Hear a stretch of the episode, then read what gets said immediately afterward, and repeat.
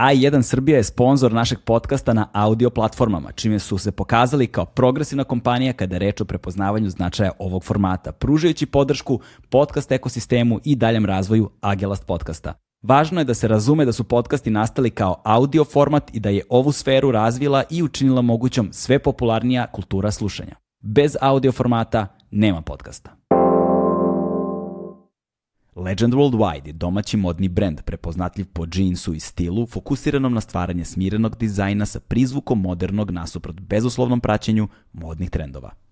Dakle, to je to što se tiče servisnih informacija, a sada da najavim svog gosta za danas, na neki način da uzvrtim i uslugu, iako sam ja njega prvi zvao, šalim se naravno. Moj današnji gost je vrlo verovatno najuspešniji, najkomercijalniji uh, televizijski vojitelj u Srbiji, uh, nek, lice koje se nije pojavilo još od velikih imena sa kraja 80-ih i početka 90-ih koje smo imali i koji već godinama jako dobro pliva, čovek koji ima najuspešniji takozvani late night format a, na području Republike Srbije, verovatno i šire na području cele, celokupne bivše Jugoslavije, a, čovek koji prilično oštro, a, bez dlake na jeziku, a, i veoma energično istupa u javni prostor i ko zapravo za sobom diže ogromnu prašinu bez obzira da li uh, ga voleli ili ne, ne može da mu osporite uspeh, to je definitivno. Njegovo ime je Ivan Ivanović, uh, zaista smo imali o razgovor sa toliko tema da nabrajanje njih bi bilo potpuno besmisleno i uzelo bi previše vremena, a razgovor sasvim dovoljno dugo traje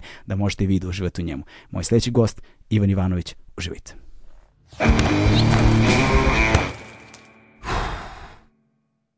Hmm.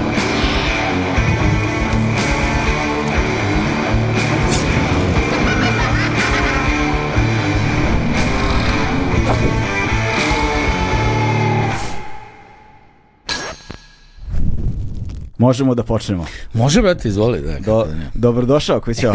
Bolje te našao. Lepo si mi pocrneo. Jesam, pa da, ali ništa kao ti. Znaš. Sam pocrneo, brate, se vidi. Pa vidi, znaš kakve si čokoladice. Ove, kad si došao s mora? Došao sam pre, ovaj, pa kad sam snimao, četvrtak dan ranije. Dan ranije, Sredu ja? prošlo, da, pre četiri dana, eto. Strava, reci mi, ovaj, koliko si ti često sad na moru?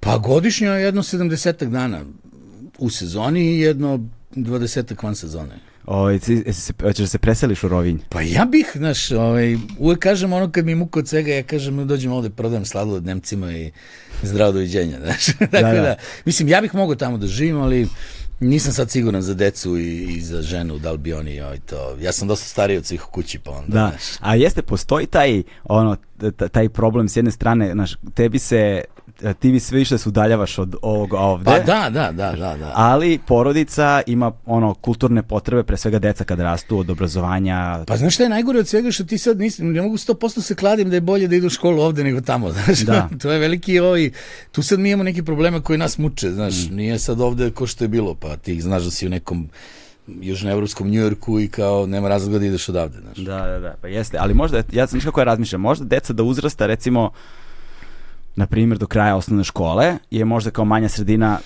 idealna u tom Da, kontekstu. je, da, da, U tom, zato, zato što... Ali čekaj, zamisli da mi o, i Lola završi osnovnu školu tamo i onda ja dovedem u Beograd za srednju ko jagnje na klanje, znači.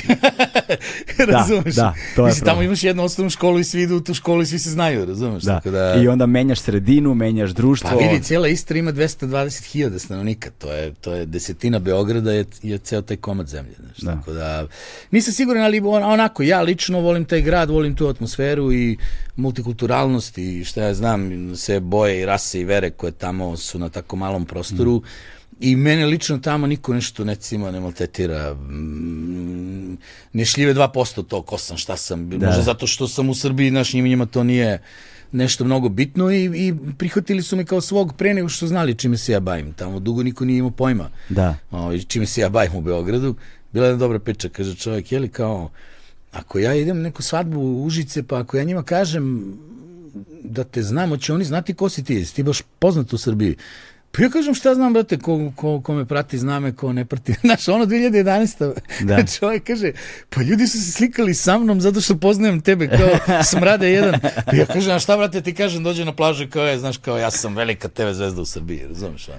Tako da moj odnos sa njima je, je nekako nevezan za moju karijeru, što meni a, jasno ti je strašno prije. Da, ali znaš kao, kad smo se sreli tamo, gledam te, ja sedim na onom pristaništu sa klincima, kao pecamo, ovaj, i ti prolaziš i bio sam bukvalno u fazonu, vidi ga, brate, čovek a, živi a, život koji ja zamišljam već ono godinama unazad. ne, da. Kao imaš svoje mesto na moru, imaš svoju nekretninu, imaš svoj brodić, znaš kao... To je da ti kažem nešto, bukvalno bio moj životni san. Da. Od uvek, od kad znam za sebe. Moja tetka je imala ovaj, u Hrvatskoj neku kuću na moru u Pirovcu, ostala bez toga naravno kad je krenuo rat, ali ja sam ko klinac sećam, znaš da mi je nekako njihov život delovao bajno, ono, da- kao, pođeš ona bila prosvetni radnik, imala mesec i po dana Da, da, da. na, ovaj, slobodno tokom leta i uvek sam razmišljao kako bi to bilo super da ono, možeš da odeš na more negde i da ostaneš, brate, slatki, ne znam, dva meseca i tako dalje.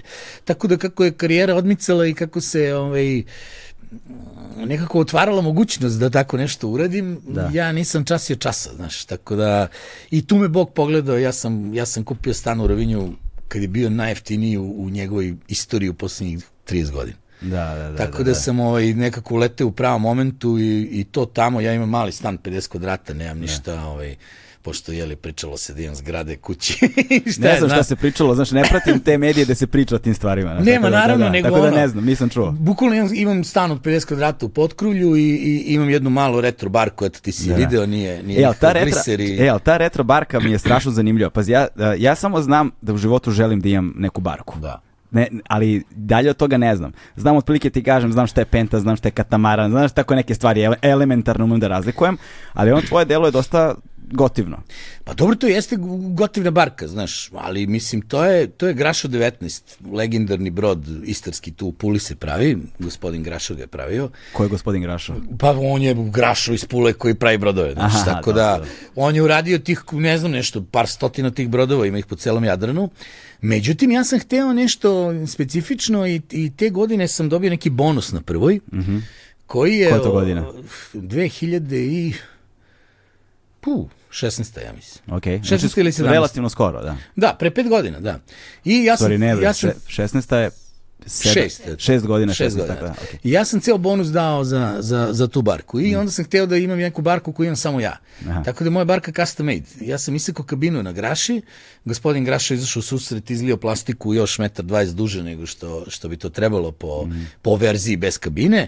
Tako da sam ja dobio taj dek za sunčanje, ne znam, 2 sa 2,80. Da. Unutra sam ubacio jedan kamperski frižider koji kad napuniš ledom ovaj, dosta dobro obavlja posao. Da. I, ovaj, I osim toga kad ga izvodiš im jednu slavinicu i onda možeš u ledenoj vodi da pereš noge, na primjer, na čamcu, da, što je da, dosta da, da, gotivno. da, da, da. I imam tuš i, i, i gorivo dovoljno da, da skoro celo leto ne moram da sipam ništa. I on, on se vozi kao brod, to nije naš kao gliseri i brodovi se drugačije voze. Tako da, ovaj, a što se tiče barke i tog tvog odabira, reću ti ovako, zašto ti barka treba, šta očekuješ od nje? Ako očekuješ od nje da ideš na izlet i da se sunčaš i kupaš i popiješ hladno piće, se istuširaš, onda je moja barka idealna stvar, ne treba ti ništa veće od toga. Ja sad nemam pojma, ako ćeš skupiš 15 ljudi i praviš neku žurku, treba ti Ne, ništa ne, veće. ne, ne, ako ne, hoćeš ne. brzo da ploviš, treba će ti gliser i tako dalje. Tako Ja, dalje. ja ne, ne znam osobu koja a, želi da pravi žurke i želi da se oceli iz grada. Znaš, kao Pa isto ne, vreme. dobro, da, da, da.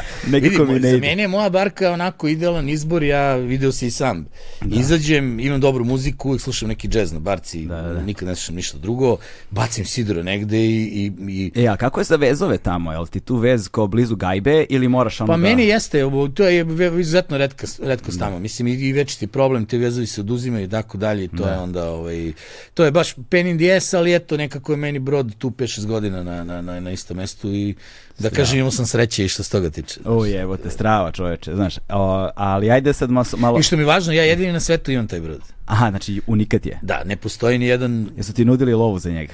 Pa ne- jesu, neki su pitali, ali mislim da kažem da taj, taj brod izašao malo skuplje nego što je normalno za njegovu kategoriju, Mm. tako da mnogi su ih hteli da prave isti, ali niko neće da potroši za tikovinu ili za mahagoniju ili za... Da, da, da. Znaš, da, ja da, sam da. pravio taj brod tako da mi bude lep do kraja života, razumiješ? Da, da, da, da, da, to je... Sve na njemu E, ali kako sam ja želeo. Znaš, ali kako ako nemaš kabinu kad si ono na suncu dugo, brate? Pa imam tendu. Aha, imaš kao može... I imam tendu i ja sam savladao zaista dobro te neke veštine ovaj, nameštanja broda sa dva sidra da se lovi hladi i tako dalje. Tu, tu sam lokalac. Znaš, A, šta? dobro, dobro, dobro, dobro. Za te neke sitne plovidbe u priobalju sam tata. Ovaj, hajde malo se posvetimo a, tebi i televiziji. Znaš, to je nešto što mi je uvek zanimljivo. A, redko imam goste, ljude iz svete televizije gde možemo pričamo o toj televiziji kroz vreme, kako su stvari išle. Ovaj, da ti kažem nešto, mogu ti kažem pre nego što počnemo. Mene u, u mojoj celoj karijeri koja traje 15 godina, samo Danilo Mali zvao da pričamo o televiziji na svetski dan televizije i to skoro. stvarno, 15 godina niko sa mnom nije radio intervju da nešto pričamo o televiziji. nego o čemu ste pričali? Pa ono kao kako je počela tvoja karijera i ne znam la la i to, ali ono kao nešto suštinski o tome i, i, Pa da. znači nikad niko, to mi je Pa- vrlo interesantno. Pa znaš, pa, pa naravno, ali... Tako da hvala ti. Da, nema, nema, nema, nema čemu. Pa koga bolje, razumeš, da zovem, ovaj, s obzirom na to da je tvoja pozicija vrlo specifična u, u, u društvu i to traje već godinama, znaš. O, da. hteli, ljudi, hteli ljudi da ospore ili ne, znaš, ti si tu i istrajavaš na neki način, znaš. Pa dobro, znaš kako ljudi, to osporavanje od strane ljudi na početku karijere tebi malo smeta, znaš, ti se kao sve zašto, pa šta, ja moje namere su... Međutim, ja sam tu, ja sam mnogo promenio tokom svoje karijere i strašno sam sazreo i važnije od svega, dosta dobro sam spoznao televiziju, medije i moju ulogu u svemu tome. Znaš, što se tiče njihovih komentara, zašto bi iko komentarisao ono što ja radim s obzirom da nikada niko pre mene nije to radio. Da. I ja se ja uvek tako sebi to objašnjavam, s koje pozicije taj neko ko toliko kao nešto zna da treba ovako ili onako, Da. ko si ti, gde si A bio? zapravo tvoj format late nighta bilo je pokušaja, čini mi se. U, pre. bilo je pokušaje mnogo. Bilo je ba- baš, da li u istom terminu, Ne, u istom istom terminu, sad ću ti kažem ovako, Bio bio Lane, Lane. Gutović je prvi, ne, Živić je prvi krenuo. Živić, na, to je bila ali on išao svaki dan. To je bio, i zajedno smo bili, ja sam bio tada cash taksi, a on je radio, A, radio ja, late jebote, night. da, da, da, da. I, ovaj, i, I on je radio svakog dana, to je trajalo sezonu i po i, i onda, mislim, on više nije mogao da izdrži mora bi da se odrekne glume, znaš, Da. da bi mogao to da radi. Lane je radio takođe jednu sezonu, isto svako veče, zvalo se Oralno doba, i to isto nije dobro, nije dobro prošlo. A ja, meni je ponuđen termin petkom u devet, pa kao ako imam neku ideju šta bi radio, ja sam Mm. hteo samo to. Da, da, da. da. I ovaj, svi znamo tog sad kako ispalo na kraju, ali taj koji to radi mora tome da se preda 100%. Mm. Nema, nema šanse da ti kao radiš nešto, uspućeš da radiš late night show. Da. I, I to je jedna preozbiljna stvar. Ti stavljaš svoje ime i prezime na emisiju. To je to, to si ti, brate. Nema, više nikad u budućnosti nema druge asocijacije na tebe osim te emisije da. koja se tako zove. E, ali tu su dve stvari ključne, čini mi se, i da, da to često ne umeju da razumeju ni ljudi koji, su zapravo, koji se zapravo bave televizijom. 97% ljudi koji se bave televizijom ne razume ništa o televiziji. je između ostalog. Verujem. jel? Ali ovde su dve stvari, čini mi se, baš važne. Prva je a, ne razumeju razliku između nedeljnog i dnevnog kontenta, ono sadržaja. Znaš, znači, ne možeš ti takav format da praviš svaki dan. Mislim, možeš, ali znaš ti U šta... Srbiji, u Srbiji vrlo verovatno da ne možeš. To moram da kažem da se jednom zauvek zna. Da. U Srbiji to stvarno ne može da se radi svaki dan, nema dovoljno događaja. Svi će ti reći nema dovoljno gostiju. Naravno nema. A i nema dovoljno događaja. Da. Nema dovoljno događaja koje bi ti mogao da pokriješ u uvodnom monologu i nema dovoljno događaja koji bi ti dali neke goste koji ne moraju da budu toliko poznati. Znaš, da. ti u Americi kada gledaš pet dana, ne znam, Jimmy Kimmela, on samo jednom nedeljno ima baš veliku zvezdu kao gost. Mm. Sve ostalo su ovi neki, znaš, onako, ima jednu sezonu na HBO, neke serije priput, i tako dalje, i tako da. dalje. Znaš, tako da, to je problem i ljudi to nisu mogli da shvate, znaš zbog čega? Zato što su svi koji su to radili, mm. videli kako izgleda Late Night Show i krenu da kopiraju to. I sad mi kad smo došli, e, ja sam znao da ja moram da, da, da prilagodim to, Kad kažeš mi, ko? pa mi već Sinu Ivanović i mi uvijek govorimo o množini. Znaš. Aha, a znam, ali kao ka- kad ste vi došli, sigurno se menjala ekipa vremenom. Ekipu se menjala, sad ću ti kažem ja ka- kako je to išlo. Mislim, termin smo dobili, ja sam dobio termin, Zlata Kalić, direktorka produkcije prve, posle te sezone Survivora u kojoj sam ja radio onaj povratak u civilizaciju, to je pravilo neverovatne rezultate. I to je već nekako zaokružilo priču koja se zvala Cash Taxi i objasnilo moju pojavu u medijima kao nešto potpuno specifično, realno u odnosu na sve što smo do tada videli. Znači, tip koji nije iz medijskih krugova, koji ima 32 godine, došao s ulice da, da, da vodi emisiju, ok, nekome simpatičan, nekome nije, ali emisije izuzetno gledane i, i Cash Taxi, taj Survivor je razvalio. Show je imao, na primjer, ne znam, 4 AMR do 6 radnim danima, ja sam imao 8-9 petkom. Da objasni ljudima samo o čemu govoriš. To je average minute rate, to je broj ljudi koji gledaju svaki sekund tvoje emisije. Mm. Znaš, U- on- onaj share je udeo u gledanosti, znači to nije broj stanovnika Srbije, nego... Broj uključenih televizora. Tako je, broj ljudi koji gledaju televiziju u tom trenutku. Tako da, volio bi da posle o tome posebno Da, da. pričamo, jer je to jedna iskonska prevara. Tako da, važno je da ljudi, kako, da narod razume. da, narod, da narod razume. I Zlata meni kaže, vidi ti kidaš ovim terminom petak uveče i mi bi tebi dali taj termin ako imaš neku ideju šta bi ti radio kad Survivor prođe. I ja odmah kažem late night show, ona odmah kaže nemoj to, molim te, kao to ne može se napravi, la la, ja kažem Zlato ili to ili ništa, mene samo to zanima, nemoj sine, molim te, tu, ti ćeš kao da se upropastiš, meni je sve Koje jedno. godine govorimo? Govorimo o 2009 10 Mhm. Čekaj, to Survivor gde je Điđa bio? To je, e, da. Da. Ne, jedna sezona pre Điđe ili da, taj u kom je bio Điđe. Da, da. Bravo, to je taj u kom je bio Điđe. I, ovaj, jer posle sam radio još dve sezone Survivora, paralelno sa ovim. Koliko bi ti sezona bilo te u Survivora jebote? Mi smo imali četiri na, na Fox. Četiri. Na prvu i sad je bilo pet. nisam nikad sekundu Survivora odgledao, ni jednog, ono prosto. Gotivan je to show, znaš, da. mislim, mnogo gotivnije od svega na temu reality. Pa da, koliko sam provalio od svih tih reality sadržaja koji su bili, koji su nas obsedali, ja sam do duše iskreno budem od real, realitija pogledao, gledao sam prvog velikog brata Da. i gledao sam prvog VIP velikog brata. Da. I to je sve što sam gledao. Ti si gledao onaj u kojem je bio moj burazer onda rođeni. On je, ja mislim, bio u prvom VIP-u sa, sa Đanim Ćurčićem i Pa, zo- Bogom Sekulić. Ne, čekaj, maneken. čekaj, u kom su bili bad copy? Oni su bili posle toga. A, taj sa bad copyjem sam gledao. Da, Nis, da, nisam gledao onda, drugi. onda sam gledao drugi Da, to je bio drugi drugi, VIP. U svakom slučaju, ja sam Zlatu ubedio da snimim pilot. Mhm. I rekao sam joj da m, ovi raniji pokušaji nisu uspeli jer ti ljudi nisu znali to da rade, a ja znam to da radim i to će da bude okej. Naravno, veze sa životom nisam. To je to samopouzdanje, znaš, Da. ja, ja to nik, ne bih Pa to je... uh, Ja imam višak samopouzdanja od uvek, od rođenja, od kad znam za sebe. Ne, ne volim to da objasnim. Znaš, mislim da je to došlo iz sporta, a da sam ja to onda raspršio na sve čime sam se u životu bavio i uvek ja to kao šta bre. Uglavnom, ja sam onda počeo da razmišljam šta bi trebalo da se uradi, prvo što mi je palo na pamet je da ne može svako veče da ide Da. i da mora da ide jednom nedeljno i da ja sigurno ne mogu sam a, da izlazim jednom nedeljno i da pričam stand-up komedi i tako dalje i onda naravno se pojavilo to da svi Amerikanci imaju scenariste, da u Srbiji niko nema scenariste. I onda se ja krenuo skupljam scenaristički tim.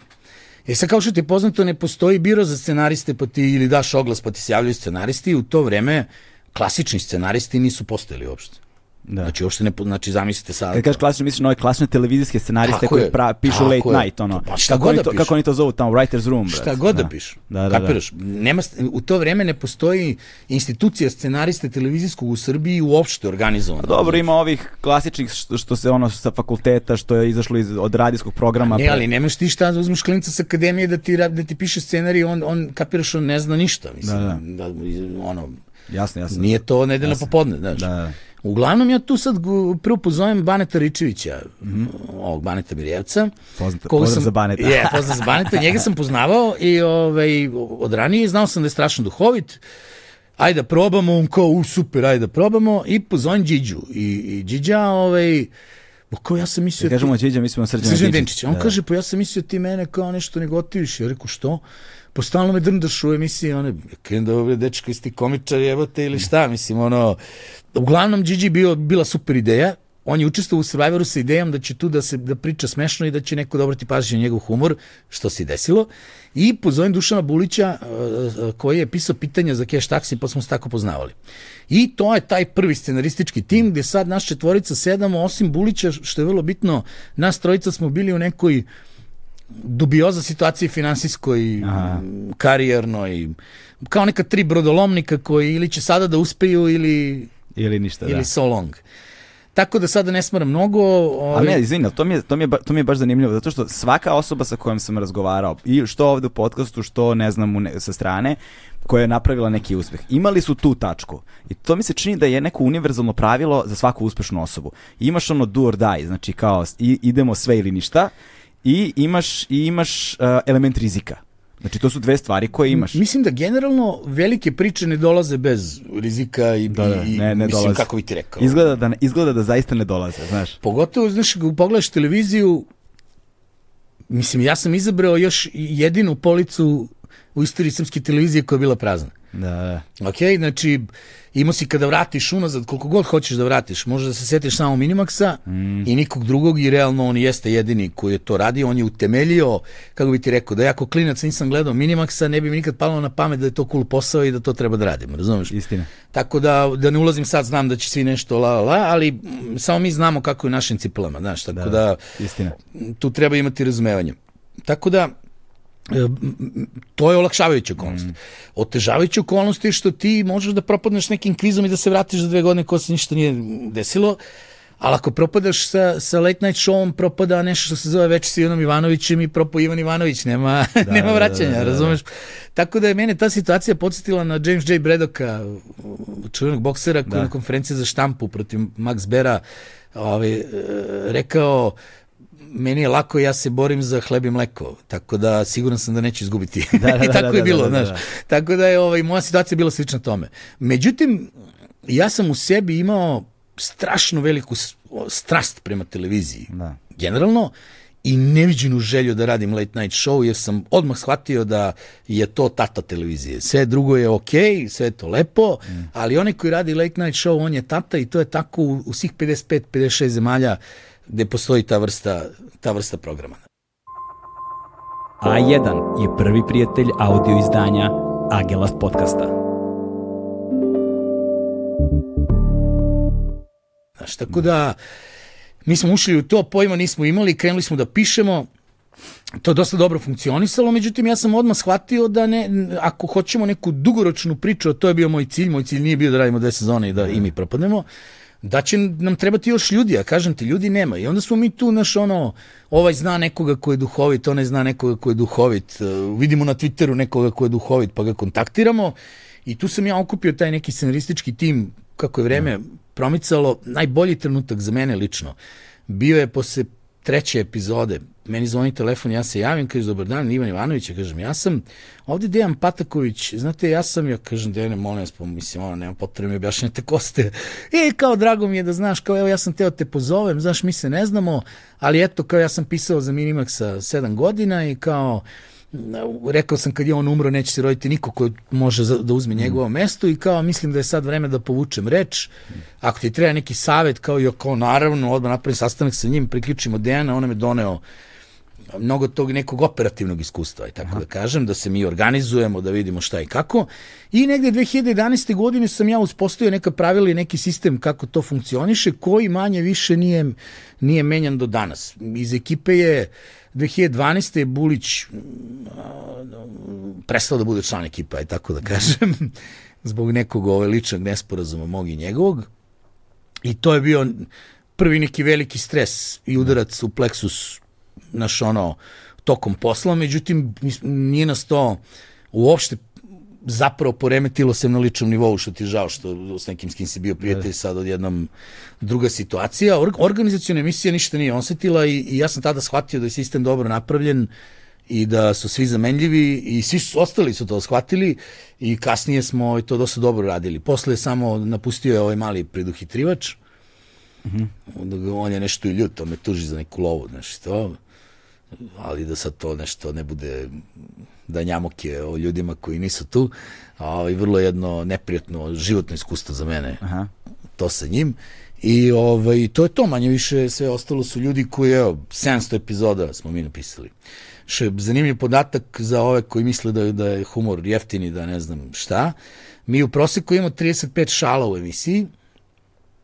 Od ovih 700 jedno 500 su imale taj stand-up i ne znam ono, ne znam ono, pa evo sad do the math. Da, da, da. da. Koliko smo potpuno autentičnih, originalnih šala mi napisali. Da, za sve Znači, ovo vreme. 9-10 hiljada, nemam pojma, znači 20 hiljada, sumanut broj. brate. Jasno, jasno. Znaš, zanimljivo je sada, kad posmatraš, čini mi se da se televizija značajno promenila u periodu od 2011. do danas.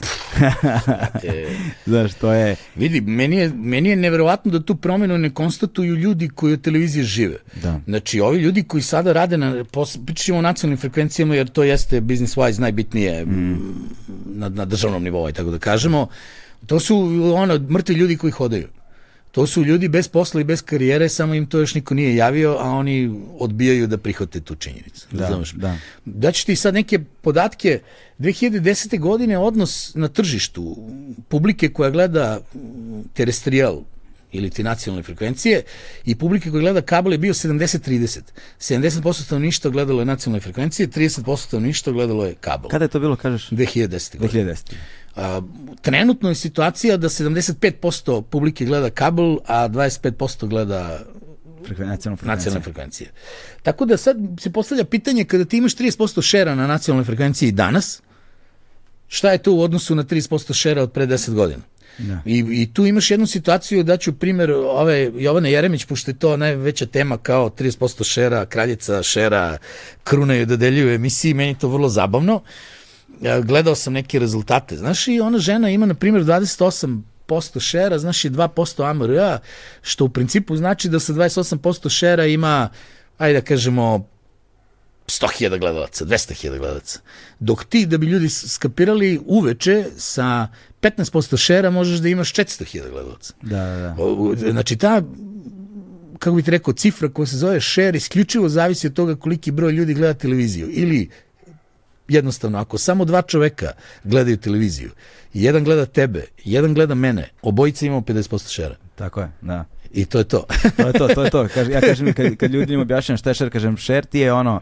A, Koliki deo kolača ti uzimaš? Da. Od kolača koji je na stolu. da, od- tako je, E, da. sad šta ti televizije rade kad neko ima, na primjer, 30% Znači, šera? jer broje se samo uključeni televizori. Tako je. Kad neko ima 30% šera, oni to pomnože sa brojem stanovnika. Srbija ima, ne znam, 7 miliona stanovnika, Ja. 30% šera i oni kažu 2 miliona i 100 hiljada ljudi gledalo emisiju.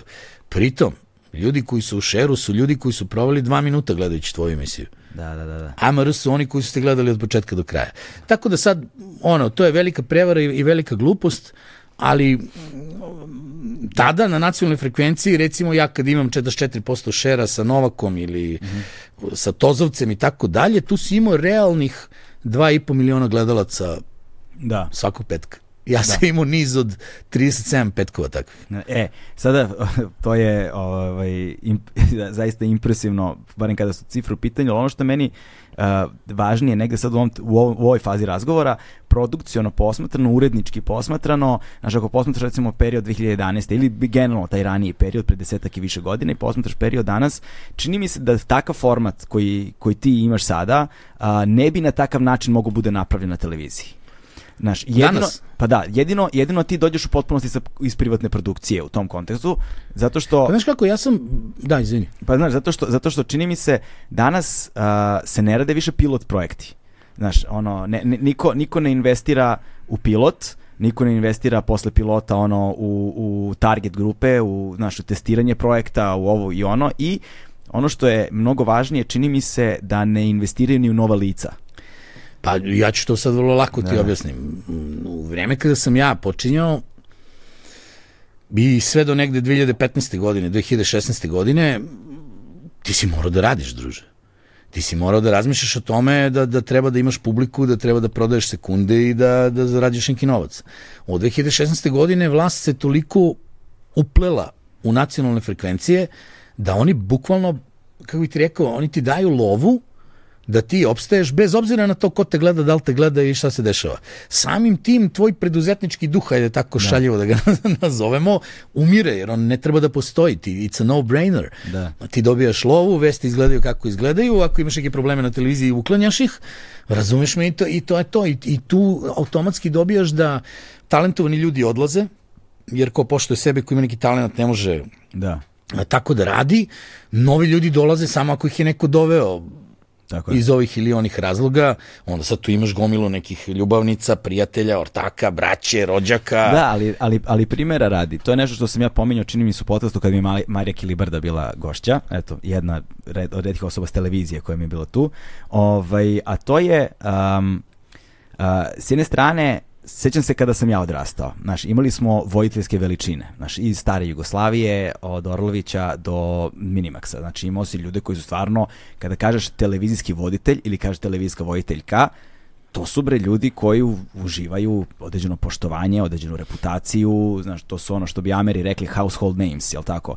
Kao što je dan danas na BBC-u David Attenborough ili šta ti ja znam, kao što, ne znam, Jeremy Clarkson bio svoje vremeno na Top Gearu. E, ovaj, a onda, a danas kada kažeš da je neko voditelj ili voditeljka, to sad već ima prilično negativnu konotaciju. Pa, još uvijek Ima- nije došlo, još uvijek nije došlo do sramote koju osjetiš kad kažeš za nekoga da je novinar. Da, da, da. da. Voditelj još uvijek nije stigo do, do, do te donje tačke, a do toga dolazi tako što se pojavi Jovana Jeremić i kao svi čute kao šta nas briga. Niko ne razmišlja da si u roku od 10 dana ti i ona ste kolege.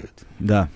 Ona je te vojitelj, ti si te vojitelj. ali, ali, I sad dao sam samo, Da. mislim, postoji sto takvih primjera, Jasno, razumeš? jasno, jasno. Mi puštamo profesiju nekako da, da, da odlazi.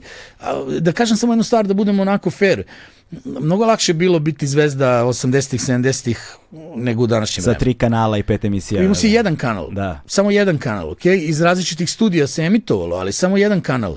I ti tu, i nisi imao nikakve časopise, nikakve fotografije koje izlaze. Kad odeš u kafanu i napiješ sa ortakom, to ostaje vaša tajna ili možda šef sale prepričava taksistima i to je to. Da, da, da. Kapiraš, ti danas imaš, e, mnogo je te, e, u suštini velika TV zvezda postaješ tako što se izoluješ od svakodnevnih pitanja. Mm, To je da. jedini put. Moraš da nestaneš. A mnogo je teško sad u današnje vreme i, i tako dalje. Recimo, ja sam to vrlo uspešno radio dok nisam rešio da neću više budem izolovan. Da. Ali, u, u, da kažem, ja sam bio trademark te televizije. Znači, ti bilo neko istraživanje pred moj odlazak na pitanje e, šta prvo pomislite Govoriš o tebe prvoj. o TV prvoj.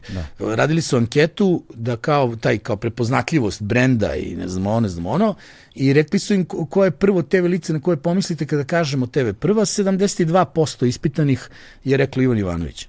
Znači taj nivo povezanosti brenda i osobe kod nas nikad nije postojao, znaš. Jedno lice, to je ta kuća. Ja se sećam šta god se desi na prvoj ljudi meni pišu na Twitteru. Zašto ne znam u stope čekaj be druže, Da, to je, to je, kad se, to je kad se personalizuje mediji Pa na taj da, način, da, kada da. lju- Što je- ljudi tebe doživljavaju Što kao... je bilo okej, mi smo rasli zajedno, ja sam, odmah da ti kažem, ja sam, uh, ja ću uvijek biti ponosan na vreme koje sam proveo tamo. Da. Ta televizija danas nema nikakve veze s tim, mi smo sanjali neke druge snove i, i ostvarili smo ih. Mi smo, mi smo u doba prve radili neke velike stvari koje nikad u istoriji niko osim RTS-a nije radio. Kao kao što je futbolska reprezentacija Srbije, kao što je Wimbledon, kao što je US Open. Ti razumeš da, da recimo RTS nije pratio uopšte rezultate Novaka Đokovića, dok mi kao komercijalna televizija nismo dve, tri sezone to ispratili, onda više nismo mogli da se takmičimo s njima, jer ljudi treba da znaju, najviše love u Srbiji ima RTS Da. On ima svoje neke druge probleme, ali teoretski gledano šta može RTS da plati, to niko ne može se takmičiti. Tako da kad RTS izgubi svetsko prvenstvo, ne, nema ili nema teniski turnir, to je ono veliko pitanje za njih, zašto to nemaju. A to sad nije ni važno. Mi smo radili na Roland Grossu 2012. godine, mi smo bili u tom TV compoundu između Eurosporta i Francuske nacionalne televizije. Tu nam je bio studio. Događaj smo pokrivali sa, sa, sa, ja sam bio kao ono glavna zvezda toga i sportski novinari trojica koji su radili. Ivana Miković koja će kasnije biti direktor KN1 i zamjenica, zamjenica ovog Bujoševića na RTS-u i tako dalje. Ona je bila tamo rukovodilac na terenu, znači žena koja je bila direktor njuza koja je provela e, sedam dana organizujući sve to. Posle finalnog meča imamo si 150 reportera ovako i dva čoveka koja stoje na šljati s mikrofonima, John McEnroe i ja.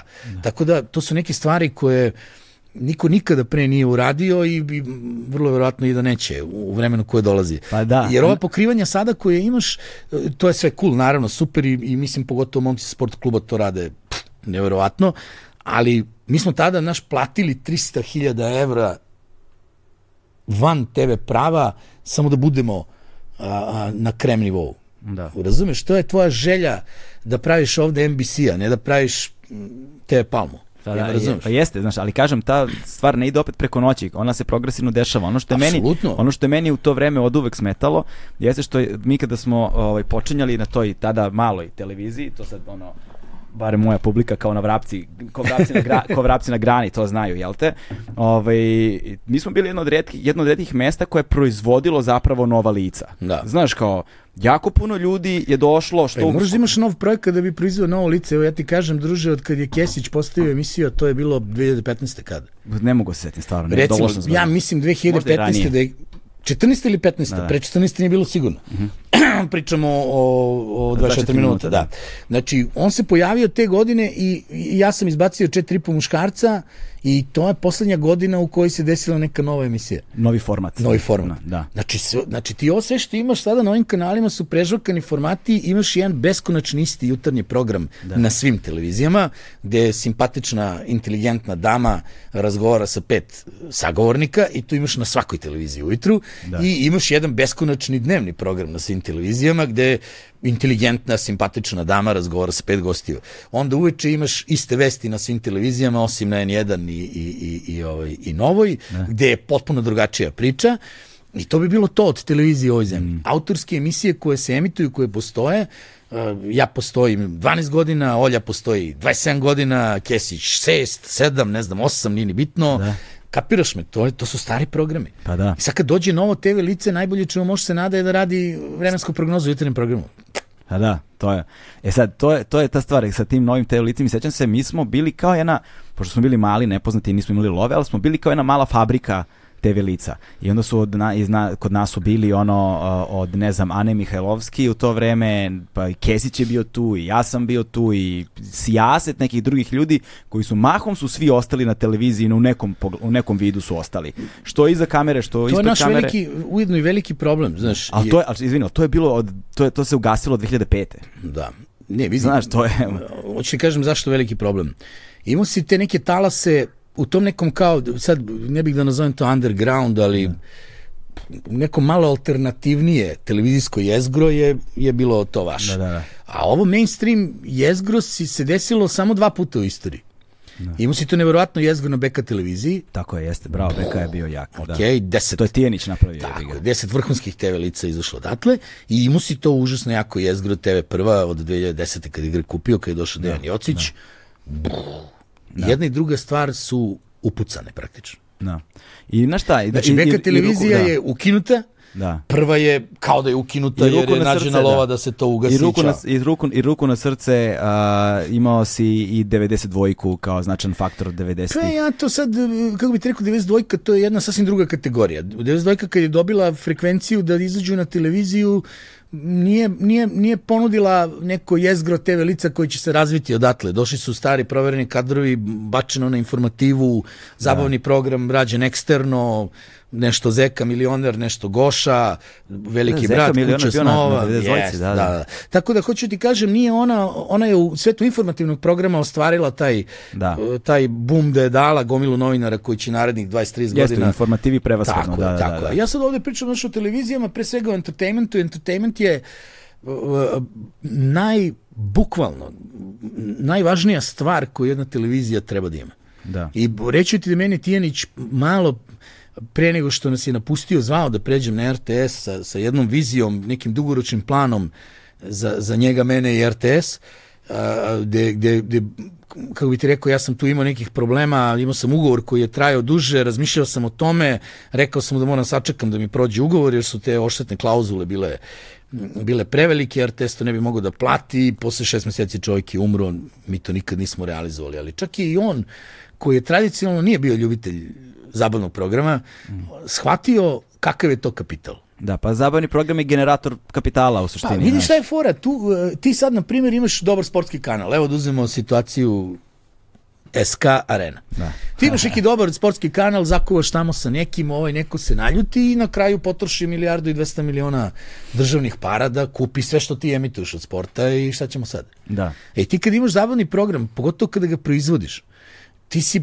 koliko god da si platio, to će tebi doneti puta 20 kroz biznis. Ne može niko tako lako da ti ukrade jer uh, ti si taj koji gospodari jednačinom, razumeš me? Dok da. god si spreman platiš svog čoveka, on nema razlog da ode. Da. Ponašaš se pristojno, ljudi će da ostanu 20 godina na televiziji tvojoj, razumeš me? Da, da. Tako da u tom smislu treba vremena da ljudi skapiraju da je svaka investicija u zabavni program bukvalno kao da si iskopo dijamant. Da. Naravno, pričam ako je dobar zabavni program. Pa da, e, ali, tu, ali, tu si, ali tu si sad pomenuo jednu vrlo značajnu stvar koja čini mi se da je odigrala jedna od ključnih uloga. Mislim, e, ne- nezahvalno je malo govoriti o, o ovom aspektu, o ovim aspektima problema, zato što napadamo ih istovremeno sa svih strana, ali previše je problema da bi pazi, se ja opisao ne- krug oko da, njih. Ja ih ne napadam, ja konstatujem stanje. Govorimo o razgovoru ih kao napadamo. Ok, ali kao. vidite, kažem nešto, ja sam bio urednik uh, zabavnog programa na televiziji s nacionalnom frekvencijom. Mogu Koliko da, dugo?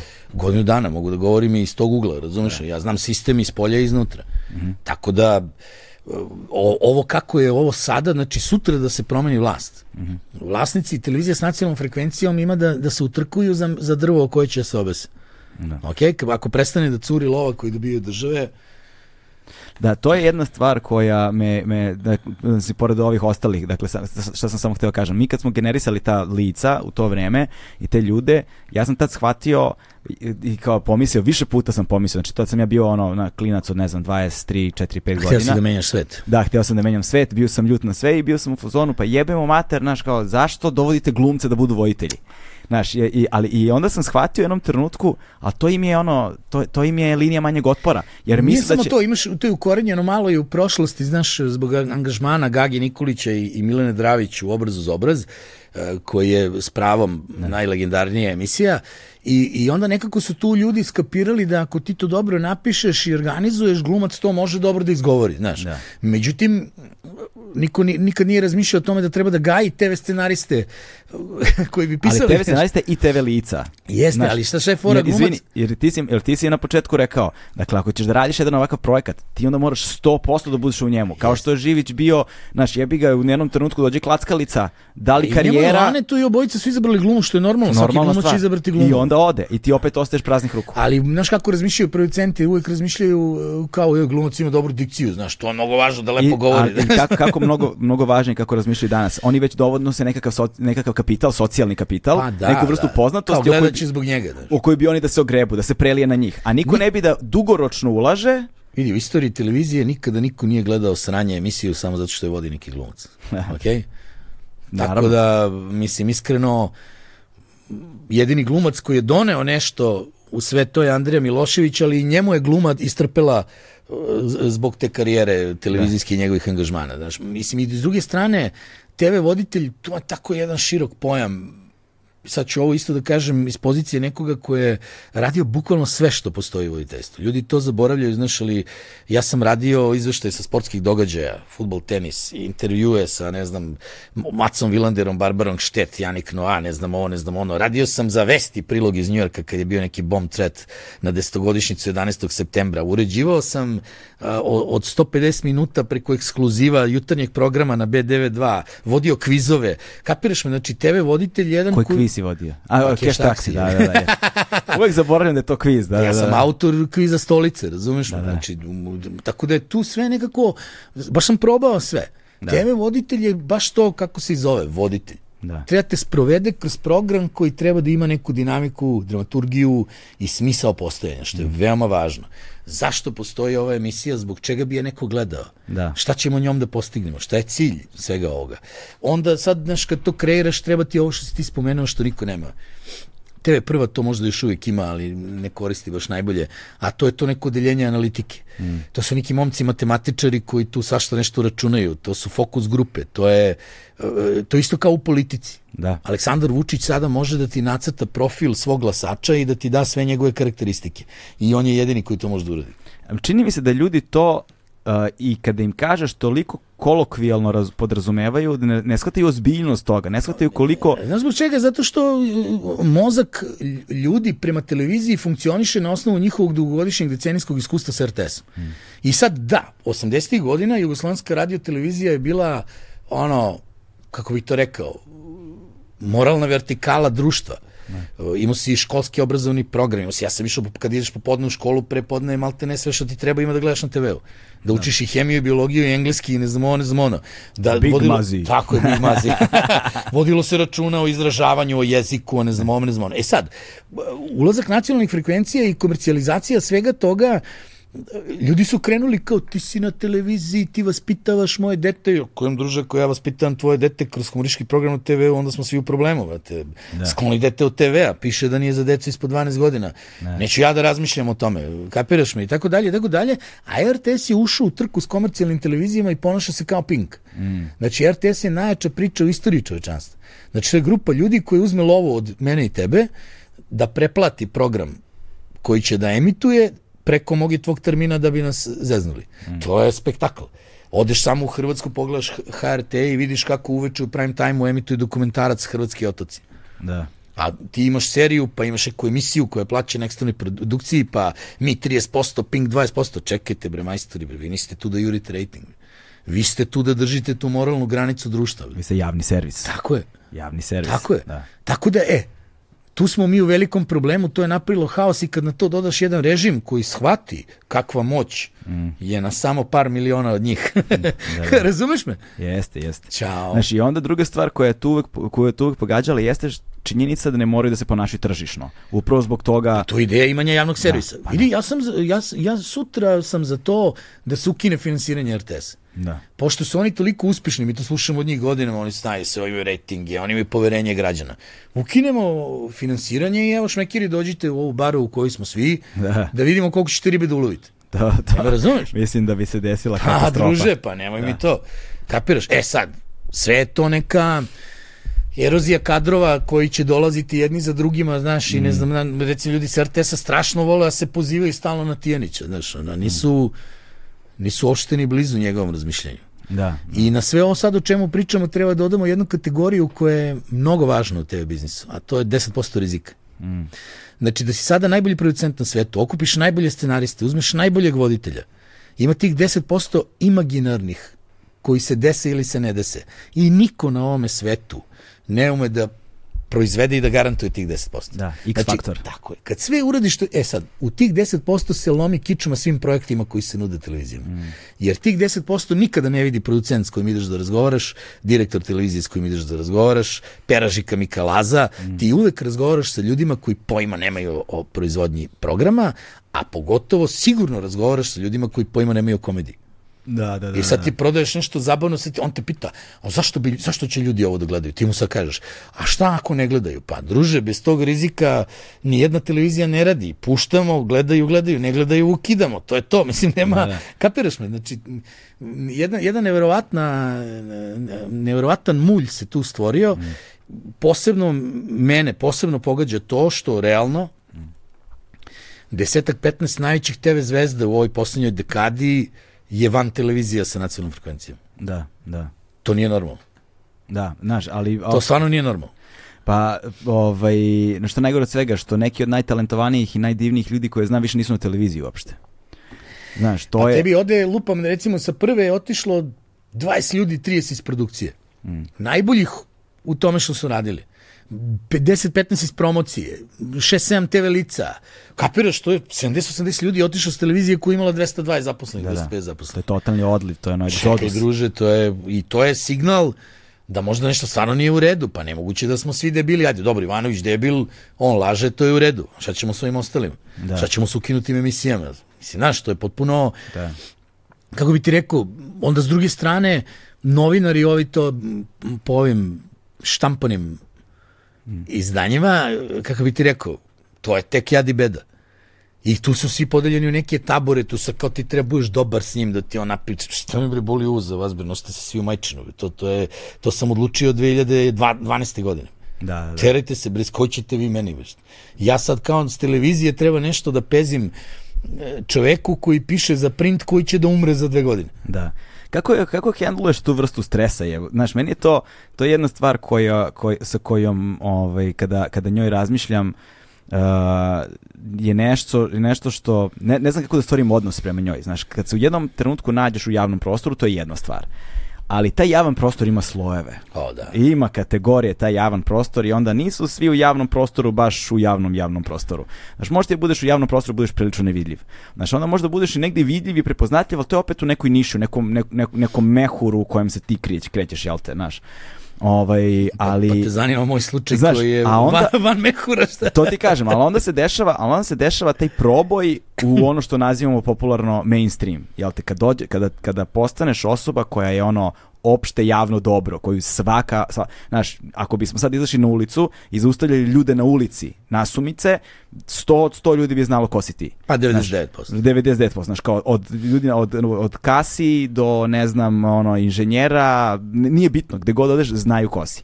To je sad jedna potpuno druga kategorija života u javnom prostoru, ovaj, u kojem, znaš, kao nekog poput tebe koji ima takvu vrstu stavova, znači, koje tako javno, eksplicitno, znaš, ono, pokazuješ, je, je istovremeno i konstantan poziv na ono, ajde, vidi ajde, ovako- ajde, to, ajde to u feminizmu da kažemo dijalog. Da. ja, jaka prijava. Ja. znaš, kako, znaš, brate, kako spavaš je? Razumeš što ti kažem? Kako, Pa vidi da ti kažem nešto, i prije svega... kako tvoji najbliži to podnose? Pa njima je teže nego meni. Njima je teže nego meni zato što ja lično sam na nekom putu koji, koji iz mog ugla gledano je zlatan, ono, Da. Yellow Brick Road. Ja sam ovaj kako, ne znam kako to ti opišem, ja sam u nekoj dimenziji koju nisam mogao zamislim nikad u svom životu. Meni, t- k- imaš jedna, jedna, jedan par čarapa je prvo što si rekao. Establishment, mediji, a, kako tu, a kako sa narodom. Sa narodom je do jaje, veruj mi. Znači, ljudi i ti koji ne misle kao ja, oni imaju potrebu da raspre to sa mnom. Ja sam uvek spreman da stanem i da prodiskutujem sa njima. Da. Uvek. Od prvog dana svoje karijere do danas to je nešto što me Čola naučio, osim da se nosi crveni sako. Čola mi je objasnio u jednom razgovoru koji njemu možda uopšte nije, nije, nije bio ni bitan, ali za mene je bio mnogo važan. A, ja sam ga to i pitao na neki način, on mi je rekao, vidi, mi živimo od tih ljudi, sve što imamo dugujemo njima, Da. najmanje što možemo je da razgovaramo s njima, se slikamo i da se potpišemo. Ako ti nije do toga, sedi, brate, kući, nemoj da izlaziš. Kad izađeš, to je to, Verovatno pripadaš tim ljudima. to rekao bez brate. da, bez brate. Pa dobro da imitiram sa E, čolom. da. Uglavnom, znaš, ja sam to tako skapirao i to zaista tako i, i doživljavam. Mm. Uh, vidi, mora vodiš računa, nekad ti izleti ono, nekome bi opsao majku zbog nečeg u saobraćaju, ne možeš, brate. ne možeš, ne možeš. Znaš, mora se osmekneš, mora da mahneš. A što se tiče ovih krugova, tu, ako smem da budem skroz opušten Možeš skroz uz, budeš uz opušten. neki kredit koji bi mi ljudi dali, jer se od mene to i očekuje, ja tu ne jebem nikog 2%. Da, da, da. Bukvalno. Da, da, da. Od uvek.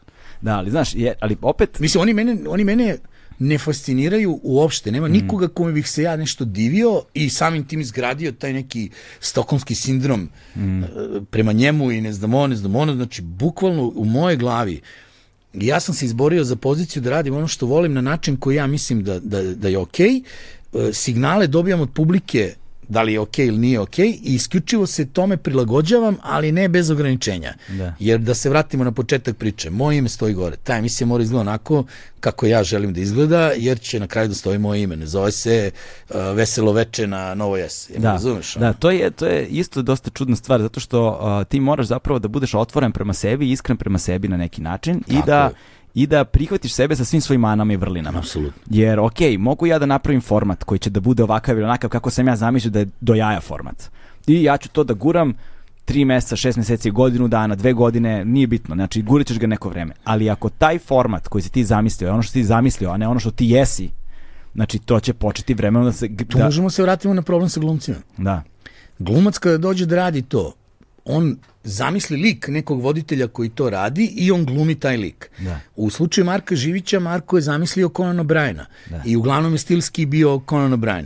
U slučaju Laneta Gutovića, Lane Gutović je zamislio sebe na televiziji jer je već imao to iskustvo jer je Lane bio Lane. jebi ga Lane i, i, i planina da. Planina komedije, humora, inteligencije, ne, ne znam kako bih ga opisao. I on je bio taj lane polunadrkani i ne znam, ovakav elitista i ne znam, on, i moglo mu se, znaš. On imao, imao si tu čuvenu anegdotu kad nije došao na snimanje, vozač došao po njega, lane mu otvore i kaže, otkazano je snimanje danas. Vozač kaže, nije, svi vas čekaju. On kaže, zanimljivo, zvala me, recimo sad, Rajka iz Raiffeisen banke i kaže žena da je otkazano snimanje, jer mu nisu platili honorar. I nije teo dođe na snimanje dok ne legne lova. Znaš, to, to možeš sebi dozvoli Jelane Gutović, ali hoću da ti kažem da su oni ulazili u neki lik, pa iz tog lika radili to. Ja nemam lik u koji ulazim, to sam ja, samo siđem ni stepenice i radim. Odgovornost za sve ove emisije, u mom slučaju, lična, shataš me, ja je doživljavam duboko, nije kao pisao je neko. Da, Tebe da. boli uvo ko je pisao lošu foru, tako? Da, da, da, da. Pa recimo najveća afera, hoće ti biti zanimljivo, pošto ti, ti poznaš Bukija dobro, tako? Da, da, da, znam e. Buke, znam Bulića, da. da. Vidi foru. Buki napiše neku foru kako Al-Qaida hoće baci nuklearnu bombu na Evropu, levo, desno i tu je bilo kao predlog da se baci na Hrvatsku. I sad meni se dopade fora, ali vidim ja, naš taj kraj je suviše onako direktan. I ja to promenim u Al-Qaida preti da, da, ovaj, da će da baci bombu na teritoriju Evropske unije. Evo sad će Hrvatska da uđe, pa onda razmislite gde. Znači, malo ublažim. Da, da. Znači, to moje ublaživanje završilo je u trećem dnevniku HRT-a. Kako? Digla se dževa i sad, ja nisam izašao i rekao, e, pa to je pisao Bulić, ja sam samo pročitao, razumiješ? Da, da, da, ono, da. nego sam preuzeo odgovornost e, za to i naučio važnu lekciju za ubuduće, a lekcija je sledeća. Šta god da se desi tu, puca preko mojih leđa. Da, tako je, tako je. Da. Zato Burazeru dobro razmisli šta ćeš reći, kad ćeš reći i kako ćeš reći. Da. I, i, i, ja sam imao nekoliko tih trenutaka gde je čitava javnost protiv mene, levo, desno, na kraju sam uvek izlazio iz toga kao pobednik, jer probijam glavom taj zid komedije u javnom prostoru koji je užasno komplikovan ljudima. Jer kako je rekao Bill Burr na svom nastupu, ja imam neku priču u mojoj glavi koja je meni smešna i ja je kažem i ona doputuje u tvoju sjebanu glavu i pomeša se s tvojim sjebanim detinstvom i užasnim životnim iskustvima i vrati se nazad meni kao nešto što ja uopšte nisam mogu da vidim Da. kada sam rekao. Da, da. Zato je potpuno idiotski komentarisati bilo čiju komediju van onoga sviđa mi se, ne sviđa mi se. Da, da, da. Da, jeste. To je Mislim, to. Znaš, nekako se čudno pokazalo u posljednje vreme, kad kažem posljednje vreme, već evo nekoliko godina unazad, to najsnažnije vidimo naravno kroz američki ovaj, televizijski sistem a, i kroz generalno američku industriju zabave, zato što ono, Amerikanci su svet osvojili mu, filmom i muzikom, je ga pop kulturom, znaš, tako da ceo svet govori kulturnim jezikom ono sjednih A američkih dobro, država, nema znaš. diskusije, odeš, Nema diskusije. Kaliforniju, ja sam ti ko je tata i Znaš, to, je, to je to, nema znaš, ovaj, to, znači, i s druge strane malo i Britanci, ali to je nešto uži krug. I onda, a, kod njih se to, ono, crno-belo, jasno, transparentno, potpuno vidi problematika, polarizacija i sve ostalo. Ali neverovatno je da se ti matrice, ti modeli vide i su globalno. Mislim, mi smo od interneta na ovamo postali jedno globalno društvo u mnogim aspektima, htjeli to da priznamo ili ne. Imamo neke lokalne elemente koji se razlikuju, ali velikoj većini stvari jesmo. I ti onda vidiš da recimo da je meni potpuno neverovatno da nešto što ja nisam mogao da zamislim, ono 20 godina jebote 20 godina, sigurno pratim ono aktivno stand-up komediju, kao strastveni Da, sam, da. pasioniran sam ljubitelj stand-up komedije. Zanimljivo je, nisam ljubitelj sitkoma, uh, komedi Da, da, filmova, da, znam tačno, jednostavno, da. ali stand-up, stand-up mi je ono, zaljubljenik, velik sam zaljubljenik u stand-up, I, ovaj, i, tek, I ja nisam mogu da zamislim da će stand-up komedija postati ono prva linija ono, ili zadnja linija odbrane Pa ja bih rekao zadnja linija. zadnja linija odbrane tipa slobodnog govora. Znaš, da, da, da su zapravo ono uh, prvoborci društvenog ono društvenih sloboda stand-up komičari. To mi je to mi je nezamislivo bilo, znaš. Pa vidi, ako gledaš kraj 80-ih, početak 90-ih i ajde kažemo tu nešto George Carlin i ovaj Bill Hicks. Bill Hicks, Da.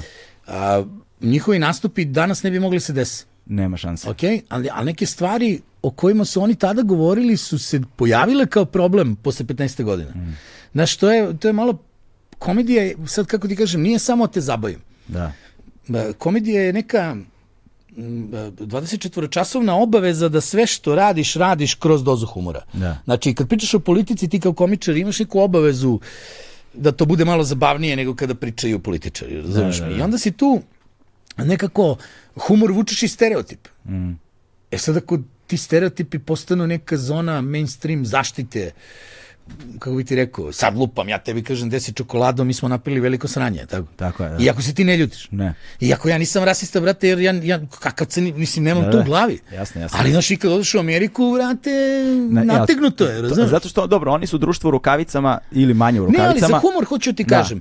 Sada Ricky Gervais super objasnio u posljednjem specijalu o ovom Odličan je, odličan je. Ja ću bujan levičar, komunista, desničar, peder, sve ću da budem što treba da bi napravio foru koja je smešna. Prosto ući ću u tu ulogu i daću ti da se nasmeješ i to je sve što ja želim.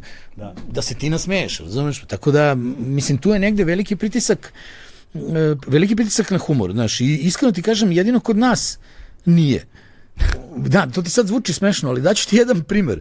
Ja sam 2010. 2011. i 2012. godine tokom cele sezone non stop bio pod nekim pritiskom nekih nevladinih organizacija, lezbijskih udruženja, uh, gej udruženja, novinarskih udruženja, urbanog sveta. Znači, ja to je pičilo sa svih strana, ja sam bukvalno bio u fuzonu, brate, moguće ovo, ja nemam, zadnjih 7 godina nema nijednog udruženja koje se nešto pobudilo ovaj, protiv nečega što sam ja rekao, osim Kala i, i ovog njegovog romskog udruženja mm. za, za, za, za neko šalu gde sam se izvinio odmah posle toga. Znaš, to je nekako pokazatelj da, da ovo društvo nije kako treba. Da, da. Sad mislimo kao da, ja se, da ja, ja čeznam da me neko... Ja se sećam one neke o Srebrenici, da li je bilo nešto ili... Nije bilo o Srebrenici, taj, to, uh, užasno mi je drago da si to spomenuo. Da. Znam ti sad delujem kao debil, ali užasno drago jer je to jedan od najvećih incidenata u mojoj karijeri koji je negde bio i dobar primer svega onoga što se dešava i što će se dešavati u budućnosti. Znaš, godina je 2012. Mm -hmm šala je glasila ovako, reći ću šala jer očigledno ima mnogo ljudi kojima nije bilo uopšte smešna pa da. ne znam koliko ja imam prava da je, da je nazivam šalom. Ona je glasila da od 1995. godine do danas uh, povećan broj uh, trudnih državlja, maloletnih trudnih državljanki Bosne i Hercegovine da ne bude da plavi šlemovi tamo ništa nisu radili. Zašto je to sad bitno? Sutradan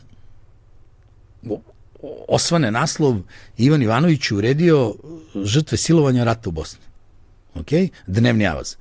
Normalno oni su pozvali telefonom Miru Karanović koja je bila više nego spremna, iako nije gledala emisiju, da kaže da sam ja Kapiraš Tanovića koji isto rekao da sam ja fašista i ne znam ono, ne znam ono i grešnog Vukašina Obradovića koji u tom trenutku predsednik NUNSA koji kao predsednik NUNSA bez da je gledao emisiju i bez da zna šta sam rekao. Jer oni zovu i kažu Ivan Ivanović je rekao, uvredio je žrtve silovanja, muslimanke žrtve silovanja u ratu u Bosni, šta mislite o tome? Normalno, brate, svi misle da je to loša stvar. Da. Međutim, Vukašin je čak išao i dalje da emisiju treba ukinuti i ne znam ovo, ne znam ono.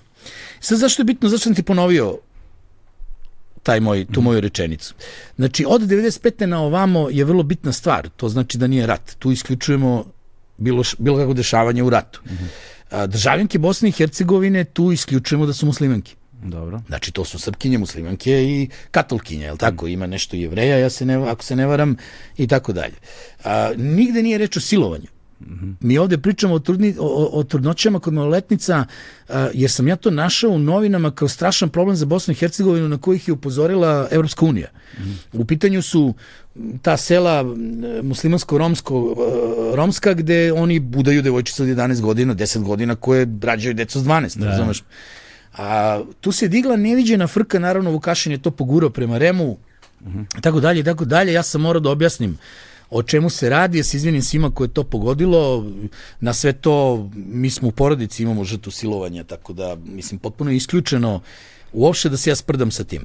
Međutim, igra je bila tako nameštena, dnevni avaz je mesec dana posle toga uzeo da radi Felton mm -hmm. na tu temu i za to su dobili nagradu ovaj, kao dižu svesta društvenu i ne znam ono, ne znam ono. A meni ovde, zbog, pre svega zbog Vukašina Obradovića, zaovek ostalo to, viš, u tvojoj glavi je Srebrenica čak. Da, da, da, da, da, u mojoj glavi je da. Tako, Kapiraš? Znaš, ja, ja samo sam ono iz, e, iz malog mozga to je, izvadio. To, da. je, to je vrlo interesantna stvar, znaš, da je Vukašin Obradović u to vreme morao ako je stvarno toliko veliki koliko misli da jeste, a kasnije ćemo vidjeti da nije, ja. Da. a, morao da, da ima neku odgovornost prema profesiji koju ja recimo imam kad god me zovu da prokomentarišem, ako nisam gledao, ja kažem izvinite, nisam gledao. Da, pa rekao je ovo, ja kažem, ok, da ja prvo pogledam šta je rekao, pa ću onda da vam odgovorim ili neću da vam odgovorim. Znači, to negde moraš da, da znaš ako si u javnom prostoru. Vukašin, Mira Karanović i Tanović su prosuli to bure govana po meni koje se razlači i danas. Danas je došlo do Srebrenice, uglavnom ljudi kažu vređao je silovane, silovane muslimanke. Da. Znači, niko nije silovan. Šalo uopšte nije bilo žrtvama silovanja nije ne veze sa ratom jer se priča o periodu od 95. na ovamo, rat u Bosni je prestao u Daytonu novembar, decembar ovaj, 95. godine i nikakve muslimanke. Da, ali znaš kako, ovaj, kao i sa svim ostalim aspektima humora, treba znaš, razumeti da nekada a, ono što su prve asocijacije i ono što je možda bila tvoja asocijacija, postoji verovatno disproporcija. Da kažem, znaš. ne postoji meni kada asocijacija jer oni ljudi nisu gledali emisiju. Da, da, ali recimo meni ti sad kad si ispričao foru, znaš, ti kad, sad kad si mi ispričao, meni je opet bila asocijacija prvo, znaš, su mi bilo žrtve silovanja. Samo ti nešto. Jasno. Fora nije dobra, to da, nije da, da, sporno da, da, da, uopšte, ok? Da, da. Ali nema, kako bi ti rekao, ne postoji silovanje u fori. Da, da, da, da. Apsolutno ne postoji. Postoji trudnoća kod maloletnica, da, da, koja je dobrovoljna, jer priča je realna, priča da. postoji u tom trenutku u mm. Bosni i Hercegovini. Da. I ja vas to zna. Da. Ali sad imaš jednu drugu stvar, u tom trenutku moja emisija u Bosni ima skoro 40% šera. U drugoj firmi, u kojoj nije Avaz. Razumeš me? Mm. Da, Ali da. spremnost ovde ljudi, ozbiljnih ljudi, Mire Karanović, ozbiljne umetnice, Da. Vukašina Obradovića, u tom trenutku predsednika NUNSA. Mm. What the fuck? Šta s vama nije u redu? Znači, vaš, vaš bol u, u, u mošnjama da, se, da, da vidite šta sam stvarno rekao je bio ono toliki da ste napravili desetogodišnje blato ono po meni koje kažem ti ja više si ti kao srebrnica Da, da, da, da, da. znači. E pa da, to ti, za, za- zato, zato, se, zato se vraćam na ono pitanje od malo pre, kad god je bilo, ovaj, u kojem, znaš, kako, brate, ideš kroz život i nosiš sve to? Ono? kažem kako? Pa tako što sam se, brate, probudio prošlog ponedeljka i video tekst u kome piše da Vukašin Obradović uzima novac od Ivice Tončeva da bi pisao neke tekstove o, o sinu predsjednika Vučića. Što vjerojatno nije istina.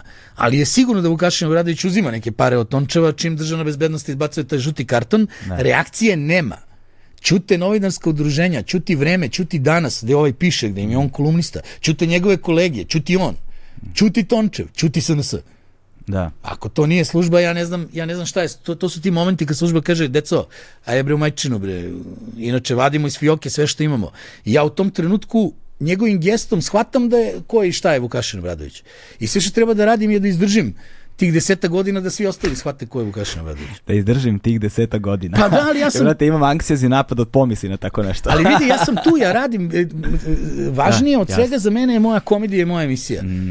Razumeš? Tako da meni su svi ti ljudi, rekao sam ti, na- ja ne jebem to 2%, uopšte Da, me ne da. interesuje. Da, ali vidiš, to je, znaš, Nikakva udruženja, nikakvi njihovi kružaci u kojima oni dele te nagrade jedni drugima, smatraju sebe velikim novinarima i ne znam on. Znači, ti imaš, bre, brate, čoveka koji je kao isto nešto simbol novinarstva, ovo ono, koji ide na noge biznismenu u njegovu kancelariju i kao radi šaljevi intervju sa njim. Pa ti do onog dana, druže, kad si to uradio, mi više ne možemo te posmatramo kao neku novinarsku veličinu. To je ono što novinari ne mogu shvatiti nikako. Znaš, Da. tako da oni su prihvatili da žive kao bednici. Znaš, dobro, znaš kako, to, meni je drago, meni je pre svega drago da sad postoji te cele, jedna, te cele nove, nove generacije, a zaista jesu, iako sad oni već, ne znam, 5, 6, 7 godina rade, ne znam koliko, Krik sad uskoro slavi rođendan. Krik nije tema, vidi, to je, evo, evo ti priča Da. za Krik, recimo, uzmi pitaj uh, čoveka uh, Stevana, nakon gostovanja kod mene, količina sranja za njih je otišla puta tri. Da. Da. Ali ja nisam njih doveo da bi to bilo tako, ja sam ih doveo da pokažem ljudima, evo, brate, ovi mladi ljudi kopaju ovde za sve nas, da pronađu neke neistine, neke malverzacije, da vas upozore da ovo društvo ide nizbrdo. Mm. I neki elitizam kao ko si oni, šta oni dobiju neke pare kao, odakle ti dobijaš pare, ne razumem. Ko ima neko ko se bavi novinarstvom a, a, pro bono. Da, to mislim. Mislim, je me razumeš šta ti pričam? E, ali vidiš, tu su, se, tu su ljudi pobrkali, to nam je još jedna dobra televizijska tema. Um, mediji ima čak jebote, koji je to film? Ja mislim da ima film, neki poznati film u kojem izgovaraju tu rečenicu, ali star film, star, stariji od svog ovog sranja koje sranja, živi. Da kaže, da kaže, ovaj, da kaže, da kaže, kaže, vesti su počele da pro, propadaju onog momenta kada su počele da se prodaju. Pa da. Znaš, kao, kada, kada jer, jer, Pa ti otkrijem nešto što je najgore od svega, ne prodaju se. da, Znači, na, na svakoj televiziji, news, samo troši pare. Jeste, da, news na televiziji troši pare, to da, ali hoću da kažem, to je značajno je ono pejzaž uh, On je, promeni, promeni, on je promenio statusno web. važan, on je, Da. on je status, ne, ne, je. nema veze, News je uvek gubio pare, to da znaš. Ali, ali je fora što je Ali bitan ho- za status kuće. Ali je, ali je news na webu pravi pare. Dobro, to da. Znaš, news na webu pravi pare, za- a on je promenio A značajno. eto ti clickbait i eto ti kako Pa je da. umrlo novinarstvo. Tako je. Znaš. Znači ti bukvalno 70% naslova nema nikakve veze s tekstom koji je unutra. Znaš, evo, baš sam, ne znam s kim sam pričao, da, Vojko mi je bio, Vojko V mi je bio, pa smo pričali, bili smo, bio sam ono, kako ti voliš da kažeš, plažni ćale. I, se. I sedimo mi u to, i, evo, izvinjavam se svima koji su slušali taj podcast pa slušaju priču ponovo, ali jebi ga. To, to mi je trenutno jedini primjer koji mi pada na pamet. Sedimo mi na plaži i znaš kako u Rovinju može, može se pojaviti gomila meduza. Da, da, Znači, da. znaš, to sam samo u Rovinju vidio, ne, nisam vidio na drugim mestima. Bude tona meduza i sad znamo one providne, one bele, to ništa, to ćerkica hvata, igramo Sad su bile ove Brown malo već. Ovo je Brown, a sad ja ne znam da li su te Brown recimo opasne ili nisu, nemam pojma. Pa, znaš kako ja, ovaj, iskreno ti kažem, uglavnom ih izbegavam ili ih isečem čamcem kad prođem. Tako da ne znam. Je, Znaš to, a i pojavile su se neke a, onako tamnije, bele, krupnije, ume da budu i ovolike, ono po metar, pola metra, metar, nemam pojma, nemam da odredim veš veličinu, ovaj, imaju neke a, a, tirkizne, plave, ljubičaste, neke To bi trebalo bude za evo. Znaš, da, e, i te, i, ovaj, i ja, i vidio sam njih, znaš. I sada, znaš, čerkicom si tu, jebi ga, znaš, gomila je dece i sad kao, ajde da ja googlam, ovaj, meduze u Jadranu, razumeš, kao sad selekcija, ne znam, vrste I ti meduza. izašao tekst opasne meduze u Istri. Jebote, ja nisam... Tigar meduze. Da, ja nisam, ja nisam mogao da nađem, nećete verovati kakva se meduza pojavila, opasna, najopasnija, znaš, i ti vidiš, i ja nisam, recimo, uh, ja sam morao, ne znam, šestoj strani Google-a, Znaš, ko, brate, lista šest strana Google-a jebe Neko je zabrinut za čerku. Razumeš to? Znači na šestoj strani Google sam našao i to kad sam kucao na engleskom sam morao kucam, A, da. na engleskom da mi izađe ono types of kao jellyfishes in, in Adriatic Sea, razumeš? Pa jest. Znači da bih ja uopšte našao informaciju jer a, jer ovi, ovi tabloidni toliko dobro rade optimizaciju na Google-a Jest. Da ti nemaš šanse da tražiš nešto da ti oni ne iskoče prvi. Pa kažem ti, potpuno su pomerili biznis ka broju klikova. Pa da, Što znači da novinar u portalu može da bude bilo ko ko ume da kuca. da, Što realno možda naučiš za dve nedelje. tako je. Imaš onda copy-paste, meni je to najče. Imaš veliki naslov, onda uđeš u tekst, a tekst copy-pasteovan sa hrvatskog nekog portala, sve jekavica, ono, u fullu do kraja. Znači, mislim, totalno ono što je nešto, a opet ti nemaš tu kao imaš neke inicijale, nije to kao stavio si svoje ime pa se brukaš ili se ne brukaš i ne znam ono, ne znam ono. Novinarstvo je potpuno umrlo, potpuno je umrlo. Ovi koji su kao pravi novinari, ni oni ne rade kako treba, jer ih ovaj ludi režim uvlači u svoju centrifugu I oni tu onda odstupaju od, od, od pravila profesije kao zarad nekog višeg interesa, ali narod ne vidi taj viši interes. Vidi samo taj trenutak kad si ti odstupio od profesije. I kad ovo blato prođe, ti ostaješ uprljanje, Da, da, znaš, ono. to je. Bez obzira što si bio u pravu i što si bio na strani istine i, i ne znam ni ja šta, znaš. Pa kratko pamćenje imaju ljudi, Da, znaš. nekako je- ali, ali to kratko pamćenje nije samo do tih ljudi, nego i do, in, do inflacije sadržaja. Znaš, toliko se Pre svega bombarduje je, bre, brate, do, do, sad ću ti reći, suficita sadržaja. Da, da. Znači, ti shvataš da ti imaš 157 kanala u kablovskoj ponudi. I imaš, brate, 20 portala. E, ali koja je to fora sad, e, ajde to da razjasnimo, koja je to fora, kanal su, nisu televizija. Pa dobro, televizija mora da ima svoju neku organizacionu strukturu, znaš, mora da ima direktora, glavnog urednika, odgovornog urednika, televizija mora da ima i sve segmente koje televizija nudi, znači informativu, zabavu. Da, ali, kako to njima pravno formalno menja, ono, To pravno formalno ne bi. Znaš, znaš, me- menja učestvovanje. To je više neki izraz iz struke koji Da. ono kao sad nećeš zvati televizijom nešto što nema potpunu organizacionu strukturu Da, uh, kao televizija, razumeš me? Znači, tako da mi, na primjer, lupam sad, Nova S bi mogla da postoji bez da ima zgradu svoju, mislim. Da. Ono. Sad, okej, mi to, to, to raste svake godine, to je sada već televizija, ozbiljna televizija, mi imamo sve što treba da ima jedna televizija, osim frekvencije. Tako da, hoću ti kažem da je tu negde ta razlika, tako dolazi do, do tog izraza ili, ili ne dolazi, znaš, Da. ali suštinski za mene ovaj period užasno ja sam tužan, znaš, ja, bio sam, živeo sam i radio i živim i radim u, u, u tom nekom vrlo uzbudljivom periodu za naše televizije, u tom nekom bumu od 2007. do 2012. 13. gde je bilo para, gde je bilo ideja, gde je, gde je bilo elana, gde je bilo volje da se radi, gde je bilo volje da se rizikuje, gde, je, gde su ljudi sanjali da prave televiziju u, u Srbiji kao da smo u Berlinu ili u Njujorku, a ne, a ne u Srbiji, znaš, bez kompromisa kad je produkcijni kvalitet u pitanju pre svega.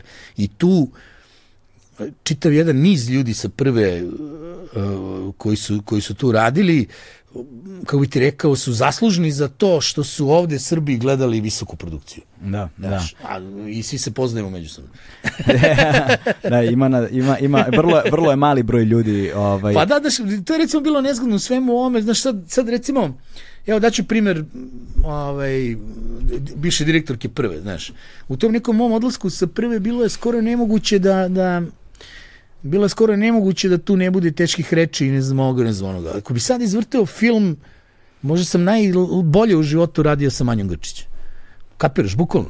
Znači, jedan odnos, meni treba ovo, ok, imamo ovo, ajde uradimo, ajde, kako ćemo ovo, pa se posvađamo, pa se izmirimo, pa... Ali ona recimo, imala tu neku viziju da bez obzira šta mora se uradi politički, ipak produkcijono to mora bude, znaš, mm, mi kao jedemo govno kristalnom kašikom, recimo, daj, daj, daj tako da, da, kažem. da, da. Tako da, opet, znaš, sad smo se nekako udaljili, jer ja imam neku, meni je to, otko znam, nije mi okej, brate, da, da, da ideš i da uzmeš neke pare od Telekoma, da posle imaš neki zadatak koji treba da izvršaš, nekako izneveriš tu osnovnu ideju medija i, i, i nekako to nije okej prema sobstvenom narodu od koga zapravo treba da živiš i postojiš. Ali suštinski nekom ljudskom nivou mogu ti kažem, ona je bila vrlo korektna prema meni, zaista više nego korektna i, ne, i omogućila mi jedan, jedno okruženje u kome ću ja ostvariti neke, neke velike uspehe. Znaš, tako da. da nije sve crno-belo, međutim, moralno gledano smo došli do toga da, da prosto ili možeš ili ne možeš da, da, da uskočiš taj brod. Ako ne možeš kao čovek, onda ne možeš, onda naravno ide rafal po tebi da si izdajnik, jer čim nisi sa njima, to mora da znači da si protiv njih. Da, da. Tako da je tu negde, ja sam znao, meni se spremao Silen Gajtan, ono, znaš, bez ugovora sam došao ovaj, kupio, u junu idemo sa ovom. Da, za ljude, za ljude koji ne znaju, govorimo o onoj čuvenoj kupovini kada je tako, Telekom kupio Kopernikus za 220 I, miliona. Za 200. Za 200 miliona. A on za 181. I, i 92 i, i sve, da. Radio, radio i, i, i onda je za 20 miliona kupio buvljak gde će da zida stambeni kompleks. A to ne znam. Da, pa tu je, da, da, pa to je promaklo, nek, da, ono, da, da. to je nekako bilo o investima na trećoj strani, znaš. Aha, aha. Ali je interesantno da se u, u evro gađa količina novca, znaš. Mislim da je Grk imao dobru ponudu, u to vreme bilo procenjeno da prva vredi 130 miliona. Da, Grk je vlasnik tadašnji. Da. da. I on je imao... imao antena grupa. Tako antena da. grupa, jest. On je ovaj, imao ponudu za 160. Mm. Što je već 30 više od onoga što je procenjeno i on je bio vrlo voljan da to proda. I onda je neko odigrao, ja verujem, management prve, javio ovima i rekao prodaće mm. a ovaj, nekom drugom što vama neće odgovarati i onda se odjednom pojavio Srđan koji po mojim informacijama bio u Dubaju na plaži, onda je pozvan hitno da se vrati da obavi tu, tu kupovinu. I da se da 180, što je, kažem ti, 160 je već bilo nenormalno mnogo, a, da. a 180 je pff, van svakog smisla. Da. Koji ovaj ne može da vrati iz biznisa, ono, da kako bih ti rekao, možda zaboravim na to. Ali ja sam negde osetio, ok, dolazi sad Kopernikus da vodi ovo, politički namešteno, znaš, on je bio čovjek ubeđen da će on imati neku slobodu da tu kao on to, i da će slobodu dati i meni i ovoj Kesiću i ja tu nisam ovaj, bio raspoložen da provedem jedan dan mm. na Kopernikus. Da. To da. sam nekako smatrao i mislio sam da je vreme onda da kažem ljudima što imam da im kažem i da odem i kako je Jovana Joksimović to nazvala, rekla je da je to najjači odlazak s televizije u istoriji najjačih odlazaka s televizije. Što je verovatno istina. E, kako je izgledala, kako je izgledala ona ta tranzicija, jer ti si nakon toga, koliko dugo nisi imao deal sledeći? Pa nisam imao do, do maja nešto, sad to zvuči kratko, ali od, od, znači vidi ne. ovako, ti uradiš tako nešto i ide tapšanje po ramenu i bravo care i ti kažeš sebi, brate, brik, tako je bre, neću da jedem govna, I onda se provodiš, brate, i skapiraš da sad, sad ovaj, neće biti plate, mm. nema love. Da. Nas je tu, ne znam, 12 porodica. Da. Što bi rekla pesma i šta ćemo sad. Da. I sad ja sam izašao na YouTube i to je bilo zanimljivo, znaš, jer mi smo matori da bismo bili na YouTube-u. Ono, ja sam to tako doživljavao, da sam bio u fazonu, e vidi, ako se mi sad pojavljamo na YouTube-u... Čekaj, snimali ste kod tebe na gajbi, taj? Da, u moj dnevnoj sobi. Kao i ja, brate. brate, to je show program. Ja sam imao scenografiju, ono, kao Beograd, kroz koju je bio prosečan moj TV sobni TV. Da, da. I sad kad svi odu, kad se završi snimanje, ja sam živio u toj scenografiji, to mi je ostajalo, a kanale, ako sam teo da menjam, morao sam da idem iza stiropora da, da, da, da, da promenim kanal. I sad ovi ljudi kad su se pojavili sa idejom kao ajde kod nas, Kako se to zvalo? To se zvalo nešto malo veče, ne? Zva, ne, to se zvalo skromno veče. Skromno veče, skromno veče. Znaš šta je bilo važno? Ok, evo ja ću dođem na YouTube. Ja sam teo pokažem jedno. Emisija je sadržaj. Da, da. Nije emisija kamera, reflektor, da, da, da, ne razumeš. Emisija je sadržaj, ali pošto smo mi velike televizijske face, mi ćemo i na YouTube-u to da uradimo na nekom nivou. Mi smo sve radili Full HD, imali smo Full HD dron koji je imao neke kadrove. To, mi smo to, daš kao, napravili mali masterclass televizijski u dnevnoj sobi da, na YouTube-u. Znaš, neviđene rezultate smo imali tu je nešto bilo 30-35 hiljada ljudi koji nas gleda u live-u mm. i onda do ponedeljka smo bili na milion pregleda za svaku epizodu, a podstiću ljude, to je 48 minuta emisije na, na YouTube-u, to nije klip da, od 3 da. minuta. Znam da nam je prosečno zadržavanje na, na emisiji bilo 9 minuta, što je neviđen rezultat, mislim, ono, da, da, da. Za, za, za YouTube. I ovi ljudi kad se pojavili za mene, ja sam onda tu skapirao moju situaciju, ok, ovo ti je sad druga šansa da ne budeš bez hleba, da. ok da ti budeš nešto tu hrabar, la, la, la, ali nije ok da sad ne možeš da hraniš dete, a druge kao boli uvo, a, a opet ne pljačkaš nikoga. Oni su dali neku ponudu koja je bila osetno manja od bilo čega što sam ja zarađivao do tada, ali meni to stvarno nije bilo bitno. Za dva minuta smo se dogovorili oko novca, meni su bili biti produkcioni uslovi, o tome smo pregovarali malo duže i oni su, moram to da kažem, doneli jednu odluku za koju verujem da su i dan danas ponosni na nju, a to je da, da daju pare za studio. Da, da. I mi smo napravili studio koji je bio još bolji nego oni na prvoj.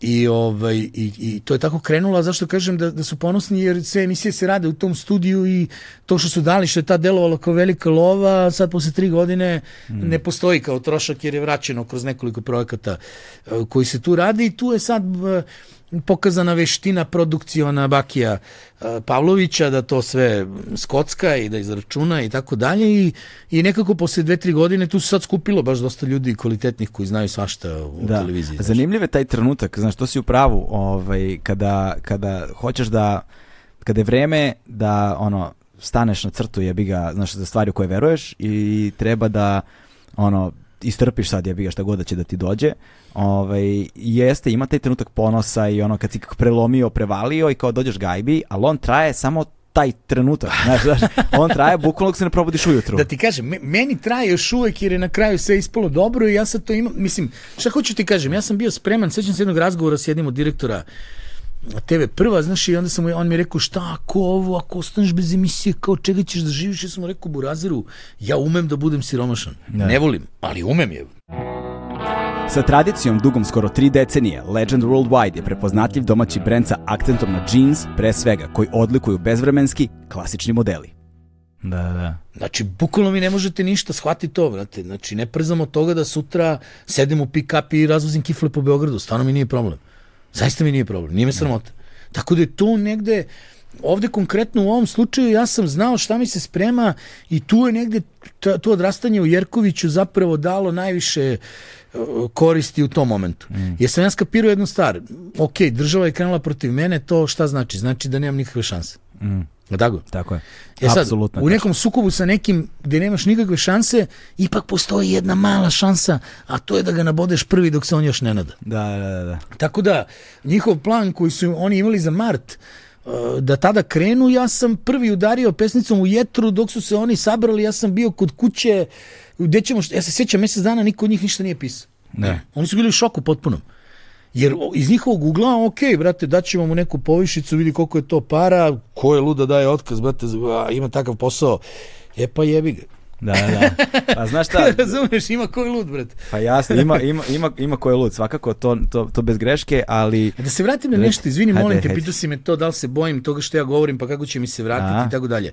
Ja celim svojim bićem Aha. verujem da društvo treba da izgleda tako da svako u njemu ima mogućnost da kaže ono što misli. Mm i da zbog nečega što neko misli ili što je rekao, niko nikada ne bi trebao da, da, da bude progonjen, oteran s posla, oteran u zatvor i tako dalje. Da, da. Maksimum koji može da postoji je neka moralna osuda u javnom životu, ali mi to više nemamo jer ne postoje nikakve, kako bi to nazvao, moralne neke kapije kroz koje mm. treba da prođemo, neke ličnosti koje bi predstavljale moral u punom svom sjaju, mi toga nemamo. Mm. Ti sad ne možeš nađeš jednu osobu koja kažeš, e, ovo je simbol našeg morala, ovaj može da mi kaže šta god hoće. Svakome može nešto da se nađe, svakome može nešto da se iskopa, svako je na početku karijere snimio pogrešnu reklamu i da, da. sad je smešan i, i tako dalje i tako dalje. Znaš, tako da u tom nekom smislu ja sam, ja nemam zle namere, mm. stvari koje govorim u njih verujem, a, umem da ih objasnim, umem ako nešto mislim da je loše za društvo i da ti dokažem zašto mislim da je loše i da ti kažem zašto ne bi trebalo to da radiš, pa ti sad ako nećeš da me slušaš, to je tvoja stvar, šta ćemo, mislim. Da, da, ali dobro, znaš, tu je sada ono, internet kultura donela jako puno toga i taj, Jest. ti poslovni modeli, jer sada više na kraju dana, to je ono, znaš, kada se pojavio taj termin, to, to iz Amerike opet došlo, jel te, kao, jedan, kao gomela tih termina, pre, šta sam, već 5, 6, 7 godina, ima dosta prošlo, nešto što oni zovu post-truth, znaš, da, kao da, da. post-truth. I kao, meni je to bilo smešno u početku kada su počinjeni. kao, šta znači post-truth, brate? Ili je istina ili nije istina, šta me zajebavaš, razumeš?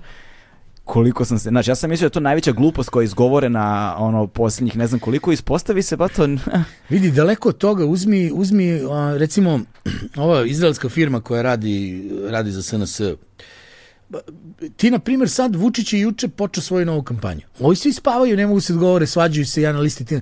On je već krenuo, brate, da se sprema za mart mesec. Da, da. Razumeš me? On tačno zna kome se obraća, on tačno zna prošle njegov glasač, koliko ima godina, šta je od škole završio, na koje teme se pali, u šta veruje, u šta ne veruje.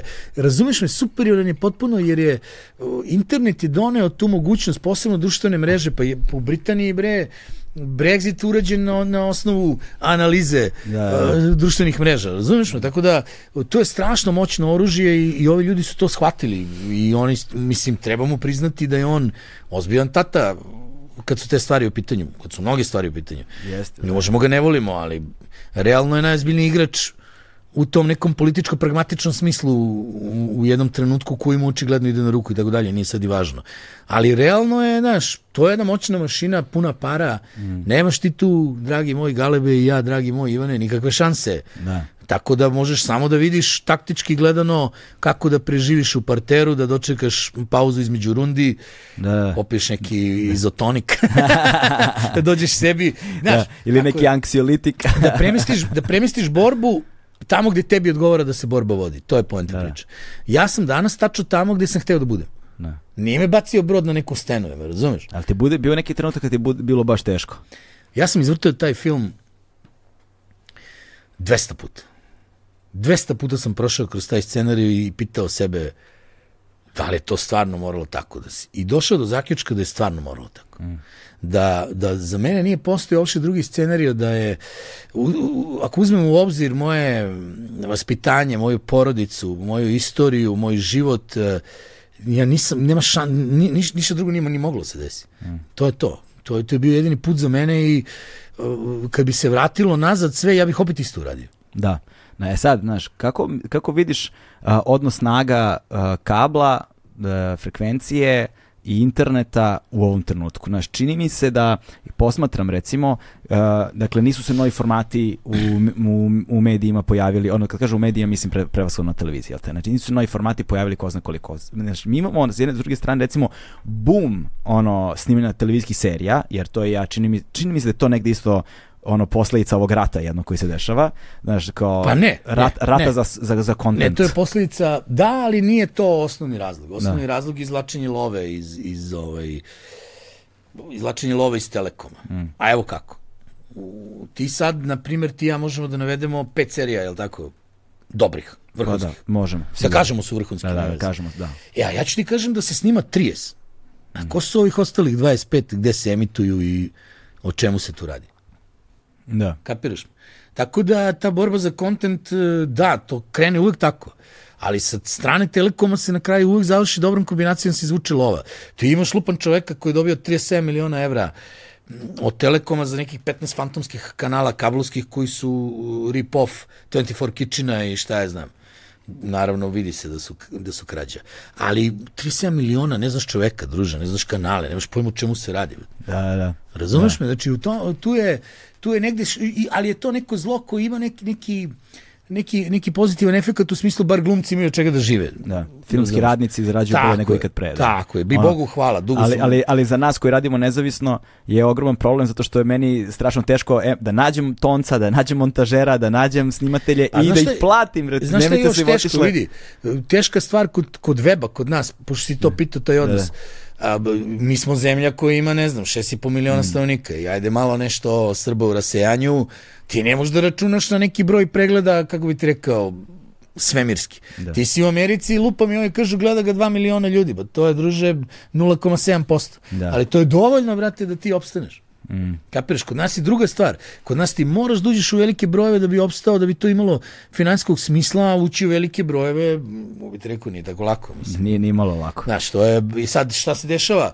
Dužina trajanja, dinamika, vrsta gosta, Da. sve to utiče svake nedelje na, na tebe, a ti imaš obavezu, to sam često pričao sa pevačima, to se sećam se, razgovarao sam s Harisom Đinovićem, rekao sam mu, zamisli, brate, da ti jednom nedeljno treba da snimiš pesmu na nivou i tebe sam sit kafana. Da.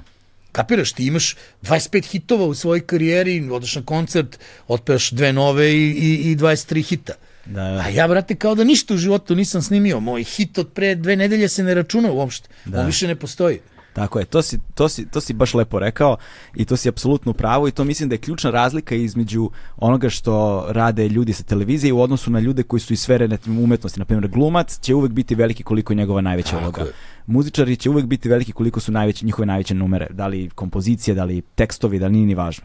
Ali na televiziji, vrate, ti si veliki koliko je tvoja posljednja epizoda. je. Tvoja posljednja emisija. to To, je to. to ujedno i objašnjava moj iskonski strah, to znaju svi iz moje ekipe, pa Da. ali nek znaju i ljudi.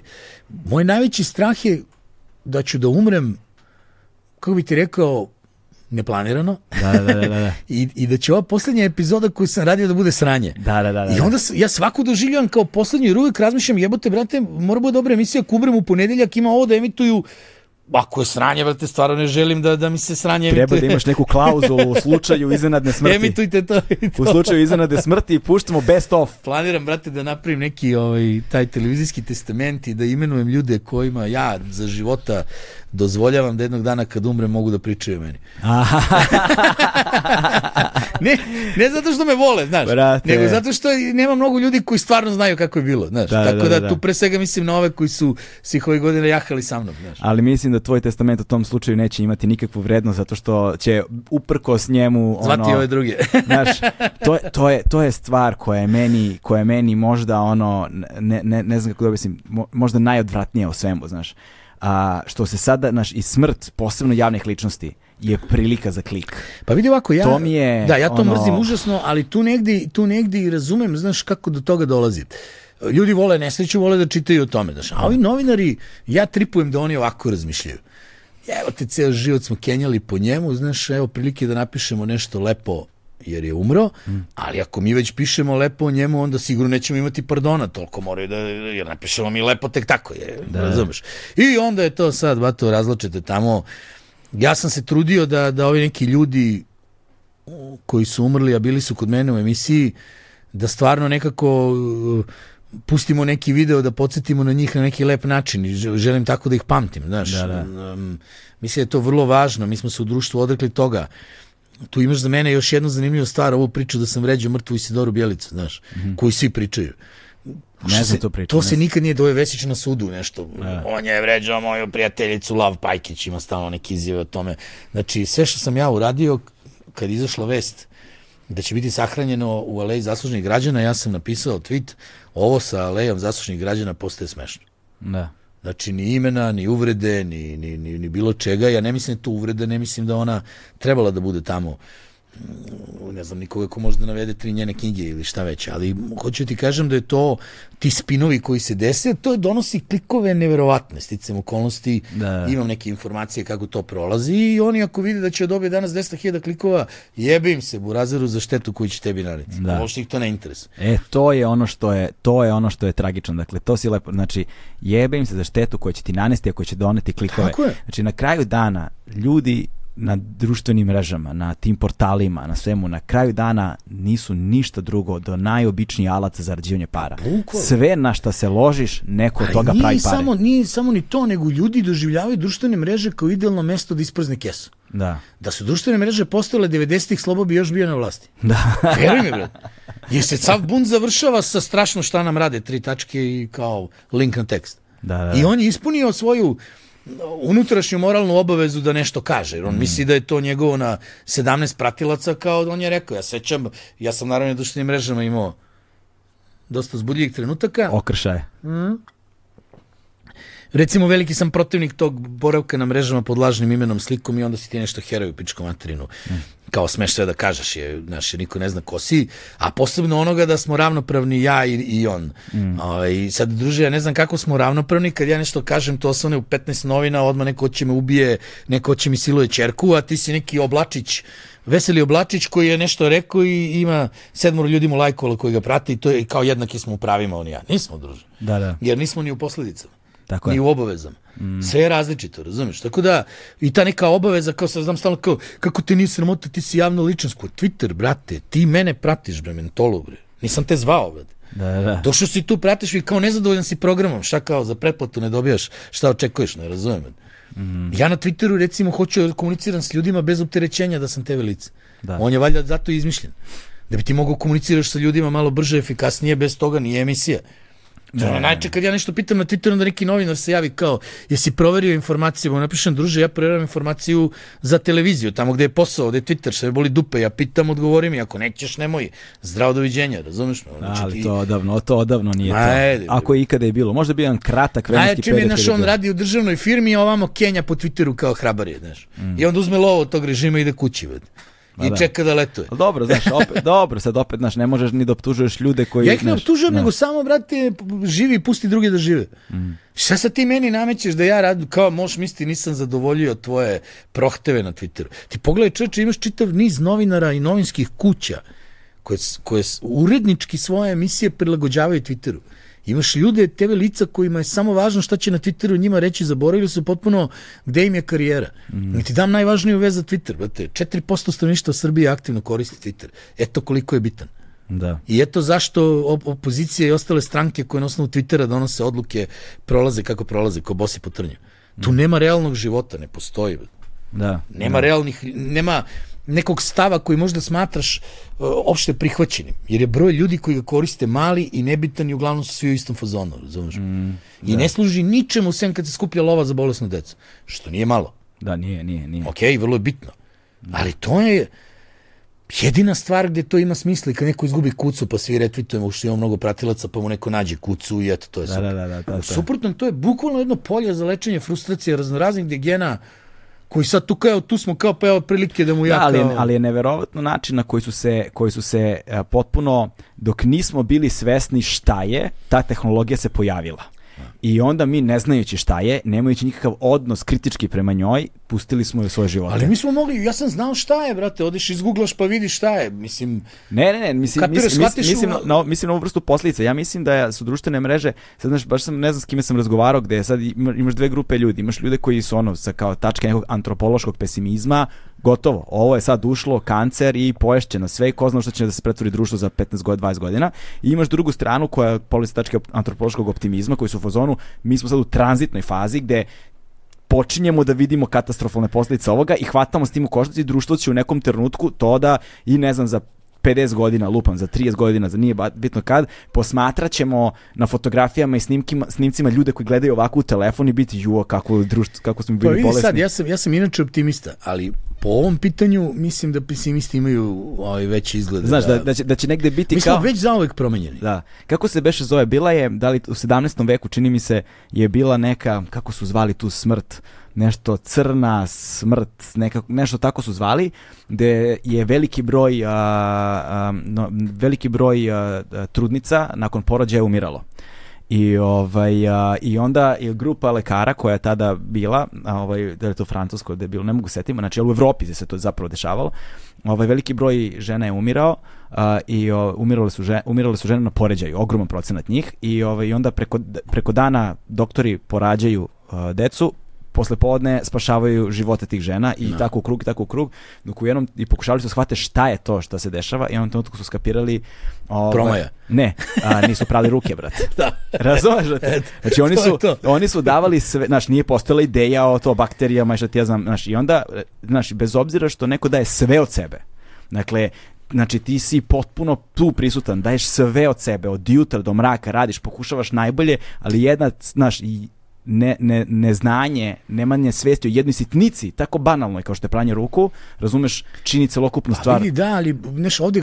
E, čini mi se da će tako i sa društvenim, znaš, ja bih volao da kažem da će tako bude s društvenim mrežama. Hoće negde, kod nas teško. Znaš, da ćemo Znači, mi otkriti moramo- nešto što je ekvivalent pranja ruku u kontekstu Da, ali odnosa mi prema moramo društvenim shvatimo mrežama. gde smo mi, znaš. Ima jedna zanimljiva stvar, recimo, pred ove poslednje izbore. Mm.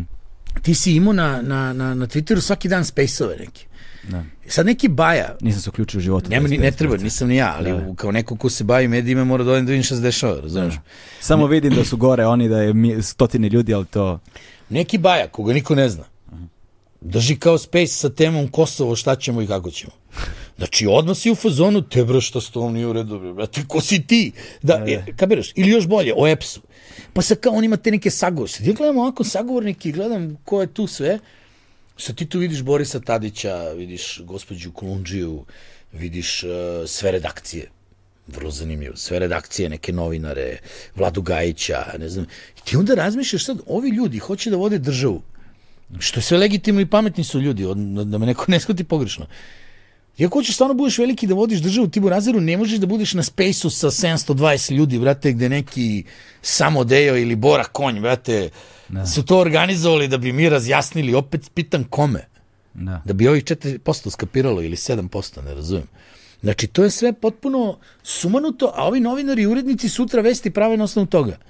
Pa smo došli od toga čak da su ova dvojica i gostovali na N1 kod Čubljansko kao Ko je gostovao? Pa Bora Konji, Ko to? e, pa Šta to su ta dvojica stitera, nebitno ljudi, Aha, sad ne vidim, aha, ne, aha. nemam ništa protiv njih, hoću ti Jasno, kažem, oni imaju svoje neke vizije koje su čak i uglavnom ispravne i zdrave, ali, ali hoću ti kažem da je to, on ima pravo naravno da radi šta god hoće i sve to, ali da ti imaš bre, jebote, šest novinara koji, koji od toga prave vesti, to pa šta radite? Da, da. Šta radite? Špionirate Twitter, pravite vesti, ne razumem. Kapiraš me? Znači, totalno ono, potpuno ludilo je. Mm, da. Ali to ludilo pre svega izazvano ponašanjem države. To je naša realnost, to je tako. Kad je država shvatila da to ludilo njima mnogo više koristi nego što njima lično čini štete, oni su onda krenuli da ga razvijaju i hrane i neguju i, i, i to je to, brate. Nema, Da, da. nema povratka, znaš. Da, ono što je takođe tragično, mislim sad nekako smo se uhvatili negativnih stvari, ono, znam da ih ima puno, ovaj, ali s druge strane ja pokušavam da posmatram malo optimistično. A, a, ne, televizije nemaju dugo tog kao o, autentičnog sadržaja, onda s druge strane se recimo na internetu pojavljuje te autentičan sadržaj. Ali problem sad sa tim autentičnim sadržajem je što su mehanizmi zarađivanja novca uh, napravljeni tako, to je ono što ljudi često zaboravljaju. I taj Google, i taj Facebook, i taj Twitter, i taj Instagram, to je opet Facebook, jel te, i taj YouTube, to je opet Google, znaš, kao, sve su, sve su to zapravo komercijalne platforme za zarađivanje novca. Tako je. Znaš, i recimo ja sam imao, uh, ja sam na primjer radio neke stvari sa kojima imaš dilemu, imaš moralnu dilemu. Znaš, prijatelji neki naši imaju devojčicu koja je, uh, s- uh, koja je strahovito bolesna, za nju su se skupljala lova za onaj lek od 2 miliona, mm naši jednom trenutku je bila vest da uh, da jednom trenutku je bila vest da, da, da su doktori rekli ima 30 dana sad da se skupi lova, oni su skupili otprilike polovinu, oko milion. Znaš. I sad jebi ga, naš frka je, brate, za 30 dana treba se skupi lova, znaš, mi smo se uključili u, u sve to i rekao, ajde da uradimo neku spe, posebnu epizodu, da će kao oni da mi budu, se pri, uključe online kao gosti podcasta. Ovaj, to je, jel ti, u vreme ove korone i svega što ti ja znam, naš dodatni rizik za sve i kao uključe, da se uključe tu dodatno i uključe se oni i ja sada kačim video, treba da ga pustim. I sada imaš dilemu. Da li ja video da monetizujem ili da ga ne monetizujem? Najispravnija odluka je neću da ga monetizujem, brate, zami- zamisli daš kao mi kažeš što humanitarno izlazi reklama. Znaš, kao neću da ga Da. monetizujem, ali ako ti video ne monetizuješ, Google nema nikakvu, algoritam, nema nikakvu motivaciju da te gurne da, da izađeš u, u, u Dobro, ali preporučenom ti sadržaju. možeš, da vidi, ti kažem, ti možeš da ga monetizuješ i da ta sredstva konkretno od tog videa usmeriš Pa da, znam, toj nego, nego ne, da, ali ho- hoću, ali znaš, ali ako krene u komentarima, na primjer, negde, vidi, uvek ti je, a, ce- kroz cijelo moje medijsko iskustvo mora se napraviti neki kompromis u nekom trenutku. Uvek je to, uvek je Scila i Haribda i ti sad treba nekako da, da, da izabereš između ta dva. Da. E, Konkretno, recimo sa mojom emisijom, primetio si da ja nikad u emisiji nemam te pozive. da, da, 2010. godine sam ja krenuo normalno kao da objavljujem te pozive i tako dalje. Posle treće epizode u kojoj sam objavio, ja imam između 5 i 10 zahteva za svaku epizodu. da. Naravno, ja ne mogu u epizodi da pustim 10 zahteva. I sad ja treba da si igram Boga da izaberem troje koje ću da... Tako sam ja 2011. uveo pravilo da toga nema u emisiji, kogod me zove i pita, zovu me uvek u tim da. akcijama, ja im objasnim ljubazno o čemu se radi i ponudim sve moje mreže. Moj Instagram, moj Twitter i Facebook stranicu, pričamo, je, mislim, ono, da. milion i po, dva miliona ljudi i tu kačim svakome kome treba sve što mu treba. Ali u emisiji ne mogu, jer na duže staze me to dovodi da ja sad biram, ovome ću pomognem, ovome neću. I svako ko radi TV emisiju i ubaci tako nešto u TV emisiju, preporučujem da razmisli o tome. Ubacio si šest, odbio si pet. Da. Zašto? Da, da, da, da. Razumeš?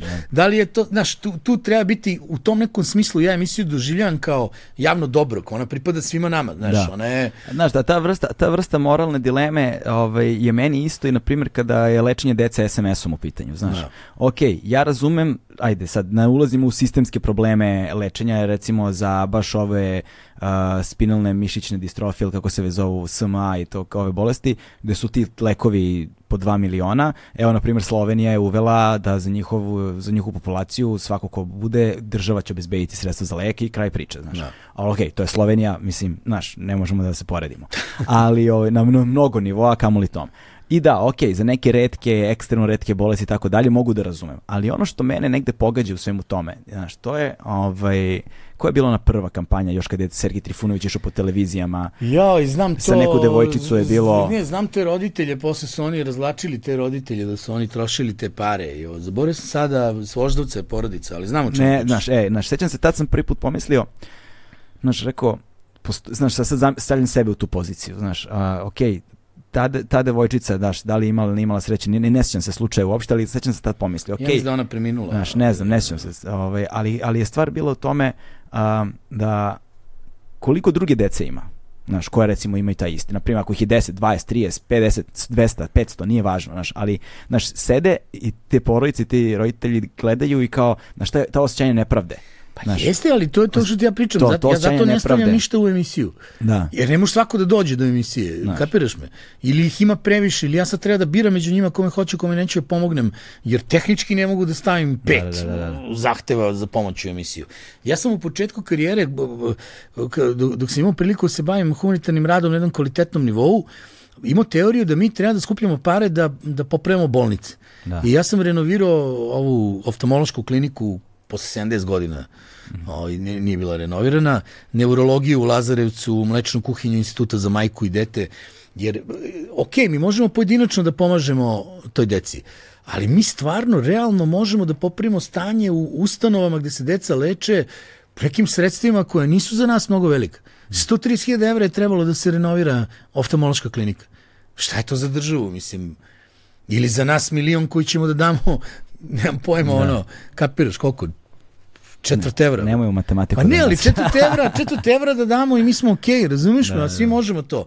Kapiraš, tako da u, u tom smislu, kad ja više nisam bio u situaciji, to ne možeš da radiš bez pomoći medija koji pripadaju državi ili su povezani s državom, automatski njima naš nije bitno ni humanitarni rad, samo da te nema, ono, znaš. Ja sam renovirao 10 kuća u Brenovcu koje je Vučić otvorio i bilo poručeno iz kabineta da je možda bolje da ja ne dolazim.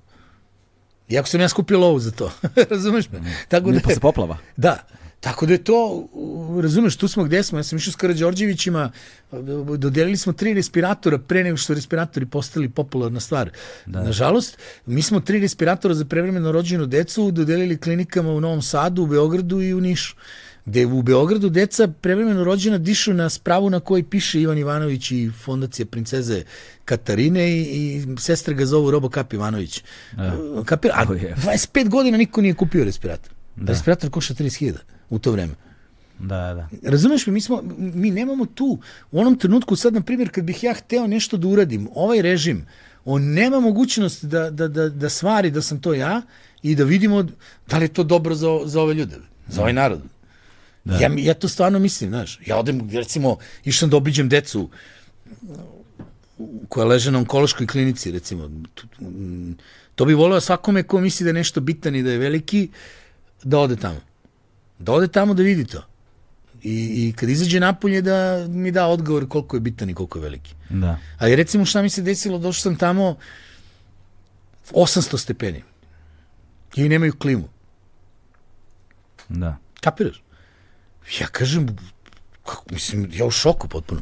Sad to je neka procedura i ne znam, ja kažem i dobro, sad da ja dođem ovde na vrata sa klimom, šta vi kažete, kao nećete, ne možete primite. Pa ne, ne, kao ako, kako da ona može, kao ja kažem, nema nikakve problema, ja sam odmah, znači ljudi su imali klimu u roku od 48 sati. Mm. Ok?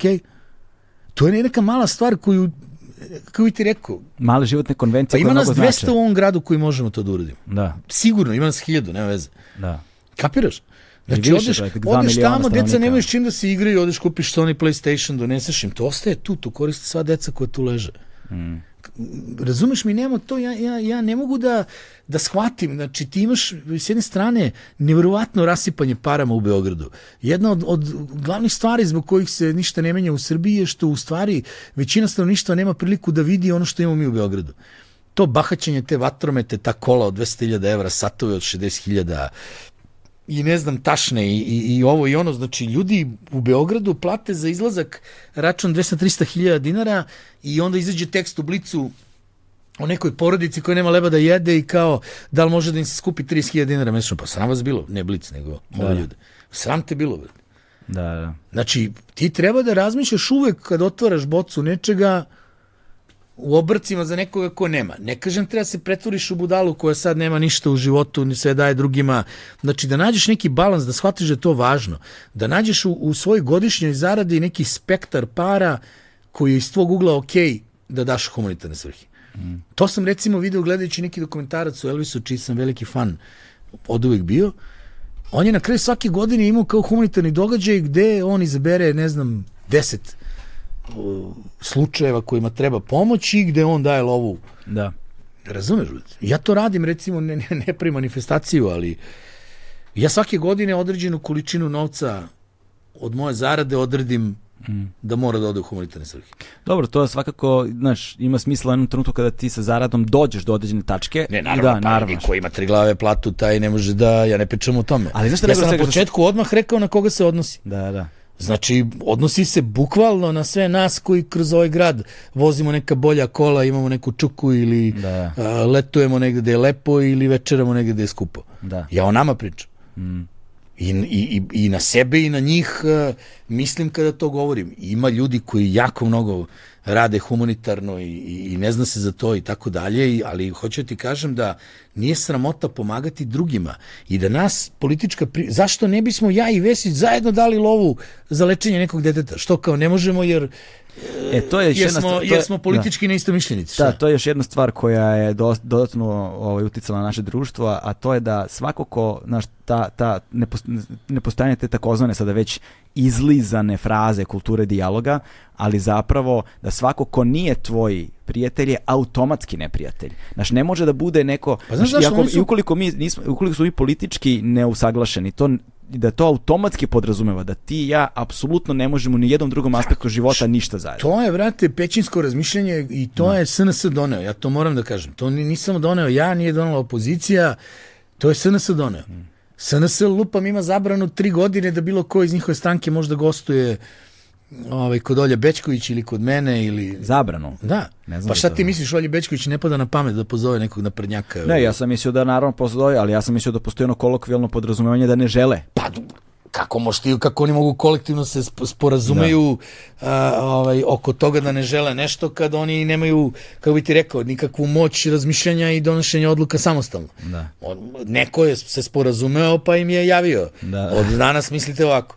Da. Kapiraš? E sad, možda bi neko kod meni došao tipa ranga Đuka ili tako. Neću pričati s Đukom, razumeš, nisam zainteresovan. Da. Kapiraš me? S druge strane, imaš jednu stvar koju ja još od intervjua sa Vučićem 2015 često slušam i skoro mi je jedan ortak to rekao, znaš, u ovoj sada podeli karata, recimo Vučić dolazi kod mene u emisiju, 95% opozicijona nastrojenih ljudi očekuje da ja uzem hemijsku olovku i da ga ubodem u oko. Da. E tu se vraćamo na onu priču, ja sam voditelj, on je ipak predsednik države. I tako nešto sigurno ne bi desilo. da, da, da, jasno. e sad, onda su ovi kao nezadovoljni, bre, ti što si ga doveo, nisi ga čekaj bre, druže, polako, brate. Mm. Znači, ima kako se to radi. Ne, ne, ne smem ja da odustanem od svog profesionalnog nivoa zbog njih, jer onda, da, onda, da. onda sam mogu i da ostanem tamo i da, da prdim u tu tiku e, vidiš, sa ostalima. To je, to je sada pravo pitanje, razumeš, kao, znači, taj odnos rog u rog, ok, znaš, možda prosječnoj osobi nije jasno, ali naš nama je svakako jasno da to na taj način ne može da funkcioniše. I ukoliko Naravno. ćemo džonom ići na sve što se dešava, onda nikada nećemo postići ništa, ali, a, ali pošto je stvar toliko zaoštrena i toliko duboko ono ono ucrvljala jebi ga naši situacija koja se dešava u javnom prostoru kao ako bismo mi sada želeli da nam se ponudi prilika da krenemo u neki neke promene, ono barem tih odnosa u javnom prostoru, šta bi bio prvi korak? Znaš, kao kako bi izgledalo zapravo ono prvo gostovanje na ne znam Vučića recimo znači kako kako kako kako bismo mi kao voditelji uspeli da napravimo dobar balans da ne daješ na humanizaciji lika, znaš, kao da dobija to, znaš, ono, jer, jer svakog lika... Misliš konkretno kod, kod njega ili za bilo koga? Za bilo koga. Da vidi, prvo ljudi moraju shvatiti da kon konkretno za njega moraju da važe sasvim druga pravila nego, nego za ostale. Da, da, on je predsednik države, to je. Da. I, i, i tu ljudi mogu i da shvate zašto su izbori važni. Da. neizlaskom, glasanjem za nekog drugog šta već, neujedinjenjem opozicije, mi smo došli do toga da je on legitimno izabrani predsjednik države. Ako ti ne poštuješ tu instituciju, ti prihvataš da si tu plemenski neki čovek samo s drugačijim mišljenjem o vođi plemena. Znači, to je ta razlika između ozbiljnih demokratija i nas.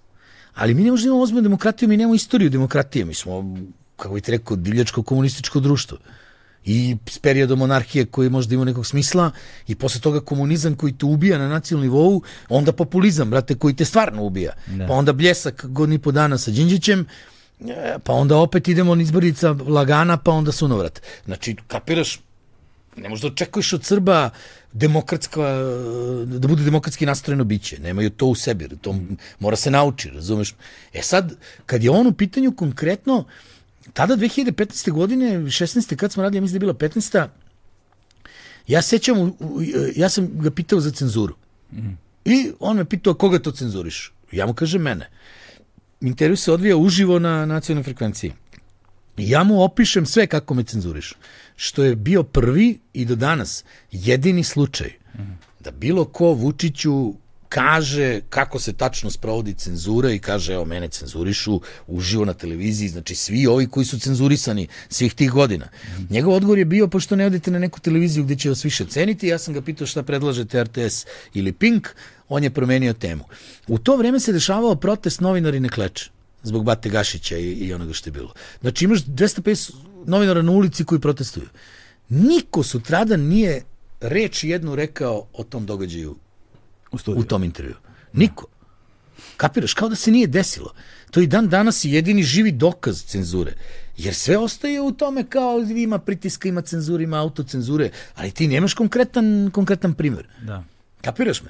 Posle je Žaklina nešto pričala za svoj slučaj, ali tad je već bila prešla na drugu televiziju. Ja sam ostao da radim na toj televiziji još tri godine. Mm. Nakon što sam, i, i sve tri godine cenzura je tako funkcionisala. Sedi devojka na tribinama i upisuje u rokovnik samo ono što govorimo o njemu, onda to dostavlja direktorki programa Katarini Pavlović, onda ona to nosi na menadžment i onda oni odlučuju da li su šale prihvatljive, da li će se predsednik naljutiti ili ne i tako dalje, tako dalje, bez da mi tačno znamo da li je predsednik to stvarno tražio od njih. Da. I do poslednjih dana moje karijere to je postojalo. Da. Kapiraš? Kapiram. Da, čovječe... Ja sam pronalazio način pet godina kako da kažem foru, kako da je napravim da je oni ne prepoznaju i tako dalje, i tako da je škakljiva i tako dalje, i tako dalje. Prema tome, znaš šta, to nemanje ugovora je bila vrsta pritiska. Mm. Ti radiš dve godine bez ugovora, svaki petak može bude poslednji, pa ti dečko povedi računa. Ja samo nastavim da radim najnormalnije. Da. Nemoj da misliš da nisam razmišljao o tome, mogu ostavim bez posla i, i ne znam, ne znam, ali to su žabe koje mora pojedeš na tom putu, tako je kako je. Mm. Pa ako voliš da budeš frajer, brate, kad je sve okej, okay, onda moraš da budeš da, da. frajer kad stvari nisu okej. Okay. Kako tu tvoju energiju takvu ovaj, hendluje tvoja ekipa scenarista? Znaš šta, tim ljudima nije lako. Ja pa očigledno. Tim ljudima, tim ljudima nije lako, ali iskreno ti kažem, nisu ni oni mnogo normalniji od mene. Pa da. sad, Našli ste se dobro. Ja bih više govorio iz mog ugla, jer njihov ugao, ko zna kakav je, mislim, raditi s kreativcima, to je kao da radiš sa sedam trudnih žena. Bukvalno je tako način na koji oni razmišljaju i kako oni reaguju na neke stvari je potpuno drugačiji od bankara ili pravnika. To ili, svakako, da. Razumeš? I to sad traži od tebe i da ti imaš neku tuši sa dobre stvari, što ja, ljudi treba da znaju, ja ja pišem zajedno s njima, ja nisam neko ko dođe, uzme papire i pročita kao što se godinama verovalo. Da, da. Znači ja pišem sa njima, stvaram, preuređujem, uređujem, određujem dinamiku gde će šta da bude, imam ozbiljnog rejtelja, imam ozbiljnog vođu sceničkog tima, imam saradnika za ovo. Ko je glavni scenarista kod tebe? Pa nije to tako hijerarhijski, ali mogu bi se Bane Ričević nazvati okay. vođom scenaričkog tima. Ok, ok. Da, da kažeš glavni scenarista, sad ljudi misle on zna nešto što drugi ne znaju, ali uh, on je vođa sceničkog tima u organizacionom smislu mm -hmm. i tako dalje i, i obavlja veliki deo posla, zaista. Ali to je, nikad se ništa u toj emisiji nije desilo, što ja nisam hteo se desi ili odobrio da. ili i tako dalje. Tako da ima, imavši u sebi taj kreativni deo, razumem ih jer sam ja kreativac, samo sam ušao u, u biznis vode jer neko prosto mora bude taj, da. kako bih ti rekao, mora se zna ko vozi traktor, ko otvara kapiju, znaš. Da, da. I, i, ovaj, I to je tako i mislim to su neviđeni ljudi neviđeno talentovani, neviđeno predani. Sad ovo ne govorim kao ciga hvali svog konja. Da. Ja im se iskreno divim. Divim se njihovom talentu, divim se njihovom sazrevanju u ovom periodu od, od, od 10, 11, 12 godina koliko radimo. Divim se pre svega tome što smo svi sačuvali svoje živote. Niko od nas nije odlepio nešto sad otišao u Da. majčinu i svi smo tu živimo s ljudima, idemo na pijacu, idemo u prodavnicu. Što je mnogo važno da bi mogo da pišeš komediju, to ljudi treba da znaju. Da. Znači ti ne možeš, brate, se otuđiš od sveta i da onda kao zasmejavaš isti taj svet.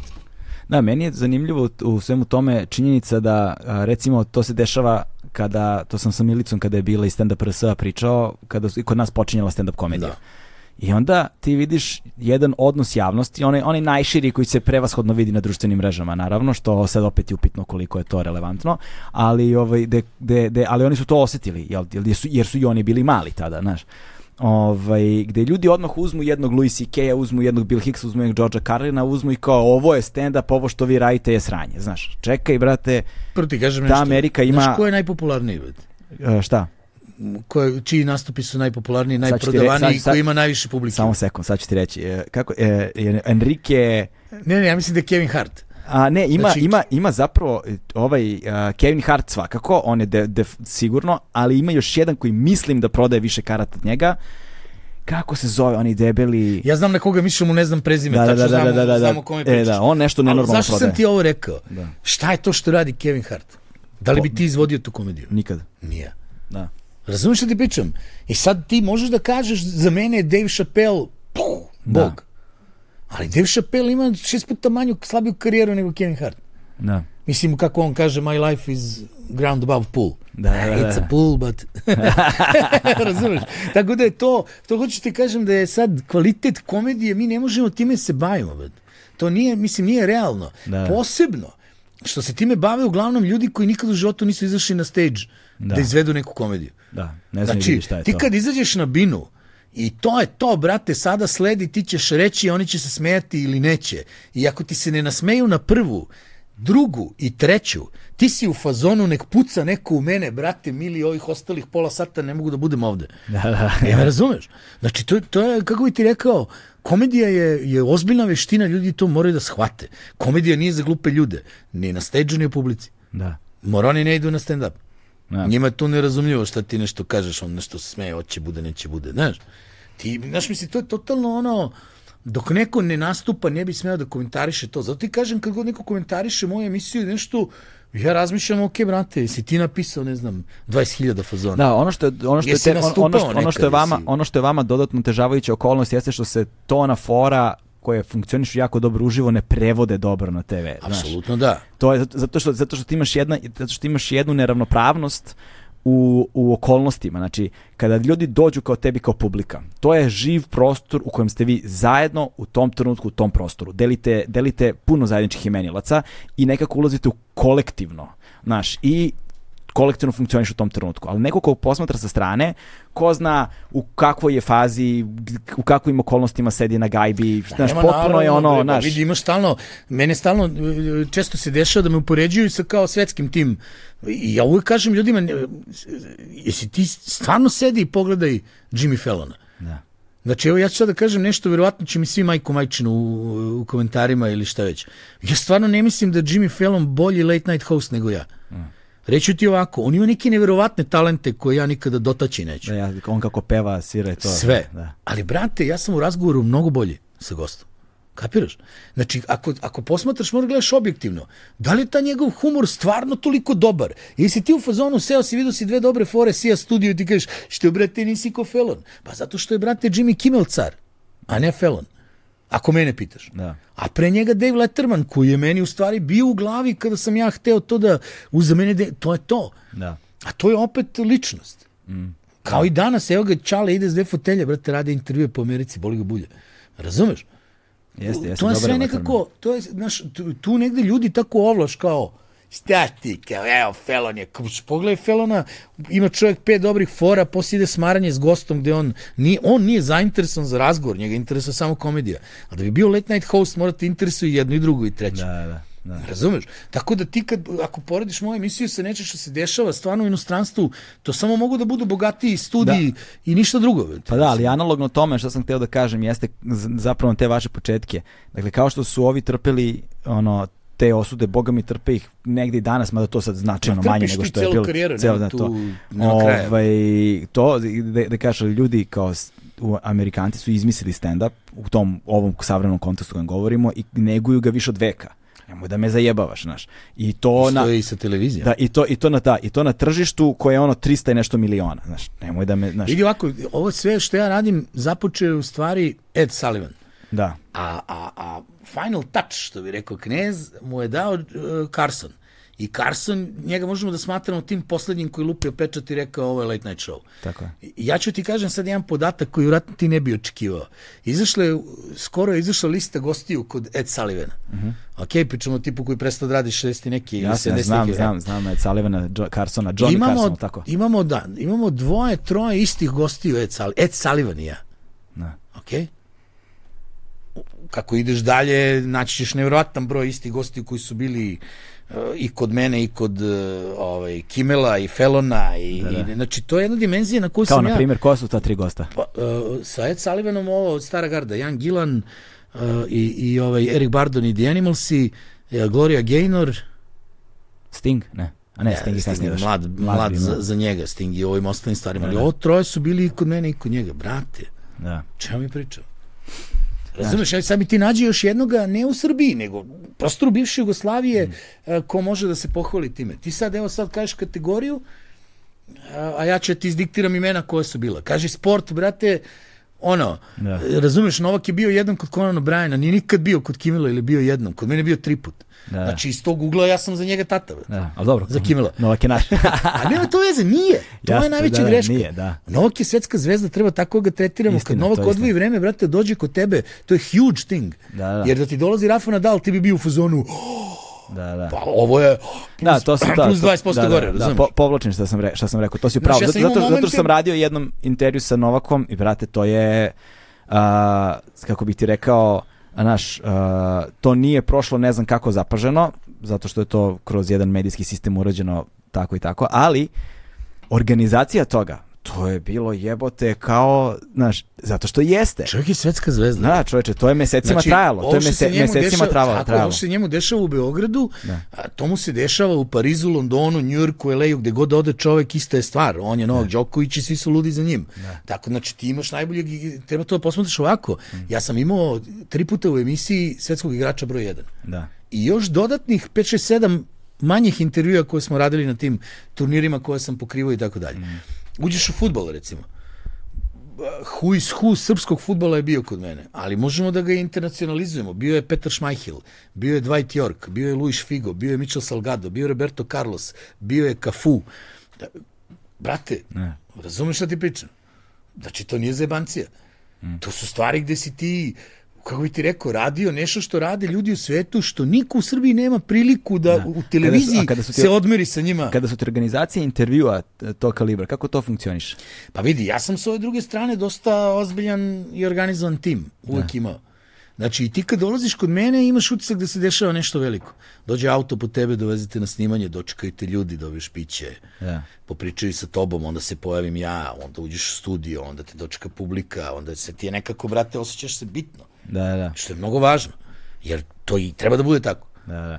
Koliko je meni čudno bilo kada sam dolazio kod tebe, zato To ti je što... ono kao, my people will call your people. Da, da, da, da, da. Koliko je meni čudno bilo, zato što, znaš, toliko sam se... A, a, toliko sam se adaptirao na ovaj, znaš, Da, da, na, na, da. na, ovo, na, na ovu ušuškanu, Je mnogo je dobro raditi s gajbe, mislim. da, mnogo je dobro raditi s Gajom, znaš, kao, na, ovo- na, ovo- na ono, počeli smo to u covidu i kao se radiš u svoj, kao što si ti radio, mi smo ono, raz, razvlačio nameštaj po dnevnoj sobi, ok, sad više nismo, znaš, ali i dalje sam ostavio taj, znaš, Naravno, pa to je, mislim, Znaš to? to. I onda nekako se navikneš na sve to i pošto si tu online, sve to funkcioniš u jako maloj produkciji, ti to kačiš, ti to živiš i sve se to nešto dešava i ti stvoriš nekakav mali minijaturni svet u kojem je tebi sve to tako nešto potaman. I onda kada is, iskoračuješ iz toga negde, znaš, kao recimo, ok, kada smo bili kod Olje Bećković, ni, znaš, bilo je, ali nije bilo toliko, jer kod nje je to vrlo formalno, protokolarno, onako, znaš, ipak ti dolaziš nešto sad treba, znaš, ali kod tebe recimo je ceo taj entertainment moment, znaš, kao ceo taj, e, to, znaš, gde onda sad odjednom ti dolaziš, Što bi se reklo kod nas u kraju, ceo fazan. ceo fazon, da, da, da, to, to, znaš, i sad ti dolaziš i odjednom ono, tu su, znaš, tu je band, tu je publika, to je sad ogroman prostor, puca, to vamo ulaziš na ova vrata, ovi te ovamo sprovode, ovamo te scenaristi zovu za pripremu, ovamo te organizatorka zove da potvrđuje 17 puta nešto, znaš, i ti sve jebote, znaš, hoće se kao političar. Vidi, brate, to je, to, je, to je sistem koji sam ja uspostavio 2010. godine. da, da. Znači, pre 12 godina. I još uvijek niko ne radi... Ja hoću, brate, ti sad dolaziš u veče s Ivanom Ivanovićem. To je velika stvar. Ti moraš budeš svestan toga da je velika stvar. Možeš se osjećaš dobro svakog trenutka. Brate. Da. Kažem ti, znači sve je prilagođeno gostu. Bukvalno vrlo, vrlo, vrlo je zanimljiv, vrlo zanimljiv taj, ta, to stanje, kao jer da bi drugi verovali da je tako i pomislili da je tako, ti možeš budeš prvi koji to misli. Ja to i mislim. Pa to, znaš, da. Ja to iskreno mislim. Evo, vidi se da nemaš problem s time, ne, ne, ne, Ne, ne, ne, ne, ne, ne, dovoljno a ne, ali pitanje. ja, ne zašto mislim, ne, kao da. sad lucam. Tu nema ko nije sedeo u, u, ono preko puta mene. Stvarno, brate, od deca od 7 godina do Dragoljuba Mićunovića i sve što staje između, razumeš?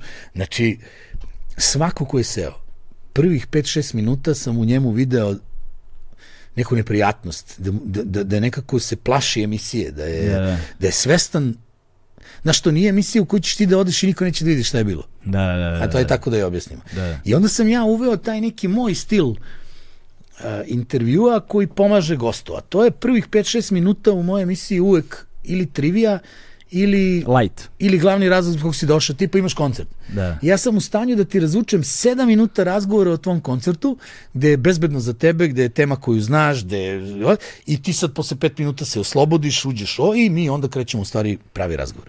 I to je tako i sa glumcima i sa političarima, i sa, kogod je došao, osim stranaca. I tu je važna lekcija za sve nas.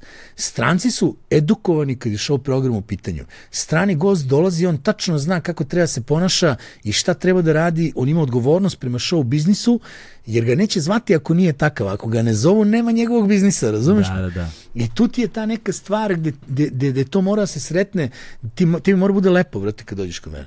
Ako ti nije lepo, to nije ta priča. Ta emisija ne služi ničem drugom, nego da tebi bude lepo, meni bude lepo i publici bude lepo. Da.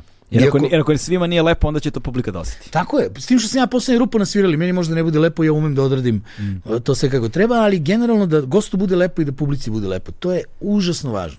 Užasno važno. I ja sam to dokazivao i ranije, znaš, sjećam se Konča Bujku kad sam doveo. Bukvalno su me ljudi pitali da šta sa mnom nije u redu. Ja dovodim flamengo pevačicu koju je usponu, koja ima samo jedan album, koja gostuje na Guitar Art festivalu i ljudi iz Guitar Art festivala me pitali tri puta, jer sam siguran da hoće nju. Žena dolazi, niko je ne zna. 30% šera. Da. Ok? Neko je otišao da sluša flamengo ili fado posle te epizode. Kapiraš? I ako Da. tih ljudi ima 10, ja sam uradio dobru stvar. Bolje to nego Đani. Da, ali vidiš, to, ali to je ona ključna razlika e, sad ti stranci koji dolaze, prevashodno govorimo jel to nekakvim ljudima koji dolaze iz tog nekog zapadnog sistema, najviše ono Velika Britanija Amerika. Znaš, ali kad govorimo o njima, kad govorimo o njihovim tržištima, mi moramo da razumemo i snagu njihovih tržišta i snagu te kulture. Evo, ja ću ti imam super priču za Da, to ako hoćeš. Baš za to. Ajde. Pojavi se neka mogućnost da dovedem Al Pacino u emisiju. Ja napravim kontakt, pošaljem upit, oni kažu neku cifru, cifra daleko od, od A, naših... ček, e, e, izvini, pre nego što nastaviš, e, izvini što te prekidam, upam ti da stav. E, koliko si imao plaćeni gosto, go, gostovanja, to da si morao ti da platiš da ti neko gostuje? Pa ne, nisam imao ništa od toga. Ni, ništa, okej. Ne, ne, ne, ne, to ovo je sad uslovi za Amere tog tipa. Da. Ja sam hvatao one koji dolaze u Srbiju i svakako su tu. Da, da, da. I pre svega počeo sam to da radim tako što sam im promotivne aktivnosti koje mogu da im pružim kao televizija s nacionalnom frekvencijom, direktorka prodaje prve Marija Karan je to pretvorila, u, valorizovala u neki grafikon koji mi njima kad pokažemo, njima je jasno šta se dešava. Da, da sad ne bi smaro ljude. znaš. Jasno, jasno, jasno. Tipa, ok, gostovanjem kod mene prodaćeš 7000 karata za koncert više nego inače u njegovom svetu 7000 karata puta 50 evra karta, tadam. Da. Ali nisam ja davao nikakav keš, niti televizija. Jasno, jasno. Prosto nije, nije dolazilo do toga. I ovaj, uglavnom Al Pacino je tražio pare. I mi smo tu hteli da prvi put damo neku lovu, ali, brate, lova je bila nenormalna. Koja je lova bila? On je, to je bilo nešto 130.000 evra, pa je onda on rekao sutradan da kao na tih 130.000 on bi volao da održi jedan govor kao neki motivation speech koji košta još 200.000, pa da to sve ukupno bude 330.000 dolara, a mi to da organizujemo u Beogradskoj areni kao za mesec dana nešto. I sad, ok, mi se damo i na to, sad šta su dobri producenti, kako bi ti rekao, da. nema kraja dok nije kraj. Da, da, da. Uglavnom padne na pamet tadašnjem direktoru prve Dejanu Jociću da zove svoje prijatelje iz Nemačke e, sa, sa ZDF televizije, ja mislim, ili zaboravio sam sad, nije ni bitno, velike neke nemačke televizije, da ih zove i da im ponudi da platimo po pola i da onda on dođe i kod nas i kod njih. I ovaj nemac producent mu kaže, super, kao, a šta ima? Ima neki film i to. A ovaj kaže, ne, nema. A Švaba kaže, a, a što dolazi onda? A ovaj kao, pa da ga dovedemo da, a što bi ga dovodili ako nema premijeru? I ovaj kao, pa mislim kao Al Pacino, oni kao, dobro, brate, kad bude imao nešto, onda ćemo da... I ti tu shvatiš, brate, gdje je Evropa, gdje smo mi. Da, da. I to bi trebao svaki gledalac da shvati. Gledalac treba da zna da to što je uh, imao momente u kojima je na televiziji gledao neku emisiju koja je bila svetska, a naša, da je to samo zbog, kako bi ti rekao, neviđeno lude glave uh, nas nekoliko koji smo bili spremni da uradimo sve na ovom svetu da se to desi. Da. Razumeš? I, I tu bi negde ljudi trebali malo to da cene. Jer na kraju imaš jedna stvar. Ti sad kaži gosta kog bi volao da vidiš ovde. Bilo ko ime. Ja ti ga dovedem. Onda tek ide, vrate, da da li ti stvarno možeš da razgovaraš s tom osobom? Tako je, da, da, da, da, da, da, da. Kapiraš? I mora da pričaš s tim nekim čoveče, šta ti vredi ti ja dovedem koga hoćeš ako ti nisi kalibar koji može da uradi taj razgovor, razumiješ? Da, da. Tu se vraćamo na ono šta je late night host. Mm. Zašto je to važno? Uh, deca, đaci, prvaci, vatrogasci, policajci, vojnici, predsednici, premijeri, ministri, književnici, doktori filozofskih nauka, košarkaši, rukometaši, kajakaši, atletičari, odbojkaši, futboleri, a, a, a, a, filmske zvezde, glumci, producenti, direktori fotografija, čak govorim ti profesije koji su bile kod mene u Da, bio shvatio sam. Scenaristi i dramaturzi, a, direktori televizije, urednici zabavnih programa, TV lica, da. znači, brate, youtuberi, ne znam ono, ne znam ono. Sve sam ti naveo, što je, sve ovo što sam ti naveo, bilo je kod mene u studiju. Mm. Jesi ikad gledao neku epizodu u kojoj ja ne znam šta pričam kao? Ne. Da li ko razmišlja o tome kolika je priprema potrebna da naučiš dovoljno o svakoj od tih profesija da bi mogao da razgovaraš? Mm. Pa majko da, to, je sad, to da, ne može debil da, da radi. Tu postoji, razumeš, da, znači... je, tu, postoji, tu postoji baš dosta stvari. S jedne strane, uh, e, veliki deo toga se gradi vremenom, znaš, nisi ni ti mogao, ne znam, da razgovaraš sa do, do velikim brojem tih ljudi u prvih pet epizoda. Ne, mogao sam, ali ne na ovom nivou, no, ovako kvalitetno kao znaš, danas. Pa da, što? I onda ja sam odmah imao uh, strahovite goste koji su bili iznad mojih uh, uh intervjuerskih uh, sposobnosti, da, okay. ali sam imao... Ko ste bili prvi? Prvi gosti. Prvi tako neki veliki kad su bili. Ja ne vidi, prvi veliki intervju u mom životu u Keš taksi u Gaga Nikoliću. Ok. Tu imam strašnu priču za to, znaš. Reci. Ja, brate, radim praktično prvi kao sad palo nam na pamet da radimo humanitarni keš taksi, vozimo poznate, oni odgovaraju, mi im damo lovo, oni lovu nose negde humanitarno, znaš. I Gaga Nikolić, bum. Ja, brate, 2008. godina. Koliko imaš godina tad? Pa imam 33, ali, ali, ali imam ne. godinu dana iskustva na televiziji. Pritom ne. vozim taksi, tu neki kviz, nisam nikad radio intervju u životu ne. svom. I ovaj, uradim intervju sa Gagom Nikolićem, i od straha ne pogledam tu epizodu. ok? Znam taj osjećaj. Znači, uopšte da, nisam da, gledao da, tu epizodu. Ali što je najzanimljivije, nisam je nikad u životu gledao. Jer je Fox nije ni kačio na YouTube. Da. Nije to tad bilo tako. Gaga i ja smo imali super neki odnosi i družili smo se s vremena na vreme i, i to je nešto na što sam i Gaga i Milena, mislim, ja sam imao to, tu privilegiju da me Milena Dravić zove jednom mesečno da mi kaže šta misli o emisiji, šta je dobro, šta bi mogao popraviti i tako dalje i to sam doživljavao kao da me razredna zove.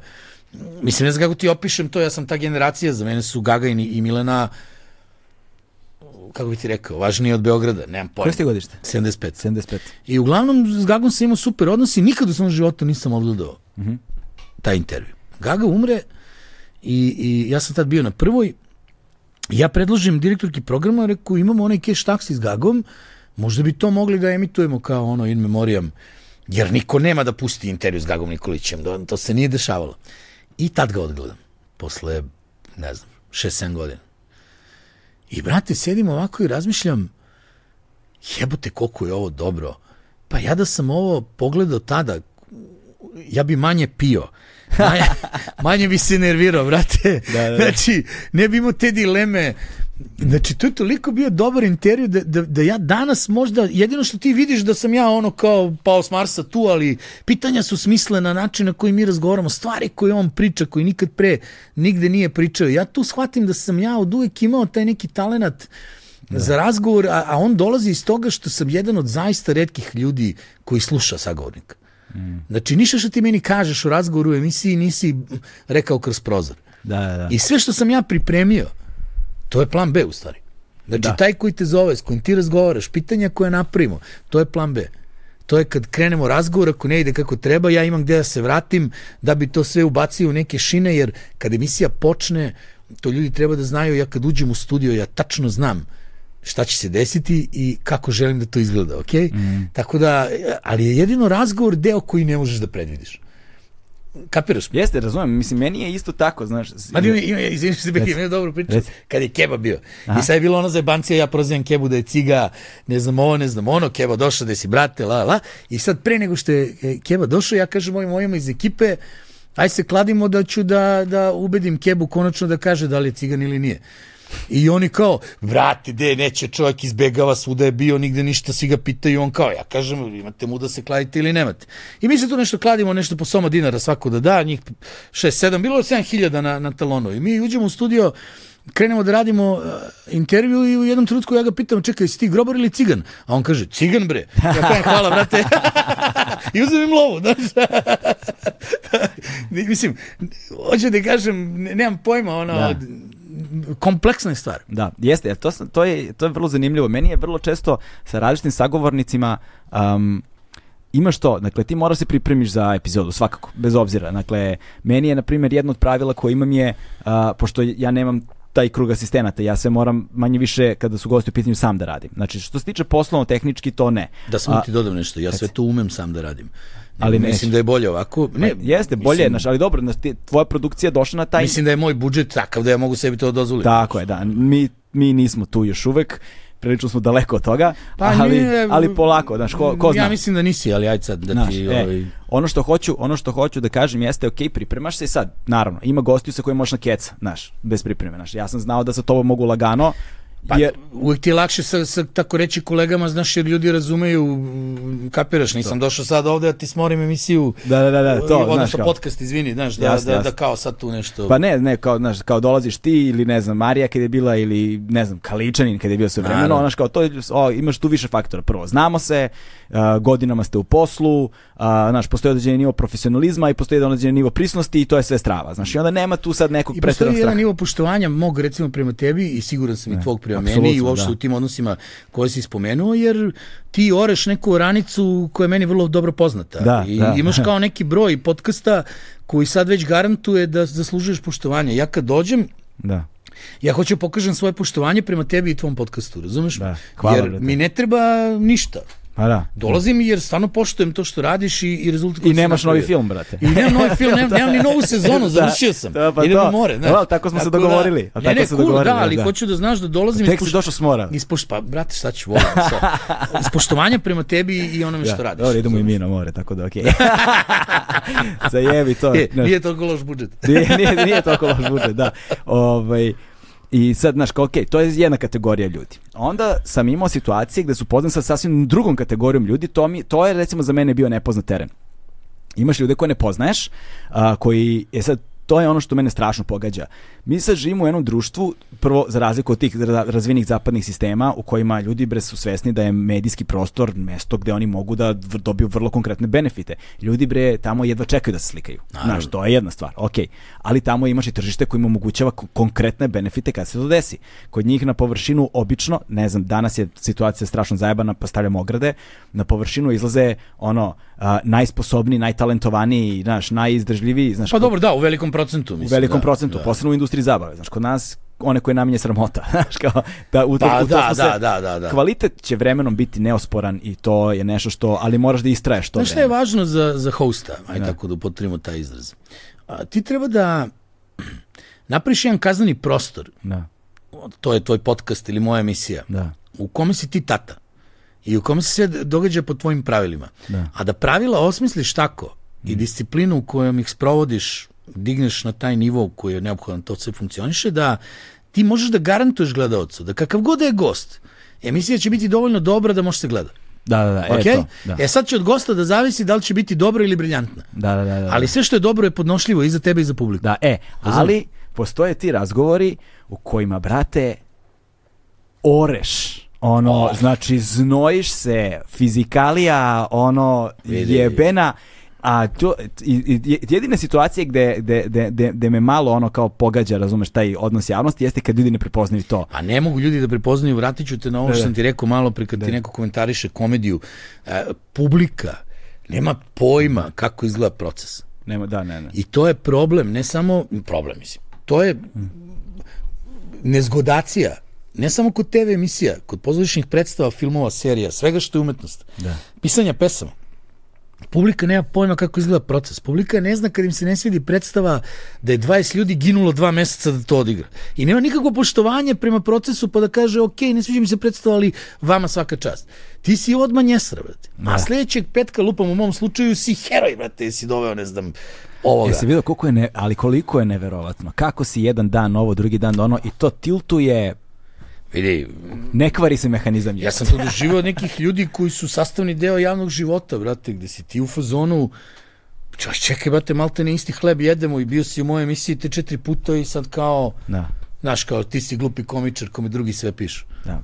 Brate. Ti prvi treba da A što mi to nisi rekao kad si bio u emisiji, kad smo najavljivali tvoj film A jebi ga, ili tvoju knjigu, me razumeš? Znači to je sve, ali ja razumem show biznis, ne očekujem tu nikakvu ljubav, prijatelje do kraja života i ne znam šta. Ja Ali oče... se, ali se ponekad desi. Desi se ponekad, da, ali ja pre svega očekujem da zabavim ljude, jer to je razlog zašto sam na televiziji. Da. I, znaš, ljudi, eh, kako bi ti rekao, neko iz mog okruženja će ti, ja, ovo mi je ovako, ovo mi je onako, ne, kajem, gde si ti petkom, brate, šta radiš petkom? Je sediš gajbi, gledaš TV? Pa ne, pa kajem te, bra, ti nisi, kako bi ti rekao, nosilac fokus grupe. Da, da. Ja pravim televiziju za ljude koji su petkom uveče kod kuće, koji, kojima je to, znaš, iznenadit ćete se možda, ali postoji negde četvoročlana porodica koja zarađuje u zbiru 70.000 dinara mesečno i sve što imaju od zabave je petak veče ovaj, da sednu sa svojim decom i pogledaju neku emisiju Da. i moraju se nasmeju bar tri puta da bi to imalo smisla. Da. Piju pivo iz plastične flaše, ne vole jedno drugo, ali ne mogu da odu jedno od drugo, nemaju love da odu. I tako dalje, i tako dalje. Dobro, neš, ne bih odlazio sad toliko daleko da postavim te ekstreme. A ne, znaš. nije to ekstrem, Da. to je 70% Srbije. I to je najveći problem svih nas koji živimo u Beogradu, a radimo u medijima. 70% Srbije je to, brate, veruj mi. Znači, veruj mi. Njima je, je, znaš, televizija ja, jaka, je... jaka izjava, znaš, to je ne znam, statistički znaš, da. podatak, nisam ja to izmislio. Da. Evo da, ja mogu Čist- da dokažem čist podatak. to. Države, države Srbije. Wow.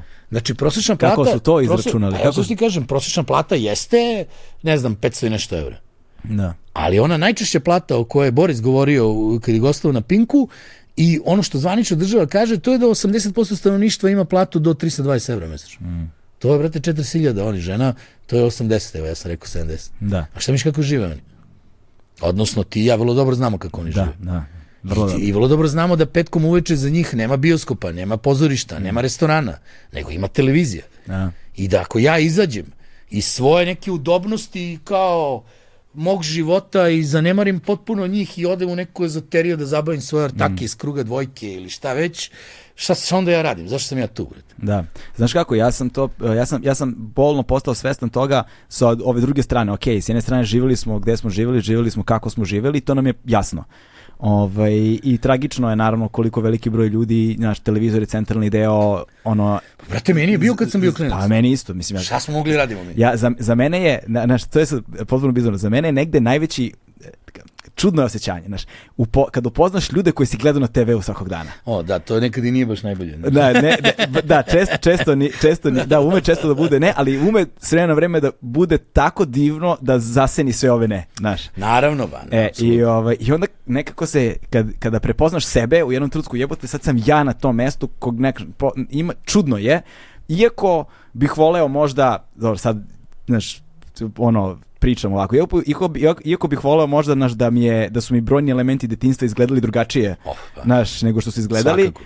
ali eto, ovi su ipak doveli do toga da sam sada kao tu, znaš. I sad, da, imaš, imaš tu jednu stvar, stvar koja je stvarna, zaista, Ovaj, ali prvi put kad sam osjetio to s druge strane, sad ne govorim konkretno o televiziji, nego prosto o toj platežnoj moći za konzumiranje kulture. Naravno. Znaš, ra- radio sam u organizaciji Doma omladine Beograda i organizovali smo jako, jako, jako puno koncerata u tom periodu, znaš, ono, 200, 300, nemam pojma, znaš. I sad ti, u organizaciji tih koncerata, jedna od stavki o kojima razgovaramo jeste cena karte. Da. Naš cena karte.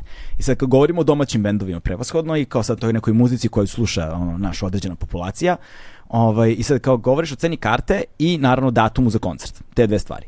Ti sad da bi organizovao datum za koncert, ti moraš da uzmeš u obzir milion nekih ono, Da, druge događaje u gradu tog druge dana. događaje, u gra- druge događaje istog senzibiliteta, znaš, u to, ne, u tom, ne u tom danu, toj nedelji ili Jest. nekad u tom mesecu. Jest. Znaš, jer ako jer ljudi možda imaju za jedan takav mesečno, ne za dva. To ti pričam. Znaš, a onda kada, govor, kada sve to već nekako izra, izračunamo, aj sad da vidimo koja će cena karte da bude. Sad ti izračunaš prvo koji su ono bazični troškovi od obezbeđenja, što si ti the way radio. ono što od obezbeđenja, E, ja nisam bio veliki trošak.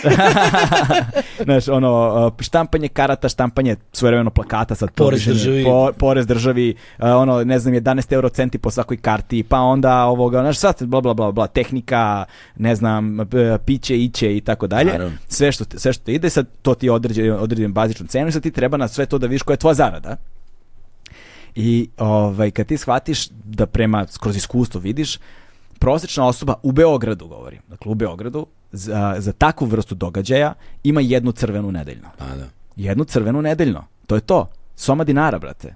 Znači, kao kad ti shvatiš da će oni za tih soma dinara treba da plate noćni bus, kupi paklu pljuga, a, znači to je automatski kupi kartu, to znači na, napolju se pije bomba Pa, brate, i sve unutra, ono iz... unutra, unutra jedno pivo. Sve ono iz kengura, znaš, kao, kao Sergiju prolazi kroz glavu kad izađe s Marijom. To je E. danas realnost, brate. Jeste, to je realnost. Pa riba, brate, ti kaže, ajmo na večeru, pa bolje šamar ti lupi. brate. Da. Mislim, pričam ako normalno zarađuješ, razumiješ? Da. Ja sam imao, sjećam se, izađem s devojkom, restoran Klub Kolarac je, kad je Dedavr napravio ono dinar marka, to je bilo the place. Jedan, Uga- jedan, da, jeste, sjećam jedan dinar pizza, jedan dinar. Coca-Cola, svira i peva mladi momak, talentovani iz Herceg Novog koji još nije napunio 18 godina, zove se Vlado Georgijev i uh, mi sad tu svi izlazimo, to je kao najbitnije mesto naš i sad mi sedimo i ja ovako razmišljam, imam dinar pizza, dinar Coca-Cola, za mene i za nju to je 4 dinara, a ja imam 6, dobro, bit će cool. Kad je ona rekla, ne naruči mi još jednu Coca-Colu, Ja sam bukvalno bio u fazonu da je bre kučko nemoj da me zajebavaš ovde, mamu ti tvoju, ja me razbukalo, prva misao mi je te jebala ti, i sad šta ću brate, još jednu Coca-Colu i idemo peške od njene gajbe do moje, što je trajalo sat i 10 minuta, nema ni za noćni bus, ni taksi da ne spominjem. Da, da, da. E sad, okej, Bogu hvala, sve se preokrenulo u životu, ali i Vladi Georgijevu. Ali Da, da. e, ja nikad nisam zaboravio to, dakle dolazim, mnogo sam iz toga naučio, znam kako razmišlja siromašan čovek i, i, me, i ja dan danas, neka moja razmišljanja su razmišljanja siromašnog čoveka, kako bi ti rekao, siromaštvo te nikad ne napušta. Da. Važno je samo da ga nemaš u duhu. A ono, znaš, kao te neke stvari koje si naučio, cepi uši, krpi dupe, to ostaje zauvek, znaš, i, i moraš da razumeš, ne smeš ti sad ako si nešto napravio da zaboraviš a, svoje korene, svoj kraj, svoje ortake, taj način razmišljanja. Mora da uradiš nešto za njih. Mora neki njihov klinac da kaže, ok, brate, evo vidiš kako je on ja ću Da. tako jednog dana. Ali da, ali opet s druge strane ja razmišljam takođe na sledeći način. Super, ne, mislim ne super, nego kao, kao super u kontekstu da, razumem situaciju. Ok, imam jasnu sliku situacije, imam jasnu sliku stvarnosti, šta je neophodno da se desi da bi ovo stvar koju radimo uopšte mogla da živi.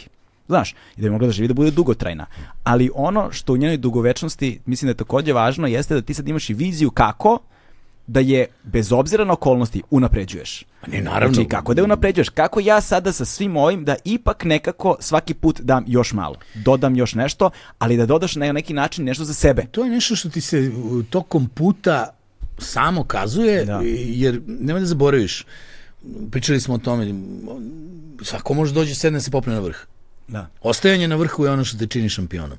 tako je. Razumeš me? E sad, ako si zaista od tog materijala, ako si zasluženo na vrhu, onda ćeš moći da čitaš te znakove pored puta i da reaguješ i da, da, da, da radiš pravu stvar i da ostaneš dugo u tome, razumeš? Mm. Konkretno u mom slučaju ja sam potpuno izbrisao iz svoje slike menadžere, urednike, novinare, tabloide, javno mnjenje, beogradske krugove, znači bukvalno mi se jebe šta ko od njih misli o tome. Mm. Mene samo interesuje šta ćeš ti kao gledalac da mi kažeš? Ne kao Galeb koji se razume u medije, nego kao, brate, gledao sam bio dobar razgovor. Da. Naš mene je jednom zvao jedan naš čuveni glumac, ozbiljno ime koga, koje nikad ne možeš da vidiš u, u, u, ovaj, u medijima, pa čak ni kod mene, jako smo u super odnosima, zvao me, brate, ja bio u Atini, javio se na telefon, ono, ovaj, da mi pohvale intervju sa Stojom, porno glumicom. 7 minuta je pričao o tome. Kao da je gledao najsavršeniju stvar ikada na, na, na, na televiziji. Znači, dobar rad će uvek biti zapažen. Da. Možda ljudi neće moći da objasne zašto te prate i zašto te gledaju. Ali će to da rade. Da, ali ti su, to, je sad, to je, to je ono što mislim da je ključ. Ti znakovi treba negde, te stvari koje postoje tu treba neki način da budu suptilne. Dakle, super, dakle, ljudi žele, to je meni uvek smetalo, znaš, kod tradicionalnih medija kad govorimo o ko klinac od kulturno-obrazovnog naučnog programa pa do ono političkog sadržaja. Znaš, postoje određena doza formalnosti koja uzima dušu svemu tome. Znaš, Iz mog ugla ne, ja, ja to isto me ne interesuje uopšte. pa ne, ali recimo mene, recimo, sadržaj iz kulture strašno zanima. Dobro, ne, Znaš, ne, ne, kao, ali zanima me ono. šta, znaš, šta, šta podrazumeš? Po... Pa recimo, zanima me i naučno-obrazovni program i zanima, znaš, zanimaju me, odnosno Ne, shvatio ne, ne, sam... nego ž- šta misliš da ti to daje kao neku, kao kakvo ograničenje, kakvu Pa formalnost? daje ti, recimo, primar, primjera radi, ovaj, meni je, kad sam bio klinac, a, najužasnija stvar na TV-u, on recimo, na- znaš ono, a, uspeo si da lažeš da ne ideš u školu prepodne. Znaš, kao Keva je otišla na posao, Da, Znaš, i ti si sada sam na gajbi, ali jebi ga, znaš, vreme je tako kakvo je, od, svi su ti drugari u školi, normalno, da. ti ono, znaš, uzet ćeš ako imaš nešto slatko da jedeš i kao puštam TV, sad ću, brate, da uživam, pustiš TV, ali program za decu se više ne emituje, jer su deca u školi, znaš. I kao, uključuješ ona tri kanala koje imaš, jebi ga, i ovaj, negde, ne, na dva kanala su ono talking heads koji sede nešto pričaju, tebe ne zanima u životu, puštam, ne znam, uvijek si imao MTV na trećem kanalu. ali on MTV je bio samo prepodne dok ne Da, počne da. program. I Jest. noću, noću do, do prepodneva i onda ujutru budu crtači do škole, a onda posle kreće neki dnevni, popodnevni, šta ti ja znam, koji me ne zanima u životu.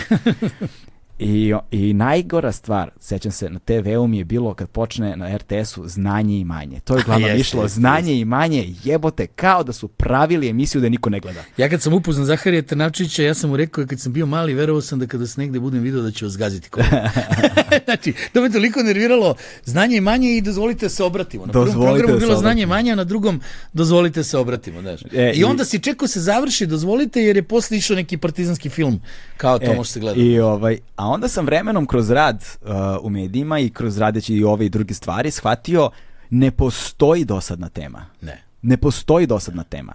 Sve je tema i sve može da Pa bude da dodamo zabavno. za Zaharija, to što je Zaharija radio, brate, jedan od najvećih uradaka u istoriji televizije. Da. Znači, kada danas kao neko ko se ozbiljno bavi televizijom oliko godina, pomislim o tome, u fazonu sam, brate, ovaj čovjek je bio tata.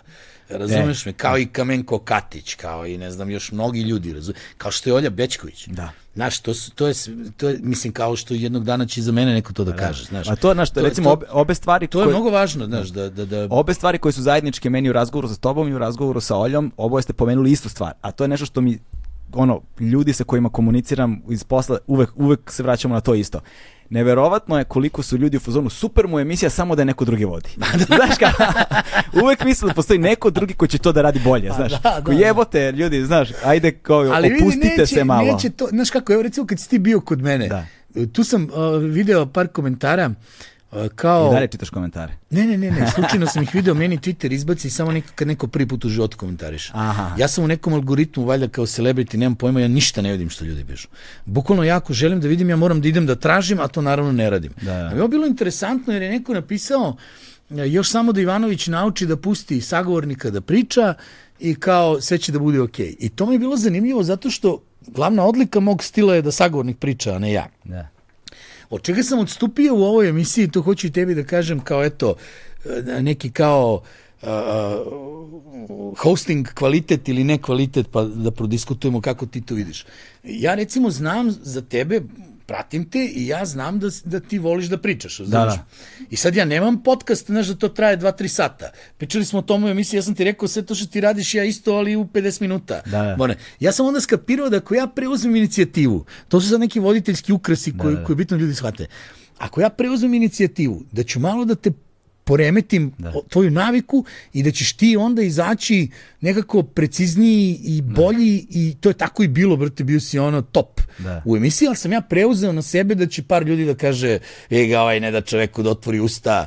A ne, ja se na to uopšte ne obazirem, zato što... Ne, što ću ti kažem, ja se ne obaziram na komentar, Aha. ali recimo sklon sam silnim nekim voditeljskim minijaturama Mm. u emisiji da bi dobio najbolji rezultat. Meni je dan danas to ekstremno važno. Ja hoću da ti kod mene budeš najbolji ti kog smo videli Da. ikada a, a, a, u, u- emisijama Da. drugim koji nisu meni, tvoje. I razumeš? meni je to važno isto sa jednom ono nijansom tu drugačijom. Uh, ovo je drugačiji format, znaš. Ma ne, nije za poređenje. To, znaš, nije, nije za poređenje, da. na milion nivoa je drugačiji format i onda ovde postoji određena vrsta slobode, ali ono što čemu se ljudi ovde vraćaju stalno. Zašto su podcasti zaživeli u odnosu na druge formate? Zato što imaju tu intimu neformalnog razgovora. I što je ovaj razgovor bliži stvarnom kafanskom razgovoru, to je bolje. Razlog zašto imamo slušalice između ostalog je samo jedan od ključnih razloga da ne bismo pričali jedan preko drugog. Tako u da. kafani bismo govorili u glas. Naravno. Mislim, još kad bi bio još jedan tu, to bi Pa bio vidi, ja, haos. ja već šest godina radim podcast na televiziji. Aha. Četiri po muškarca su podcast. Realno. Realno. Sedi pet ortaka i truća, jebi ga o, o čemu hoće da truća. On, on, to je nastalo tako što sam ja na plaži polupijan se zajebavao sa ortacima i bio u fazonu, hm, ovo bi neko gledao. je. Da. I vratio se u Beograd i predložio i tako su to i tretirali. Da. Kao da sam došao pijan da im nešto predložim. A u svakom slučaju, to jeste podcast, znaš, to je, ja razumem tu formu i strašno je poštujem. Da. Vrlo mi se dopada. Mislim da je jako dobro. A ono, ali je, fora je tome što, što je ta forma bliža prirodnom toku razgovora. I naravno na ovako velikim formatima koji traju ne znam dva, tri, koliko god sati, a, ono što je naučeno, ono što je izverzirano, ono što je pripremljeno, čak i da upotrebiš sve. U prvih, brate, sat vremena je to otišlo kroz prozor. Ne može to da traje tri sata. I onda dobiješ pravog čoveka. A taj čovek se pojavljuje sa svim svojim manama kao i vrlinama. I ti ako nisi okej sa svojim manama, nemoj to da radiš. Nema naravno. Nemoj to da radiš. Naravno. Ja sam, brate, kako da kažem, pričljivi smo, logorečni, zamisli da nismo. ne, ali ja sam htio da ti kažem da ko je host, on mora da ima da, da uh, mora da osjeća tu obavezu da primi na sebe uh, znači suštinsko ono što sam hteo da objasnim je da je glavni cilj najvažniji. Da. Glavni cilj je da emisija bude dobra i zabavna. Tako je. I da ako neko treba da ispadne cool, da uvek prioritet ima gost. Tako je. Jer ako ti praviš emisiju zbog sebe, kao šta kao pravim emisiju, pokažem ljudima kako sam ja pametan. Daj bre, dečko, odjebi bre. Nikoga ne zanima realno šta ti misliš. Ti tek posle 10 godina karijere možeš tekneš pravo da kao ti nešto kažeš, kao ja sam doživeo i ne znam ovo, ne znam ono. Ljudi hoće da gledaju to kog si doveo, bre. sve se vrti oko njega. Ti moraš da ga otpakuješ, kako mi to kažemo, Mhm. i da ga prepustiš sudu ljudi. Ako već to radiš, neko, to je mi inače suština intervjua na TV-u da otkrijem kolegama koje... znači, nismo mi tu da kreiramo mišljenje gledaoca o tebi, o gostu. Mi smo tu da omogućimo uslove u kojima će gledalac moći na pošten način da donese svoj sud o gostu. Tako je. I da tu osobu, ukoliko je stvar zaista dobra, dobijemo u svetlu i na način na koji nisi vidio na drugom mestu. To, to svakako, da, To ali je. to se nekako uvijek desi ako si dovoljno talentovan. Znaš, apropo te iskrenosti, recimo, moja emisija to od uvijek ima. Od uh, cash taksija do, do danas, znači tu imaš čuvenu tu situaciju kada je Neša Bridges kao provocirao što me nisi zvao, što me nisi zvao, što me nisi zvao, četiri puta, brate, ja još bio na prvoj. Sad ja znam šta mi radi, da, da me, ali se kao kuliram, znaš. I posle trećeg ili četvrtog puta ja mu kažem, brate, znaš zašto te nisam zvao? On kaže, zašto? Ja kažem, zato što me boleo kurac. I to je to, brate. I to je tako ostalo u emisiji. Da. I to, ja, to jeste vulgarno. Ali šta me drndaš, brate, tu kao što me nisi zvao? Evo sad ću ti kažem šta te nisam zvao, jako to nije istina, razumeš? Da, ali da, da, da, da. odvedete neku, neku dimenziju, ali ja, ok, ta emisija, sve što se u njoj dešava, to sam ja, brate. Da. To sam ja i, i, i, i to je tako. Da. Ako ti se ne sviđa, 156 kanala, druže, promeni program, što bi tekla krv zbog toga, me Znam razumeš? kakvih kanala, brate. Nema veze, brate, pa ako nema ništa bolje, onda prihvati da je ovo najbolje i to je Da, to. ili isključi TV. Isključi TV, slušaj muziku, čite knjigu, nemam pojma. u Daljinski, daljinski upravljač postoji ili dugme iza stiropora. Znaš? Vidi, većina ljudi koja se bavi ovim mojim poslom je ušla u to da bi bila poznata. Ja znam da to zvuči glupo sada ljudima, ali to je tako. Ljudi ulaze da se bave televizijom da bi bili poznati, da izađu u TV novostima, da, da, da im mama vidi trailer na, na TV-u, da, Da. kao rade na televiziji i to je to. I ima 5% nas koji smo uspešni koji nismo zbog toga ušli. Da, da, da, apsolutno Jer to bukvalno, znači, ako si ušao sada, evo mogu da garantujem svakome, ako je tvoj glavni motiv da budeš poznat, nikada nećeš ostvariti veliku priču, nikad nećeš biti to što u ovom trenutku zamišljaš da bi mogao da budeš. Da, Znači, nikad. to je, kako bi ti rekao, poznatost moraš tetiraš kao crno ispod noktiju kod automehaničara, prosto tu je, posao je takav i, i to je to. Da, ali moraš da ga voliš i mora da postoji neki cilj ko kojim se Da, krećeš. moraš sam posao da voliš, da. moraš da znaš zašto si tu. To je to. Kako Šta je, radimo danas? Da.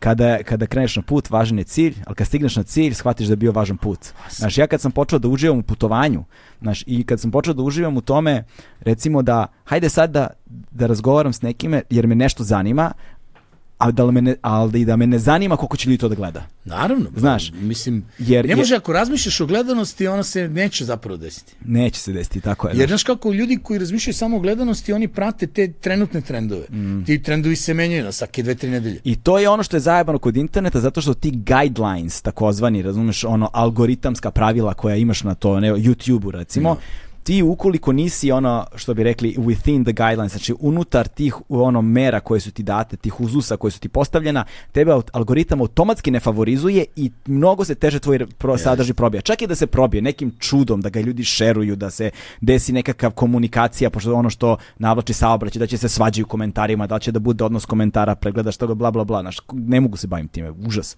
Ali čak i da se desi sve to, ukupan broj pregleda će i dalje biti smešan u odnosu na ono što bi bio da si ti bio unutar tih Naravno. unutar, unutar tih zakonitosti. Ali ja namjerno Ali- neću da budem unutar. E, ne- a, a, ali ono što je problem, ako si unutar zakonitosti, imaš svu gledanost i sve pare, ali tvoj sadržaj izgleda samo kao isti u moru istog. Pa i ne baš vidi, To se sa, to se sa muzikom dešava. Dugoročnost je, du- dugotrajnost je, da ga kažem, je tu u stvari najvažnije. Mm. Znači, konkretno u medijima ljudi moraju da shvate to nije sprint, to je maraton. Tako je. Ok? Ja sad znam cijela sezona sledeće kako će da mi izgleda. Da. Gde su preteće opasnosti, gde su problemi, gde, znači ja uvek, kako bi ti rekao, ja razmišljam o ovome uvek minimum šest meseci unapred, a uglavnom tri godine unapred. Da. Ovo sve što se dešava sad u medijima, ja sam pre četiri godine upozoravao na to. I najavio sve ove događaje. I to se desilo. Iste stvari i s politikom. Imaš jedan vrlo zanimljivu stvar. Niko neće slušati taksistu i, i, i bivšeg radnika obezbeđenja. Da. To je stav ljudi i komičara. Ste im ovaj klovan da nam priča. Evo, vjeruj mi da odeš sad na moj Twitter i da odeš u ta neka gostovanja koje sam imao posebno utisku nedelje kod Olje Bečković. Bukvalno sam najavio sve što će se desiti i rekao kako će se odvijati i šta treba se uradi da se to tako ne bi desilo. I niko nije hteo me poslušati. Da. Jer ja valjda nisam dovoljno autoritet, nemam, ili to govorim kroz smeh, pa onda ljudi misle da sigurno nisi nešto pametan ako se stalno smeješ ili šta već, nemam pojma. Ili se možda nisi privolao ni jednoj strani pa stojiš između To svetova. sigurno, ba, niti ću se privoliti Pa ikada. da. Da. Znači, moje delovanje protiv ovog režima je zato što režim nije dobar za ovaj narod. Da. A za opoziciju me apsolutno boli uvo, od njih očekujem da ga smene. Da, I da onda rade dobro. I ako ne rade dobro, da prođu isto kao on. Da, da, da. Kapiraš, ja sam jedini čovjek koji je radio isto ovo za vreme Borisa Mm. Tadića. Da, moj jedini problem zaista sa onime što negde primećujem da se u društvu dešava jeste što mi uvek očekujemo da će se desiti neka osoba ili neka stranka koja će Neće. da nas spasi, znaš. Ne razumejući da, I da kažemo svima zvanično, neće, zato što nema iz čega da se rodi. da, ali čak i da se rodi, neće nas spasiti Neće. osoba, neće nas spasiti stranka, Spasit će nas ideja. spasit će nas ideja i spasit će nas dobro uređen sistem koji će da kontroliše te ljude koji su na vlasti. Znači, ništa nas neće spasiti. pa između ostalog. Kako stvari stoje na osnovu mog... Do... Znaš, ako život počinje, završava se sa mnom, z moje celoživotno iskustvo od ovih Vidi. 40 godina mi nije baš mnogo... Kreiranje tog nekog sveta u kome je politika sama po sebi zanimanje. Da. Znaš kao, Vučić je završio pravni fakultet, nije jedan dan u životu radio kao pravnik. Da. Ti, to, njemu je to profesija od 18. godine, on se bavi, po- imaš takvih 50 ljudi, mislim, nebitno, da, da. Čeda Ivanović, šta ja znam. Znači, gomila ljudi koji postoje samo u politici i sad, pošto oni, ne, oni nemaju drugu česmu iz koje bi pili vodu. Da. Zato ti se dešava ovo što se dešava da su spremni da prodaju oca, majka, majku, brata, sestru, državu, crkvu, šta, veru, šta god treba, samo da ostanu u svemu tome. Da. Zato mi imamo toliko smeća u političkom životu. Da ne plaćaju PDV. Pa ne, brate, oni nemaju, shvataš, parče hleba ne umeju da zarade svojim rukama, radom, glavom, čime god. Da. Za njih postoji samo politika, pa su sad u to uključena njihova deca. Mi imamo dinastije u politici političkom životu gde sinovi nasleđuju očeve, kao da je to, brate, mili, ko sad moj čale je bio šofer, jebi ga, pa ja treba budem šofer, jer šta, porodični biznis, ne razumem. Da, da. Ako je vozio on dobro, onda vozim i ja, nije tako. Mm. Znaš, ti, to je veliki problem, šta oni da rade, jebote? Da. Šta da rade oni, kako će da se hrane? Ne da ja mislim da treba da žive i da se hrane koji jebe, ali hoću da ti kažem da je to, onda ti dobijaš to da su ljudi spremni na sve. Šta će Sarapa, brate, kad prođe ovaj režim, si razmišljao o tome? Nisam razmišljao Pa o tome. to brate. možda ide da da slabinu za sapun, ali brate, nema šta da radi čovjek. Da. Ko će njega da uzme? Gde će on da predstavlja ozbiljnog novinara ili te lice? I ne samo on, 20 takvih. Onda naravno da će ovaj neodrživi sistem da brane do posljednje kapi krvi. Naravno da će nenormalne stvari se dešavaju. Da, dešavaju se stvarno nenormalne Nenormalne stvari. To je stvari, nešto što ja baš ne mogu, ono, ba, baš mi je, znaš, nekad kad vidim znaš, i, i ljude koje znamo iz posla i, i, i, znaš, i kad vidim neke grozne stvari koje se Sjebaju dešavaju, ove ljude, znam po 20 godina, Pa, znaš- ti je, bre, pa vidi, taj isti Sarapa mi slao poruku, uživaj u Rovinju, boli te uvo, bravo majstore, ovo ono da bi posle tri godine pričao sam ja izdenik koji letuje u Rovinju, izdao sam srpski interese i ne znam ovo, ne znam ono. da. Znači to, brate, na nekom nivou kretenskom, do te mere da si ti u fazonu, bre, me neko zajeba, bre, šta je s vama ljudi, bre? Znači, pa svi gledamo kako jedete govna svaki dan, vi sad došli da nas ubedite da nisu govna nego ćevapi, bre. da. Pritom jedi, okej, ali brate, shvati da si ti taj koji jede govna, nisi, nisi gospodin, brate, nisi ugledan, nisi niko i ništa. Ali, znaš, stvari idu negde dalje, recimo, uh, ono gde, kada, kada, je, kada su počele se pojavljati informacije o zagađenosti, na primjer. To je najjače od svega.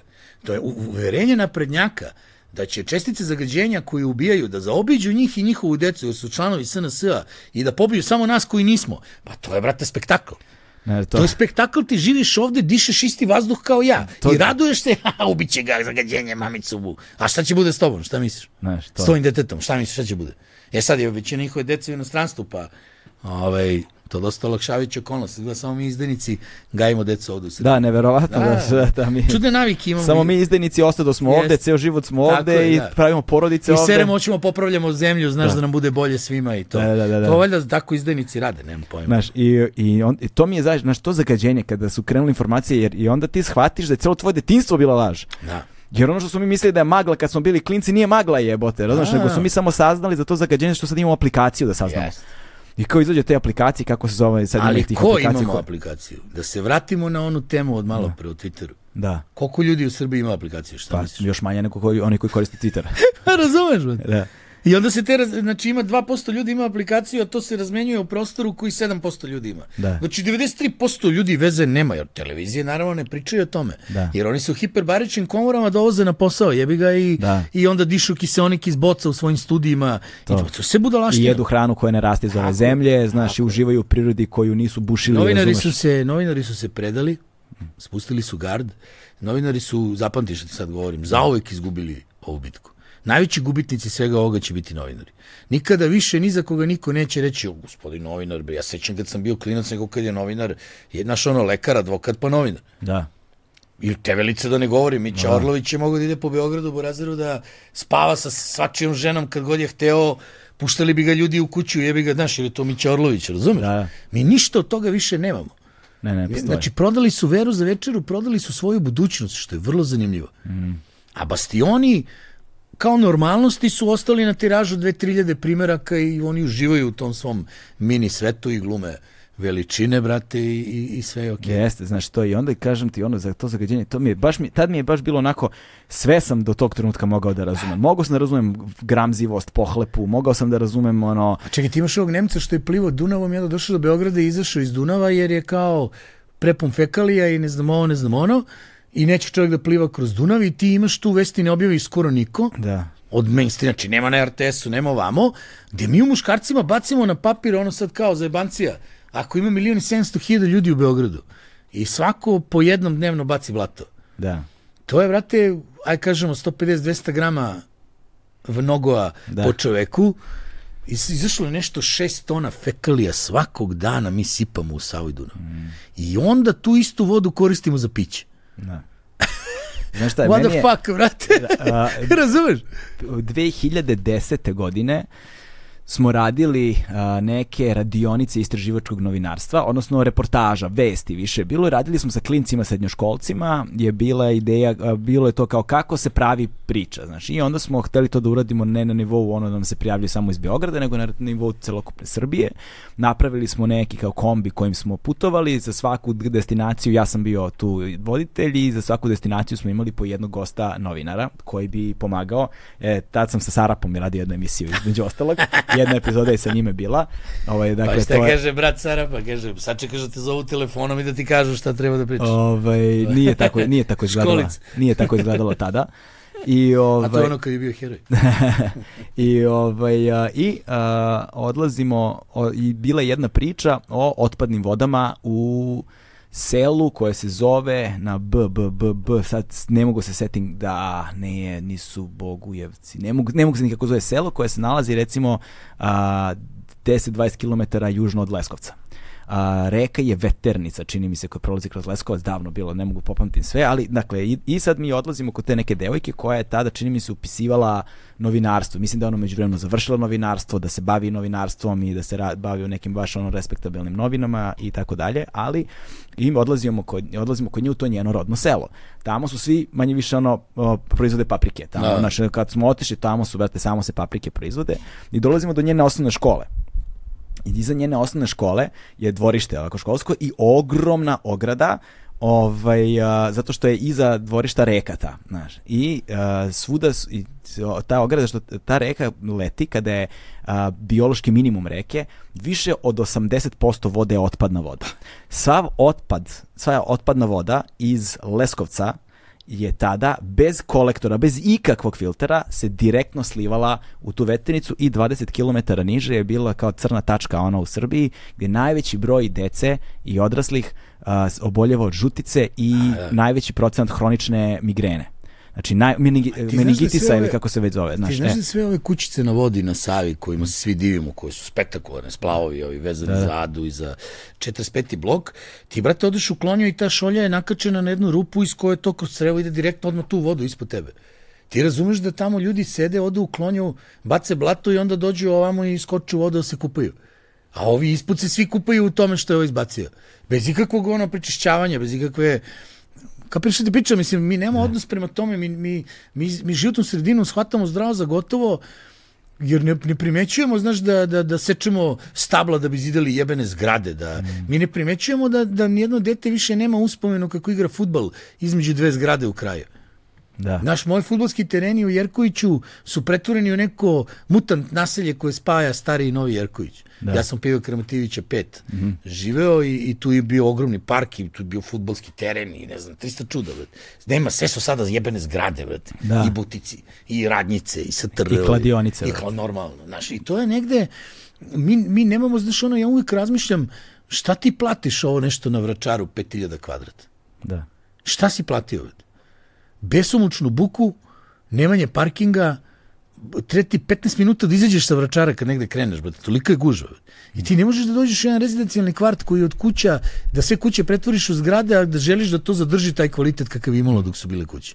Ne može družu da si kuću da je živjelo pet ljudi, imalo dva automobila i napravi da sada živi 30 ljudi i da imaju 20 automobila. Da. Da, da. Da ne ulazimo ono Books of King je gdje će ta govna i tako. Ako ko napravi novu zgradu, meni oslabi pritisak u Slavini. Da, da, jeste. Da. I, znaš, me, to, i, i, kažem ti, tad kad sam video to, znaš, i taj smrad, pošto smo mi nešto na leto išli, pošto no, tad prilike je bila voda, kaže, i, znaš, i onda su najvidje, te ograde su pravili zato što deca kad se igraju da im ne padne vod, da, da. lopta u reku, jer kad klinci odu u reku po loptu, znaš, ono, razboli se u najavu. Naravno. I sad ti kad posmatraš tu ko o tome brine. Tad sam prvi put recimo to video. Znači tad sam pomislio ovo je nešto najgore što postoji. Kad ono, Vidi, ja tamo deponiju, ono međutim... Imaš deponiju onih mrtvih životinja, gledao sam to, N1 je radio, ja mislim, priču ili neko drugi, ima setim. Imaš neku klanicu koja ostatke životinske zakopava preko zida iza fabrike gde su meštani zbog smrada koji se širio krenuli da, da to nešto istražuju i otkrili koske, otkrili leševe i sve, koji se tu raspadaju, to se širiva, niko ništa. Sad ja ne verujem da u Srbiji ne postoji po zakonima služba koja nije, ne, da ne postoji služba nadležna za to. Mora da postoji. Da. Zašto ta služba ne radi? Da li je direktor klanice član SNS-a, pa niko ne sme ga dira, ili DS-a svoje vremeno, nebitno. Da, da. Čekaj, druže, mi moramo negde da skapiramo da je Srbija kao zemlja u tom banalnom smislu, znači stvarno zemlja, ground, Da. voda i vazduh, veća od svih nas. Veća Veća od svakog našeg trenutnog interesa. Ili smo mi ta generacija koja tvrdi da posle nas niko ne treba da živi? Veća od svakog našeg trenutnog i bilo kojeg budućeg interesa. Apsolutno. Znaš. Ti razumeš što mi prodali sve vode, jebote, malte ne, strancima. Imaš ove patriote, jebi ga, koji se tu guze nešto, Srbija do Tokija, eno im ga, vrate, Soko Štark, hrvatska firma. Mm. Što ne odiš, što ne prestaneš da jedeš bananice, vet? ako si toliki patriota.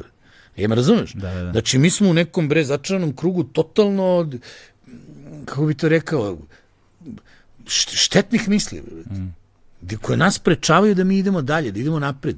Mi moramo skapiramo da kad dvoje ljudi uđu u kuću, da li će da se, ono, kako bi ti rekao, da li vas dvojica spavate, ne spavate, to je vaša stvar, be, brate, nikog to, to ne treba te interesuje. Mm. Ko što ne pitaš komšiju kakav mu je seks sa ženom, razumeš? To ne sme da utiče na nas, ne sme da nam oduzima energiju da idemo napred, brate. Da. Mi ovde, šta šta mi ovde raspravljamo? Pa bukvalno sam u fazonu jebote ili normalno ovo. brate. Mi smo oko jebenog murala raspravljali dva meseca. Da, da, da. Ova žena baci jaja, ovi kreče, ovi peru, Murija ne sme da dođe. Totalno ludilo, čoveče. Totalno ludilo. brate. Da, dobro, taj mural je, znaš, kao i, kao i druge stvari, postoje neki elementi u društvu koji budu simboli, znaš, i onda sad sim, simboli... Ja ne mislim tako. Znaš, Jes, jeste simbol, Da. ali simbol nečeg sasvim drugog. da. On je simbol nečega što nije urađeno kao je trebalo. I to je naš najveći problem. Ovde stvari pucaju oko nečega što deluje potpuno idiotski, a to je u stvari zato što tamo gde je bilo bitno si prećutao, druže. Ćutao si kao sisa. Cela ta neka generacija 60-ih rođena, kako bi ti rekao, oni, njih sad tek stiže neka pamet da su možda mogli drugačije 90-ih da se ponašaju, možda da ostanu tu, možda da se jače bore za normalnost, možda da ne dozvole da Srbija postane ono što je postala. Da. Onda, a to ih onda sad pretvara u neke militantne ono likove koji se bičuju po leđima, ljube šahovnicu ili šta već. Da. Recimo već moja generacija nije toliko opterećena time, mi smo imali 15 godina, u rat je bio, ja ga nisam hteo, šta je bilo u mojoj moći s 15-16 godina da uradim, ja sam uradio, čim sam napunio 18, odmah sam glasao protiv te vlasti koja nas je vukla u te ratove, ja ne znam šta hoćete od mene, jevi. Da, da. Srbija platila cenu, presude su do, don, donešene i to je to, brate. Mm. Nema šta sad da, da, narednih 50 godina da, da pričamo o tome, brate. Prekrećite, i- i- i- znači šta je fora sad sa muralom? Ima neko ko je nadležan za to, brate? Ima. Mislim, trebalo bi da postoji institucija Taj ko je nadležan za to, taj mora da najebe. Da. Kogod da je na muralu. Mm. Ja neću da ulazim u to istorijski gledano koje neke škole malo završio, ove osnovne. Ne mislim ništa pretarano. ne mogu Ratko Mladić i Draža Mihajlović da budu na istom muralu. Jer da su se ikad sreli, Ratko bi ubio Dražu. A i Draža bi vratno ubio Ratka, jer ovaj komunista, ovaj monarhista. Ok? Pa na sve to dodaš Putina. A to je da pitaš te klince, čekaj bre, jebote, ono, šta ste vi čitali od knjiga, mislim, ono, da li vi stvarno znate nešto o našoj istoriji? Odlučite se. Srbi su večito podeljeni na tu temu, da li Ratko ili Draža. To nije isto. Ratko je komunista. Ratko je produkt SFRJ. Mislim sad ulazim u ovu priču koja nema veze sa Znaš kako, razumeš me, pitanje, ono? znaš, ovaj...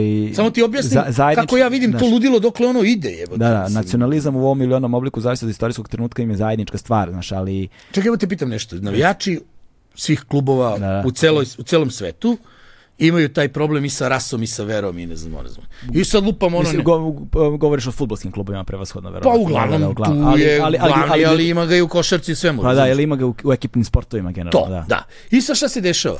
U, neki igrač dođe kao Hrvat, pobuna ne može da igra, musliman ne može da igra on.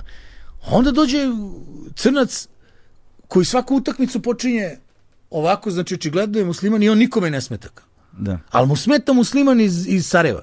da. Ili katolik iz Zagreba. Znaš šta je tu? To sam, to, tome sam... Mislim, raz- daj, na, da, da, zašto zna- jasno ti je moj Da, stav. da, jasno mi je. Otvorena vrata svima, vera, rasa nisu tema, stvarno nisu tema uopšte. Ne treba pričati o tome, po mom Da, da. mišljenju.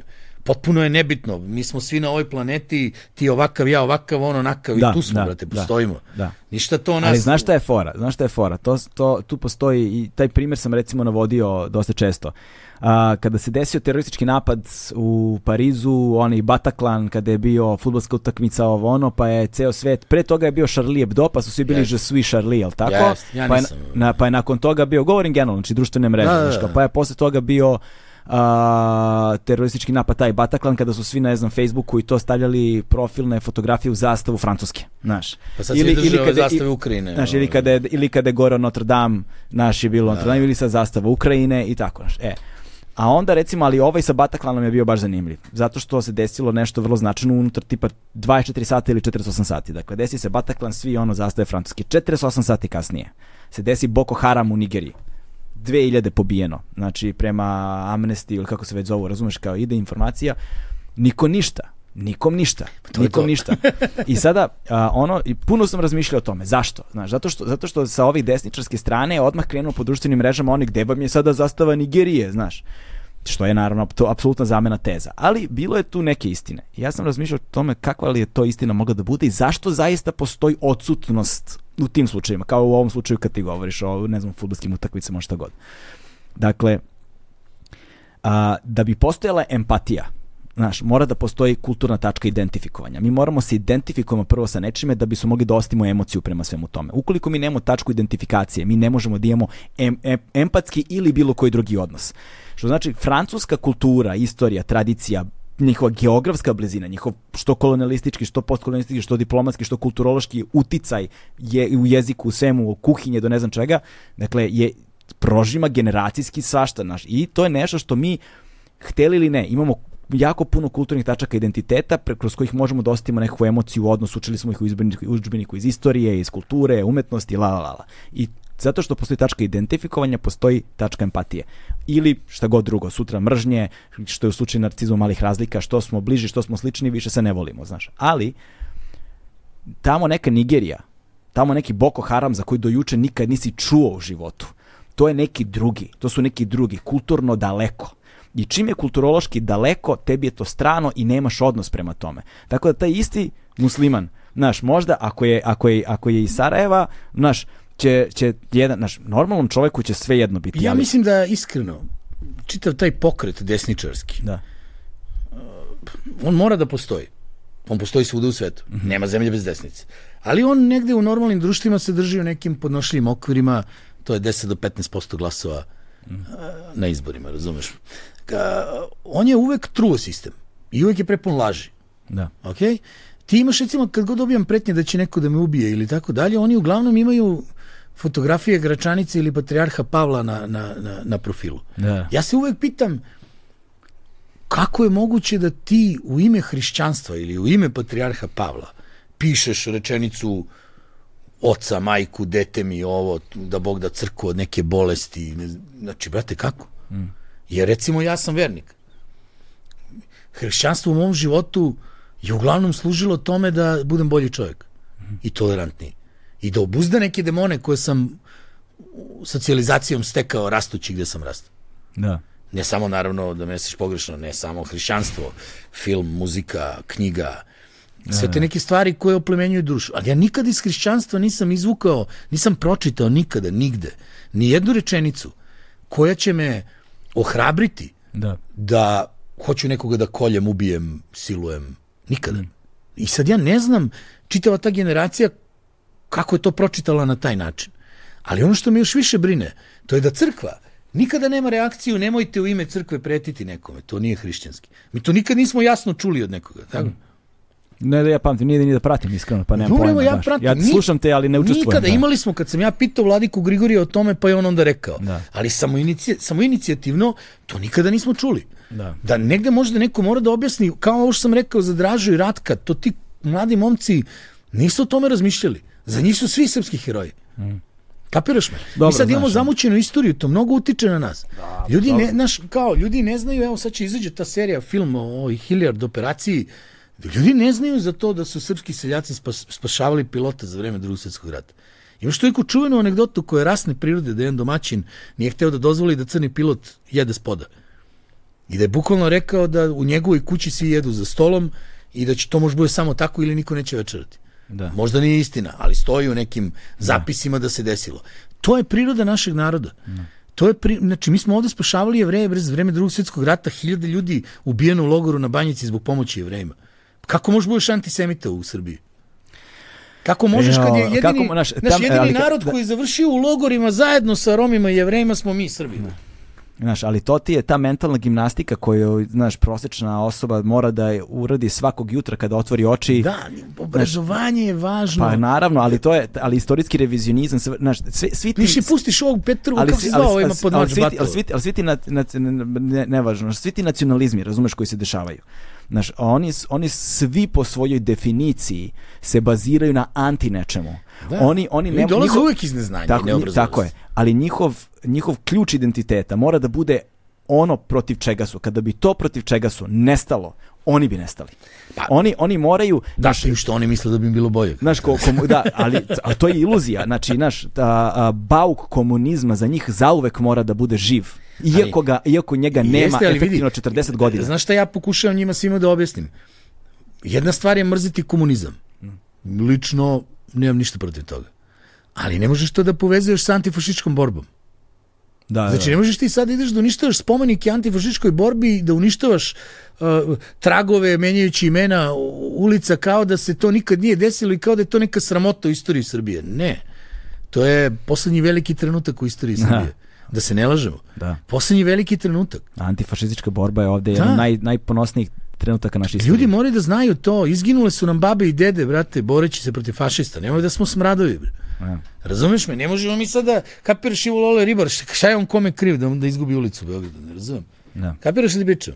Znači, tu smo mi užasni i zbog toga mi ne možemo da sredimo prvo sebe, a samim tim ni našu, ni da artikulišemo naše kažem, emocije po pitanju... Ali obra, obrazovanje je tu ključno. Znaš, ja sam imao ep- epizode koje su se bavile problemom reforme obrazovanja. Znaš, ja sam znao znaš da... kako će sad ljudi vidjeti? Ja vas dvojica pričate o obrazovanju, vi znate Znaš, kako. pa da, evo.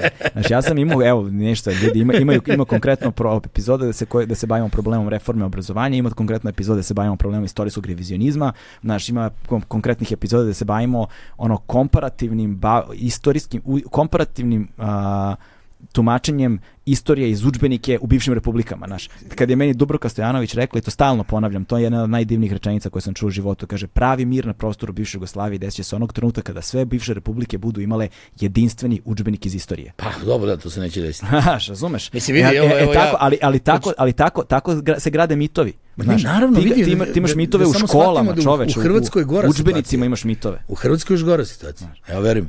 Moj, moje viđenje toga, mislim, ja sam tamo tri meseca godišnje.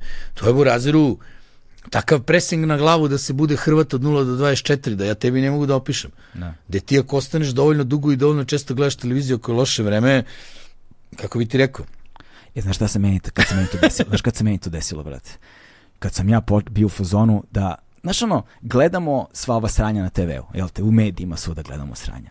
I vi, nekad si u fazonu, ne nekad, često si u fazonu, ko, brate, gleda ovo i, mo, znaš, znaš, Uvek neko gleda. Razumeš, ali, ne, ali, kao, a znaš, ali ja sam često imao vrlo pogrešno, odmah da se ogradim, vrlo pogrešno sam često imao taj i stav, možda i elitistički pomalo, koja bre budala može da čuje ovo, vidi ovo i da veruje ovakvu glu. Kako bre neko može da veruje da zemlja ravna, znaš, ili tako nešto. Razumeš?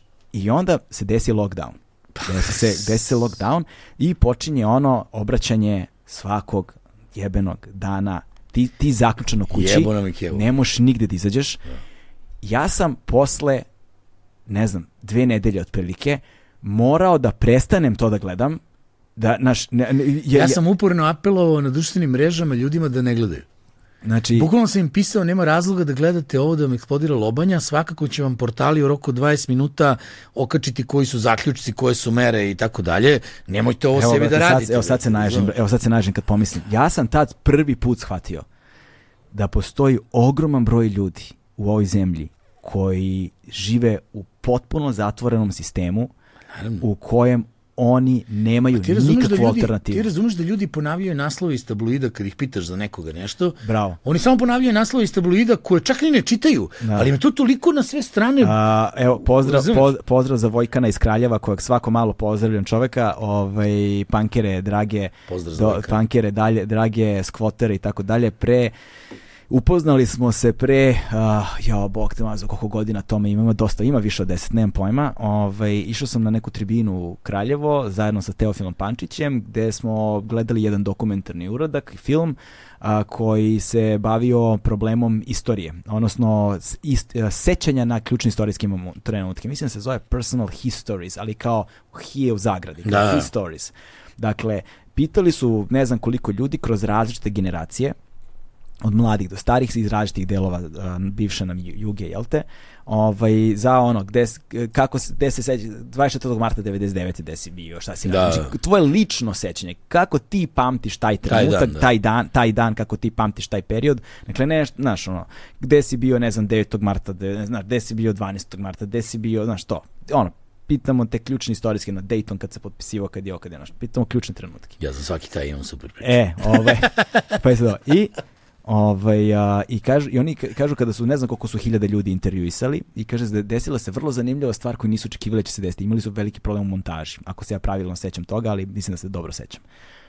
Što su dalje u prošlosti išli sa datumima, to je manje ljudi imalo lično sećanje, a sve veći procenat ljudi je imao Naravno. ono što su bili novinski Naravno. naslovi. Naravno. Ono što su bili novinski naslovi. Kako taj dominantni, veštački, upumpavani narativ menja tvoje sećanje, brate?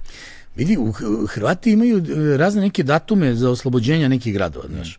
I sad ja to gledam i to je kao datum oslobođenja tog i tog, e, herojski dan, borba za nezavisnost protiv agresije, a, a događaje tog dana su, su, su, su ovi iz JNA izašli iz kasarne i ovi su ušli i uzeli kasarne. Da. Hrvatska ima 400.000 vojnih penzionera. Što je ozbiljno opterećenje za budžet i tako dalje.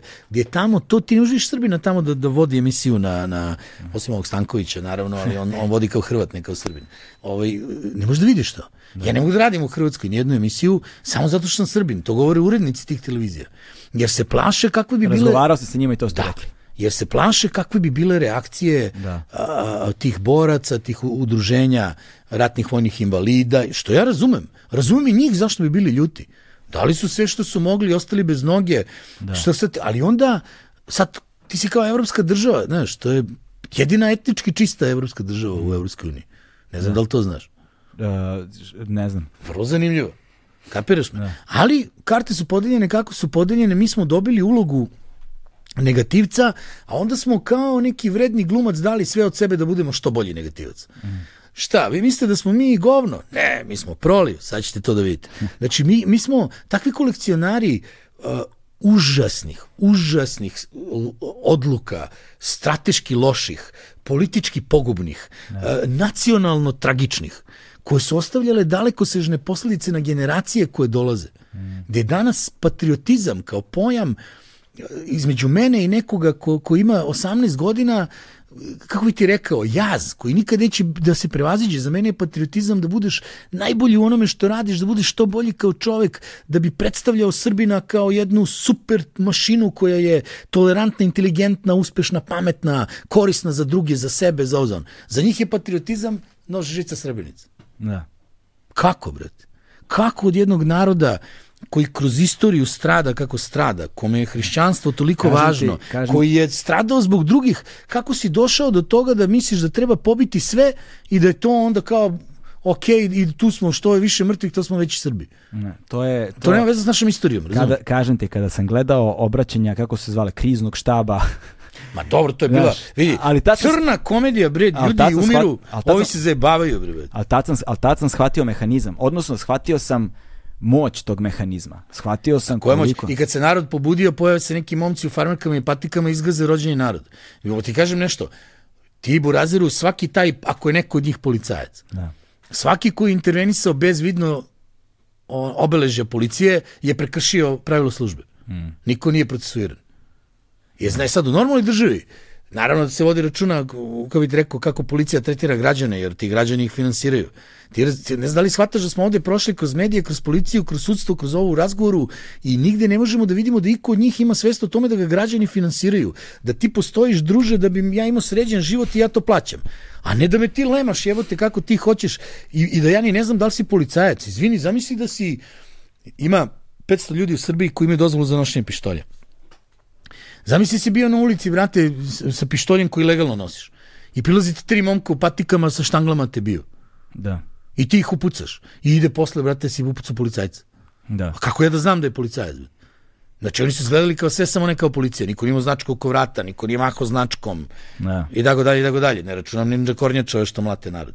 Ali ti sad tu pogledaj, imaš maksimalno neodgovornu državu koja počinje Ja se toga dobro sećam, ja sam zvao ljude na opreznost sedam dana pre Milano konferencije.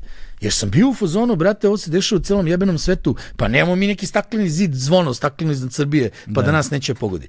Znači ja izbacujem epizodu gde zovem ljude da povedu računa, a oni prave konferenciju za štampu i idite u shoppingu Milana, najsmešniji virus, lala. Posle sedam dana kreću u pakao. Da. Pa ne znamo dan kad je bila prva žrtva, prvi oboleli, jer su se skupljali potpisi za SNS. Pa dolazi dan izbora, mi pobeđujemo koronu, nemamo ni jedan slučaj, pravimo teniski turnir. Lože jadnog Novaka da je bezbedno čovjek, kako bi ti rekao, zbog, zbog kretenizma ove države, dobija u svetu neki negativan publicitet i tako dalje. Sad opet i oni mogu da im ne veruje, ali što im ne bi verovao, jebate, Da, da. razumeš? Znači, Da, mislim, naši- polaziš od, od, od nekih kao Neće te laže država valjda kad je epidemija, mislim, znaš, na taj način. Onda se opet kao korona vraća. Onda Kad god ide- pomisliš neće ovu granicu, neće preći. Da. I onda sad od zaključavanja na 60 obolelih imaš freestyle na 12.000 obolelih. da, Nikom ništa. I svako ko nešto kaže je budala. da. Razumeš? Tako da tu mi, mi sistematski ubijamo, znači čovjek koji ostane u ovoj Srbiji do svoje 45. 50. godine, taj brate stvarno hteo da ostane. Znači mi koji punimo ove godine i ostali smo ovde, evo to neka znaju svi koji ovo gledaju, niko nema prava da sumnja u naš patriotizam. Da, da. Mi smo prave patriote. Jer smo mogli da odemo negdje i da sad nas boli bulja u raziru po, po- Amerikama i ne znam raznim drugim egzotičnim zemljama, da peremo sudove bilo bi nam bolje u nekom trenutku, a mogli smo Ako možda da ništa, budemo... ekonomski bi nam čak bilo bolje. Ma bilo bi nam u svakom smislu, ali nema veze, nije nam, znači patriotizam je to. Meni nije dobro ako mojoj zemlji nije dobro. Da. Ok? Znaš, ja sam recimo, ja kad sam razmišljao o odlasku, a razmišljao sam puno o odlasku i bio je taj trenutak kada smo zaista planirali da odemo, trebalo je da odemo na Novi Zeland. To je bila moja ideja. Dobro, da. Dakle, ja, Kod što, braće Maora. Šta, što dalje, brate, znaš, ali dobro, gledali smo jedno zdravstveni sistem, gledali smo Nije mogućnost, dobro, Novi Zeland je jedan najboljih zemalja znaš, za život. mogućnost za zapošljavanje, klimu, obrazovni sistem, znaš, sve smo nešto gledali i stvarno ono, znaš, stvarno nešto, da, i stvarno nešto, ovaj, svašta nešto zanimljivo je tu bilo i ovaj, i malo je oko procedure, nešto malo je skupo otići, u tom trenutku nismo imali kinte i to je, mi smo već bili u nekom procesu, znaš. I ovaj, onda se desio COVID, znaš. I, i, I nismo otišli, ali još jedan razlog zbog kojeg iz, nismo otišli jeste zato što putovao sam i ranije i, na primjer, naš, neka malo duža putovanja odemo u Ameriku na, ne znam, dva meseca odemo vamo I ja ne mogu da se odreknem tog osjećanja, znaš. Ja, posle dve nedelje negde, znaš, treće nedelje, meni je treća nedelja već kriza. Ja, znaš, ja, meni fali ovo ovde, znaš, fali mi, Фали ми и не, и не знам на што ти ко нам ко, то ти ко нама с вождовцем, извини, ко нама с вождовцем. Нема ништа, ал га не дам брат. Не, наравно бре, си луд. 230.000 становника на вождовцу нема едну културну установу бре, нема галерија, нема позориште, нема биоскоп, нема ништа бре, разумеш? Јеби га не даш га, разумеш? Волиш га, знаеш. Ја то потпуно разумем и, и не размислувам другачије. Да. Da. Znači vidi, ja sam 75. godište, imao sam 16 godina kad je bio 9. mart, bio sam tamo. Da. Ove datume koje si poređao, svaki sam proživeo i doživeo i bio ovde. Da, da. I, i, I nekako, ja sam radio u Izraelskoj ambasadi kad je bilo bombardovanje. Ja sam mjesec dana pre bombardovanja naslučivao, a deset dana pre bombardovanja sigurno znao da će biti bombardovanje. Niko nije, da, niko nije htio mi veruje. Čekajte, koliko ste radili dugo u obezbeđenju? Jako dugo, 14 godina. 14 godina, šta si radio u obezbeđenju? Kao baš si bio ono obezbeđenje. Pa svašta, mislim, svašta sam radio, isto koji na televiziji. Radio bio sam od, od, od onog što stoji na trotoaru ispred zgrade do, do čuo sam predsjednika, čuo sam ambasadora Montgomerya, mislim, ono, radio sam taj državnički security, antiteroristički pre svega. Šta si od obuka završio? Pa, n- znaš kako, završio sam tu obuku u Americi za, za emergency driving, surveillance detection, Uh, ovamo sam ja držao neke obuke u izraelskom ambasadi sam bio obučen za sve Da. osim za pucanje uh, tu obuku sam prošao u našoj vojsci pre toga a u američkoj sam deo treninga ja držao a, a, a ovde su me oni slali su bili ti neki uglavnom vrlo ozbiljni ovaj, kursevi u, u Americi Da. koji završavaju ljudi iz FBI-a i šta ja znam Da, da, to je čoveče, znaš, koliko je, koliko je to zanimljivo, ono, Doću, doću još jednom da pričam o, o tom drugom delu mog života. Može, može, Ne, može. vidi, ja sam, uh, kako bi ti rekao, u jednom trenutku bilo nas šest u Srbiji koji su obučeni za to. Znaš, to mislim, Da. nekako i u tom poslu mi je bilo jako važno, bio sam vrlo visokom nivou, uvijek sam, šta god sam u životu radio, ja sam te u tome budem najbolji. Da, da, Mene da. uvijek zanimalo gde, ok, šta smo sad, ovo, šta je prva liga u ovome, to, ok, idemo odmah tamo, ovo me možete ne interes. Mm. Ne, ne, nemam, ništa u životu nisam radio da bih bio drugi, treći, peti, Da, da, kapiraš? da. Nisam ovaj, to me ne interesuje. Kako se onda desio, ono, a ti si, dakle, do keš taksije si bio obezbeđenje? Ja sam bio obezbeđenje do večeri s Ivanom Ivanovićem.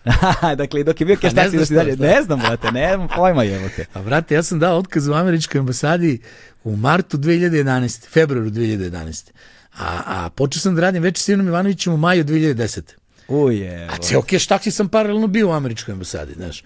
Međutim, već s Ivanom Ivanovićem je donalo tu neku nenormalnu popularnost, nikad viđenu popularnost za te velice pre toga. Mene je obezbeđenje izvodilo u Novom Sadu, brate, 100 godina štranda, sedam ljudi iz obezbeđenja sa onim metalnim ogradama, razgrću ljude da bi ja fizički prošao, oni me vuku za majicu, za kosu, ko Beatlesi da su tu, znači to je popularnost nivoa ono, vrhunskih pevača, a ne te velica, ima, razumeš, tako da je to sve bilo nekako I kad je, kad je počelo veče, ja sad u američkoj ambasadi, sjećam se kad sam ja shvatio da je vreme da odem, ispričat ću i kako sam otišao.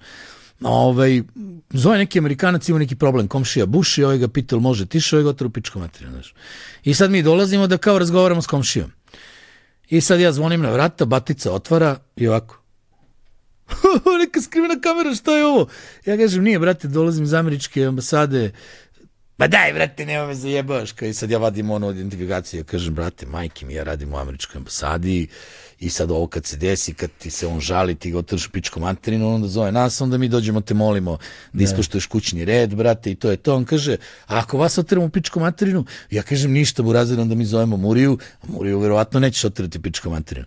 On kaže, čekaj, stvarno, ja i sad, ok, ja kažem, brate, radim definitivno, to je to. Ja u uniformi, ono, sve, security guard, ne znam, ne da, znam, da, ono. da. I ja se vratim u kola i krenemo u grad, znaš, i, i stanemo na terazijama da kupim žvaki i tu naletimo na neku ekskurziju.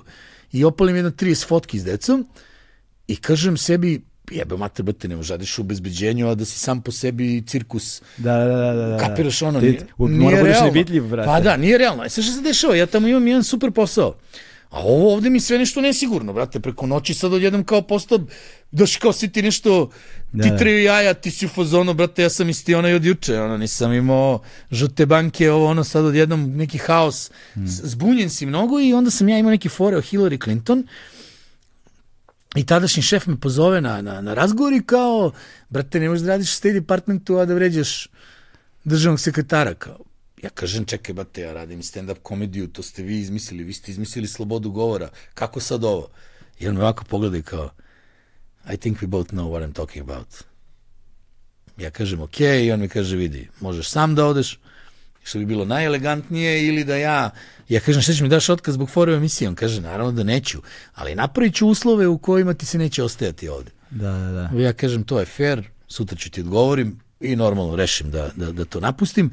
I tad sam tek napustio, ali sam eto, četiri godine paralelno radio televiziju i security u, u američkoj ambasadi.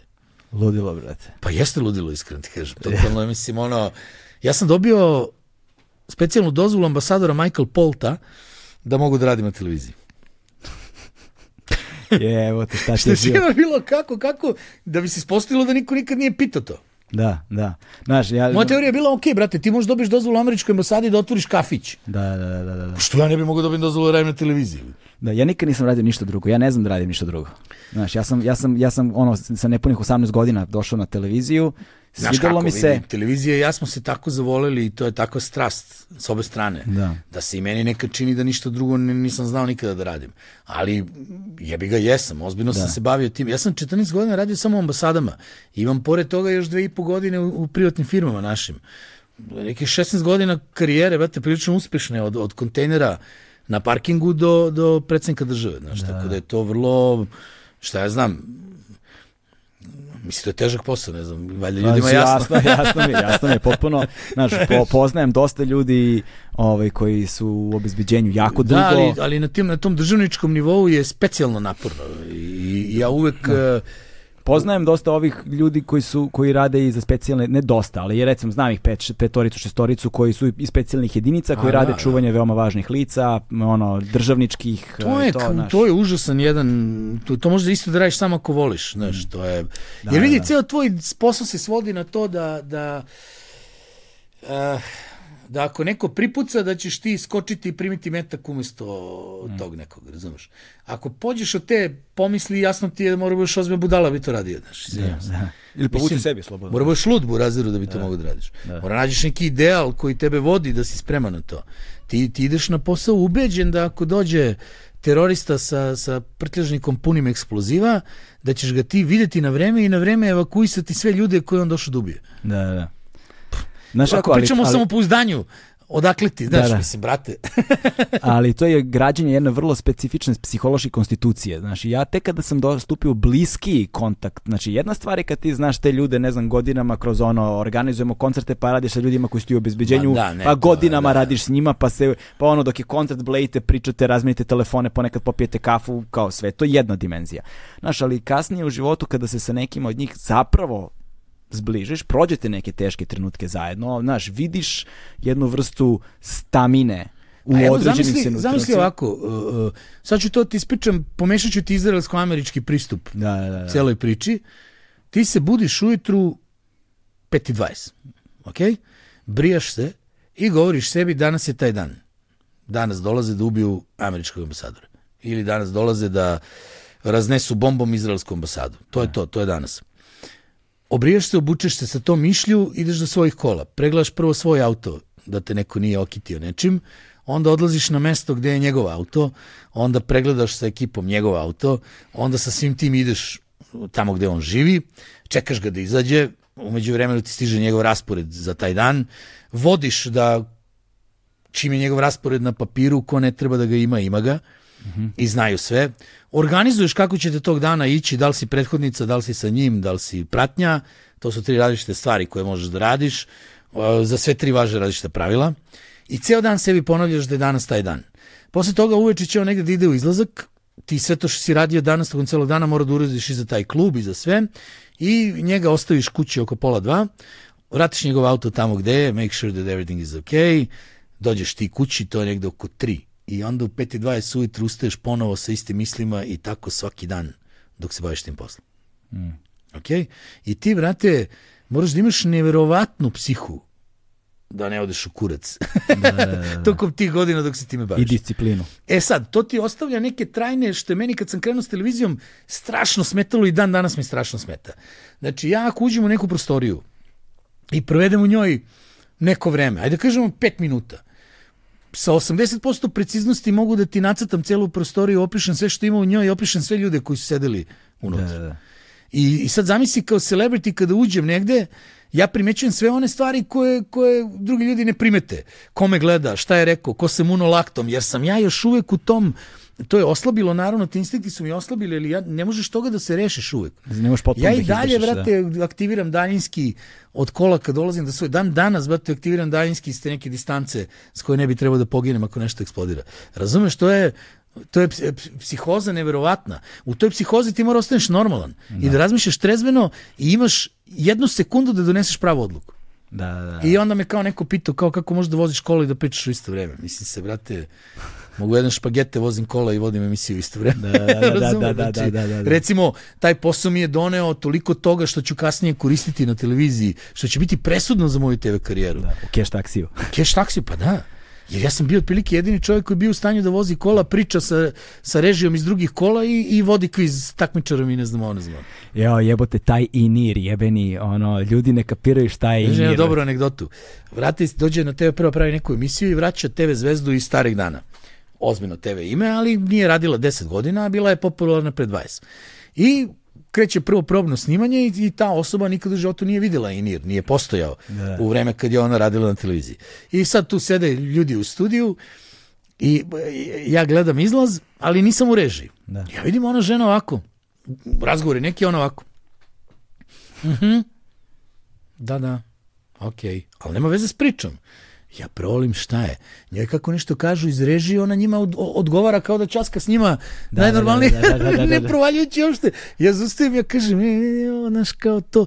Jo, ja nisam navikla, meni to odzvanje, pa kajem, okej, okay, dobro, danas je to. Da... Ali, znaš, ja sam radići obezbeđenje, stalno imao i nir uvetu, da, da, da. non stop. I meni to ne... Ti da vidiš, Burazeru, šta iz moje režije meni stiže u INIR tokom emisije. Količina viceva za jebancije, naravno dolazi gomila korisnih informacija. Jasno, jasno, jasno. Ali znači, to je, brate, kako bi ti rekao, to je, to je čitav jedan dodatni zabavni šou da. u mom INIR-u. Meni su ljudi, ni, nikada, ja mislim, dok, to, ne, to je nešto što ljudi moraju fizički da dožive, da bi im bilo jasno koji je to mindfuck, brate, kada, da. kada, kada se desi, kada imaš dovoljno neprofesionalnu režiju, a dovoljno veliki događaj.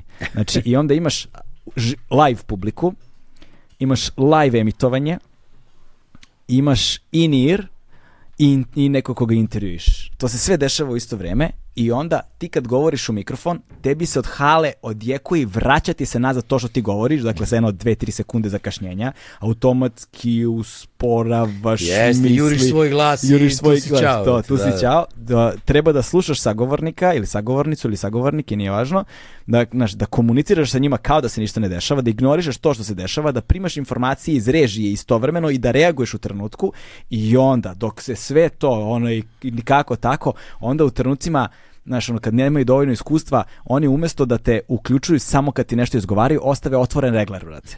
I onda slušaš celu njihovu zebanciju iz režije i feedback koji oni imaju tamo u režiji koji ti se vraća u inir.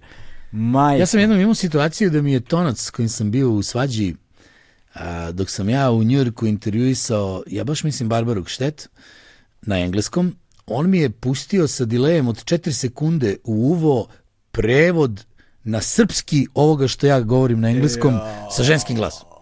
I tako sam radio 15 minuta. Jo, brate, to je... Kapiraš?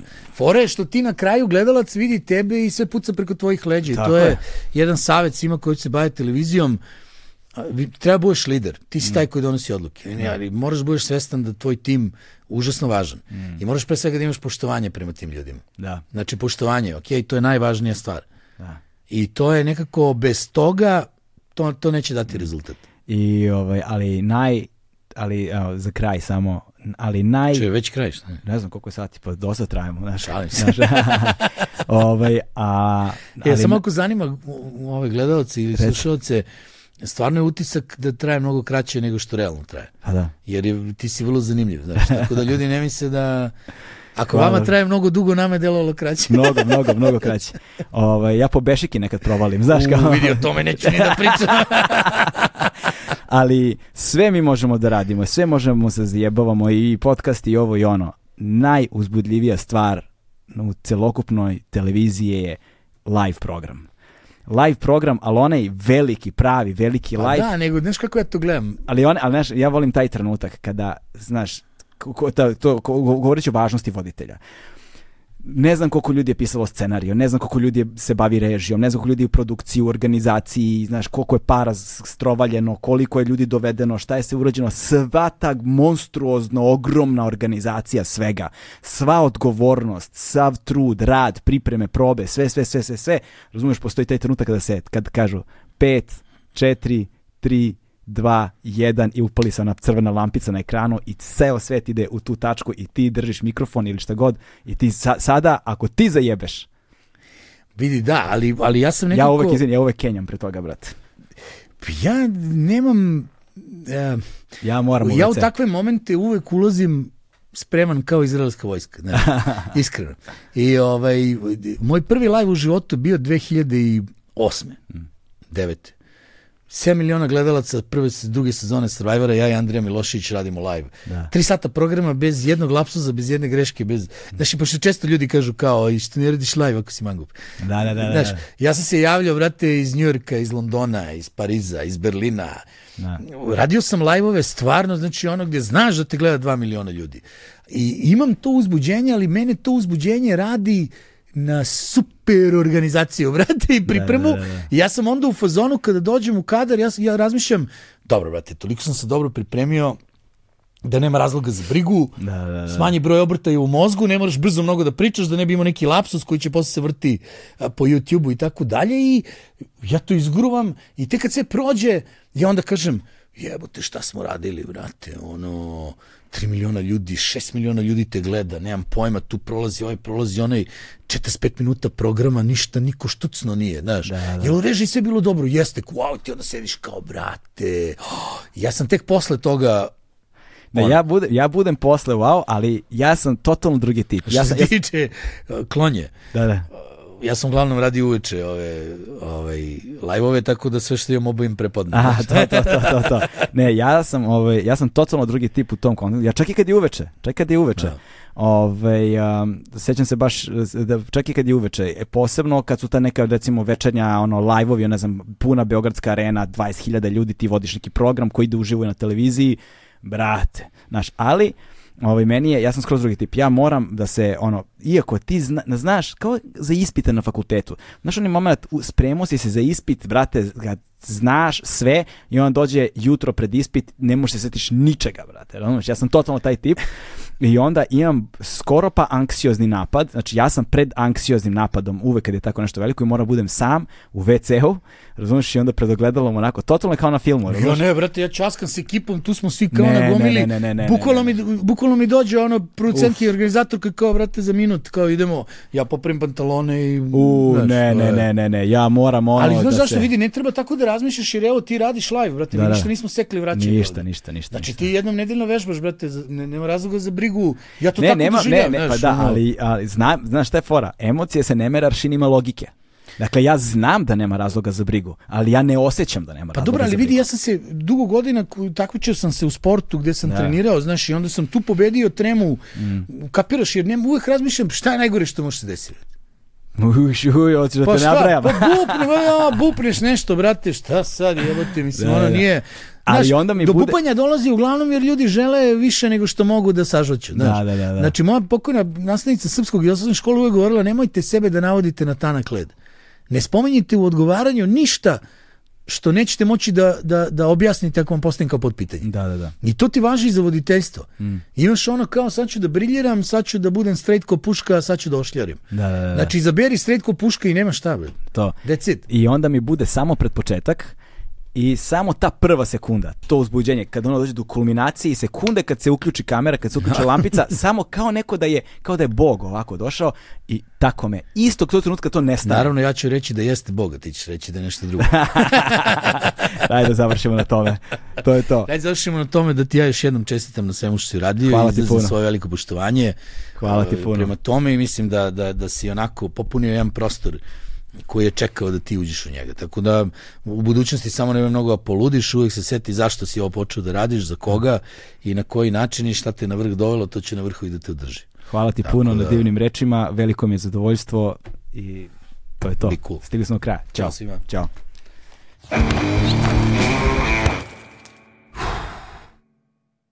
Hmm.